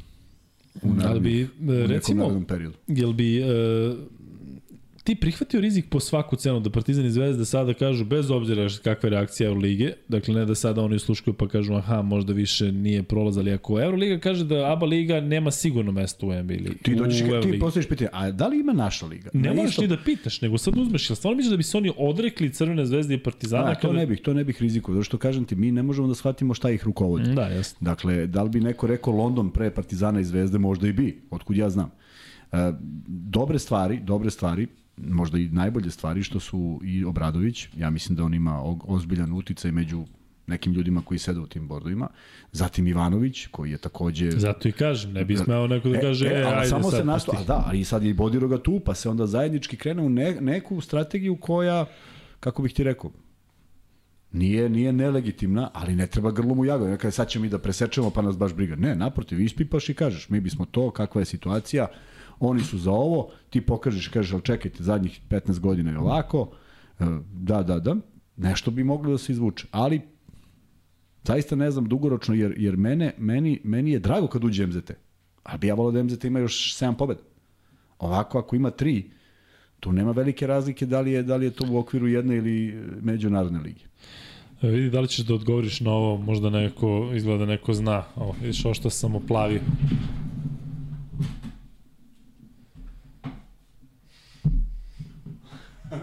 Ko zna šta je. Pa ne, nego ne znam da li je ovo. Možeš da pročitam? A, da, pročitaj. Hoće li Kuzma biti u petak sa Darkom Plašićem u studiju pre utakmice sa album? Pa sad više verovatno da ću ja biti nego što će Darko biti, pošto mislim da je opet morao da negde na put, tako da ne znam da li će on biti u petak ovde. Ali ovaj, Kakva je ekskluziva? vrlo verovatno da ćemo onda u tom slučaju Ilija i ja raditi ovaj utakmicu. Bar ja tako mislim. E, Sam se vratio na dobro mesto, nešto sedim bez veze. Daj kadar da vidim gde sam. Ne, kader je na meni, U, neće kako biti do kraja na tebi. Ovo je odličan kadar. U, u savršen. Nije bilo ovako savršeno malo Puppets. pre. Pa trebalo je da... da... Trebalo da se premestim da, Da. bi shvatio to. Bijesovi najbolji bend na svetu. Dobro, može. Luka, da li si neki dan komentarisao tenis? Jesam, radio sam tenis prošle nedelje. E, Luka, da li gledaš filmove Sorrentina? Ne. Nije mi se vidio ovo. Šta sad? Da li ste komentarisali na cirkusu od drafta za All-Star utakmicu? Nadam se da će im Jokić vratiti duplo, ali na finjaka Luka nemoj zaboraviti odgovor za Emanuela Kuzma te prekinu. Emanuela, tačnije. E, komentarisali smo Toto na početku, e, nisi gledao od početka, dakle, e, nema šta tu da se kaže. Dakle, to je jedan show gde, ja mislim da nije dobro ono što u našim medijima, kakvo ponižavanje Jokića. Ja mislim da se on ne osjeća poniženo, što je najbitnije od svega, tako da da ga gledaju drugačije, gledaju ga da nije, uh, mislim da će, da će se promeniti ako recimo Denver dođe do finala ili daj Bože osvoji titulu, da mislim da se onda menja njihova percepcija svega. Tako da vidjet ćemo. Kuzma, imaš nešto da dodeš? Na to nemam ništa. Imam svašta nešto da dodam, ali E. to nemam. Luka, prognoza za kraj tabela u Euroligi večiti. Mi imamo ovaj fantasy. Pa nemamo ništa se ne igralo. Bra. E, um, ne znam, ako ovo što Jovan Ljubić kaže, mm, ja sam ovih dana neke druge informacije dobio, ali ajde da ne, ne kalkulišemo sa tim. Luka, tvoje mišljenje na izjavu sina od Peđe da želi igrati za Grčku, to smo pričali uh, u prošlom podcastu, dakle, razumljivo, u smislu da da zaista nema ovaj Da, prosto nema, ne znamo da li je ne znam da li je fizički bio ovde Da, da li je on što došao u Srbiju? Da, kako A komentarišete? pita ga otac, sećaš da ga pita, mora ta Amerika sine, sećaš se? Bravo. Vidiš kako je to izgledalo, kako, kako sad si to izgleda, kako A ima. možda se setiš e, z- zašto je to bila reklama? Ne, Kisin alkohol? Jel jeste? Jeste, a? Sin Alko, sine, Alko. Vigo Mortensen u kreditovom putu glumi koga? Broni Blanka, Lalin. Lalin, Lalin, Lalin. ne znam, ali znam. Kako ga je prodao za, Pravo, za male pa pare? jest. E, dobro. Najbolji Tarantino film. Uzme. Što bi rekao onaj moj... Ma, e, pet paračke priče je sigurno nešto što je najbolje urađeno. Ali, čekaj, nije ovaj, ti trula romansa, što bi rekao ovaj moj. Trula romansa nije. Znaš kad je ovaj iz kraja, kao i to su imali CDL-o i sad True Romance i kaže, e, da ti vratim Trulu Romance. Ali stvarno posebno. Posebno onaj deo Jest. sa, sa um, Sa svim je posebno. da li da se razumemo, nije režirao taj film, već je napisao scenarij. Dobro, ali, Već je Scott, da li je Ridley ili Tony, Koga? ali uh, True Romance. Ma da, da, ne. E, ali je Tarantino je scenarista. koje... Ali vidi, tu je, tu je bilo interesantno sa onim El Marijačim, ovaj, Chico Marino. kako se zove, broj, Chico Marino. A šta je El Mariachi? Roberto Rodriguez. A Roberto Rodriguez, Pazi, mislim on je dobio, on je dobio des, Desperado da uradi, jer je onaj El Mariachi snimio za 13.000 dolara koje je dobio probajući pilule i testirajući lekove na sebi. I onda je, kad su videli šta je napravio sa tim parama, rekli, evo ti, sa, evo ti sada Banderas i ova Selma Hayek, napravi šta hoćeš. Tako da je spektakularan film, ali ovaj, ovo kao Tarantino što je radio i Psi iz rezervara, to kad smo se susreli tim, to je, to je moralo bude kupljena VHS kaseta momentalno, tako da mislim da im još uvijek negde. E, šta mislite o domaćim serijama? Slabo ja Pa, gledam. ranjeni oro i greh njene Maja me ovo se zaista zezam. nisam gledao. Ja stvarno domaće serije baš ne gledam, ali bukvalno... Poslednje što sam gledao je Vratit će se rode. Ja nisam gledao čak ni to. Bilo je simpatično. Luka, šta kažeš na izjavu Lebrona da je najgori Gledao sam ostav do sada? Žigosanja u reketu dve epizode. Bio si u dve, jel? A da nisi nešto rekao, rekao da si bio tu neki konsultant, si bio? Ma bio sam ja svašta tamo, da u, nešto sam predlagao, oni to sve usvajali, tako da... Da. O, mislim da sada e, lakše prepoznajete ironiju i sarkazam i cinizam u Kuzminom glasu nego ranije.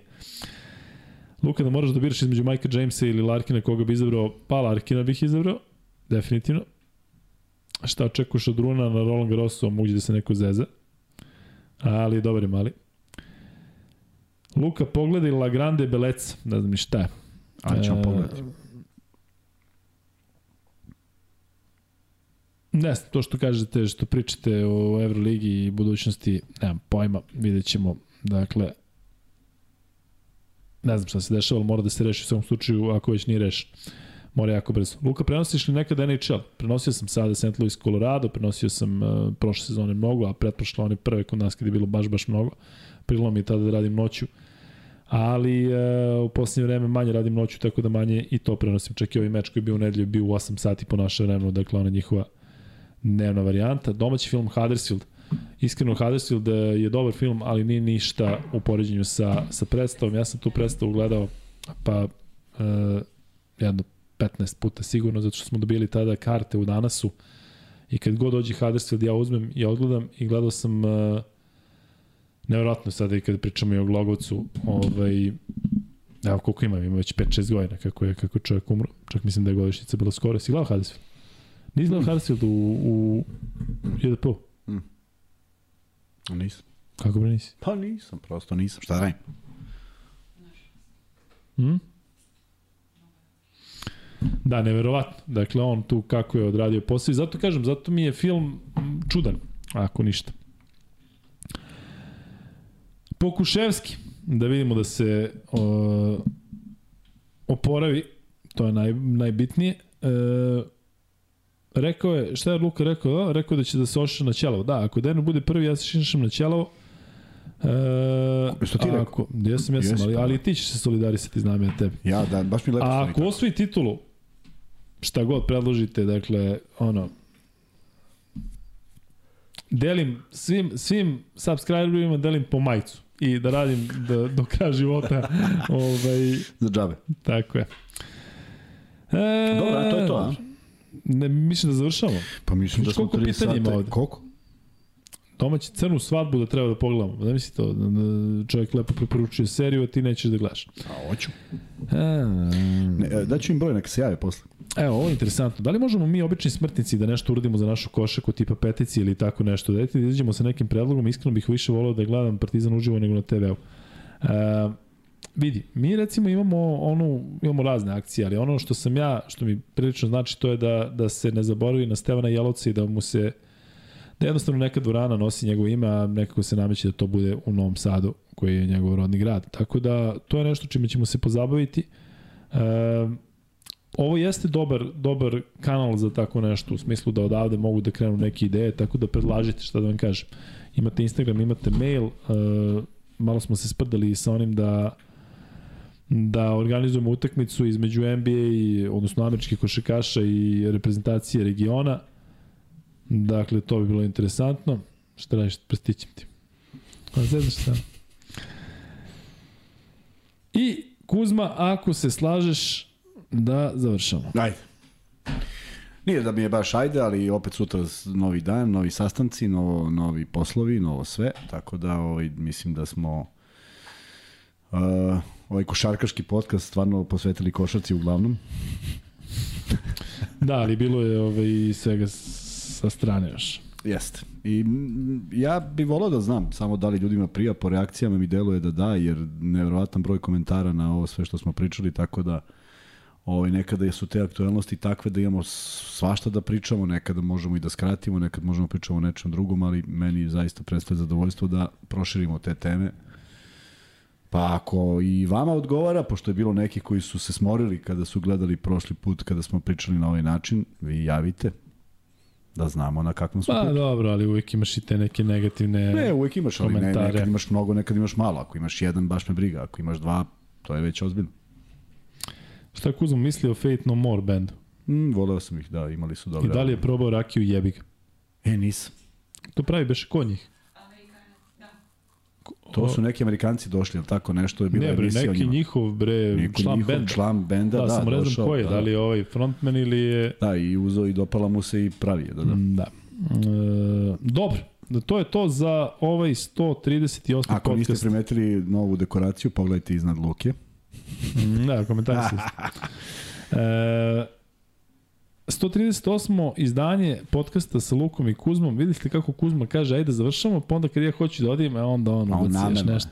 Imaš sigurno nešto, priznaj. Ne, ne, Pa baš ništa. kako, nemaš, Ne, ti sve nemaš. sam iscrpeo, sve sam ispričao što sam planirao. A Nešto- sigurno sam nešto zaboravio i čim budemo završili, setit ću se. A hoćeš ja da ti kažem? Šta? Hoćeš da kažeš ljudima za lukakuzma.rs gde izašao tvoj blog novi... E, danas izašao izlazi moj? blog, da, peti po redu, Kuz metodije se zove, a vi ovaj, nađite šta priča Luka, a šta priča i Lukirilo, to jest pokušali smo da budemo šaljivi, pa ne znam da li smo uspeli i to Da. nam recite. A ja da se zahvalim baš u posljednjem pucnju Aleksandar Ristić, nam šalje donaciju preko Paypala, veliko hvala Aleksandre. Hvala puno vama koji e, šaljete preko Paypala, koji ovde donirate u live chatu. Znamo da i dalje imamo Patreonu, tako uzme kako to funkcioniše, a? Standardno. Imamo Patreon i da, i ovaj, ne, naš, naš, prošli put sam se presetio i ponovit ću sada da pet, patroni imaju prava da postave pitanje kad dođe gost ili kad imaju neko pitanje koje nije, slobodno puste tamo preko preko aplikacije, ovaj, uvek ćemo uzeti u obzir prvo njihova pitanja i odgovoriti na sva koja budu. Tako Nešto da su prošli što- put eh, iskoristili to, pa je bilo vrlo interesantno. Nešto što dugo uh, već uh, imamo planu, a to je da vam se, e, zato što je to moguće na Patreonu, dakle vama koji ste tamo uh, donatori, kako se već to zove, da vam se zahvalimo ličnom video porukom. Tako da ćemo to u nekom trenutku isto uraditi. Na Paypalu smo videli da ne može, ali voli bi svima da se zahvalimo na taj način. A kada izdamo knjigu, to smo preuzeli od našeg drugara i kolege i vlasnika studija Srđana Ercega, onda ćemo tamo sve vas da pomenemo na kraju, dakle imaćete svoj sektor. Svi koji ste ikada dali bilo kakvu donaciju na bilo koji način, eto, živjet ćete večno kroz knjigu Luka i Kuzma podcast, vidjet ćemo kako će biti naslov. Ali sada je ovo stvarno kraj, dakle 3 sata i 15 minuta, nadam se da vam je bilo lepo, u četvrtak se vidimo negde između 11 i pola 12, kada ćemo imati jedan dug podcast, a onda u petak takođe radimo posle mečeva reprezentacije zvezde, tako da i uh, vidimo se i tada, u svakom slučaju budite uz nas i veliki pozdrav.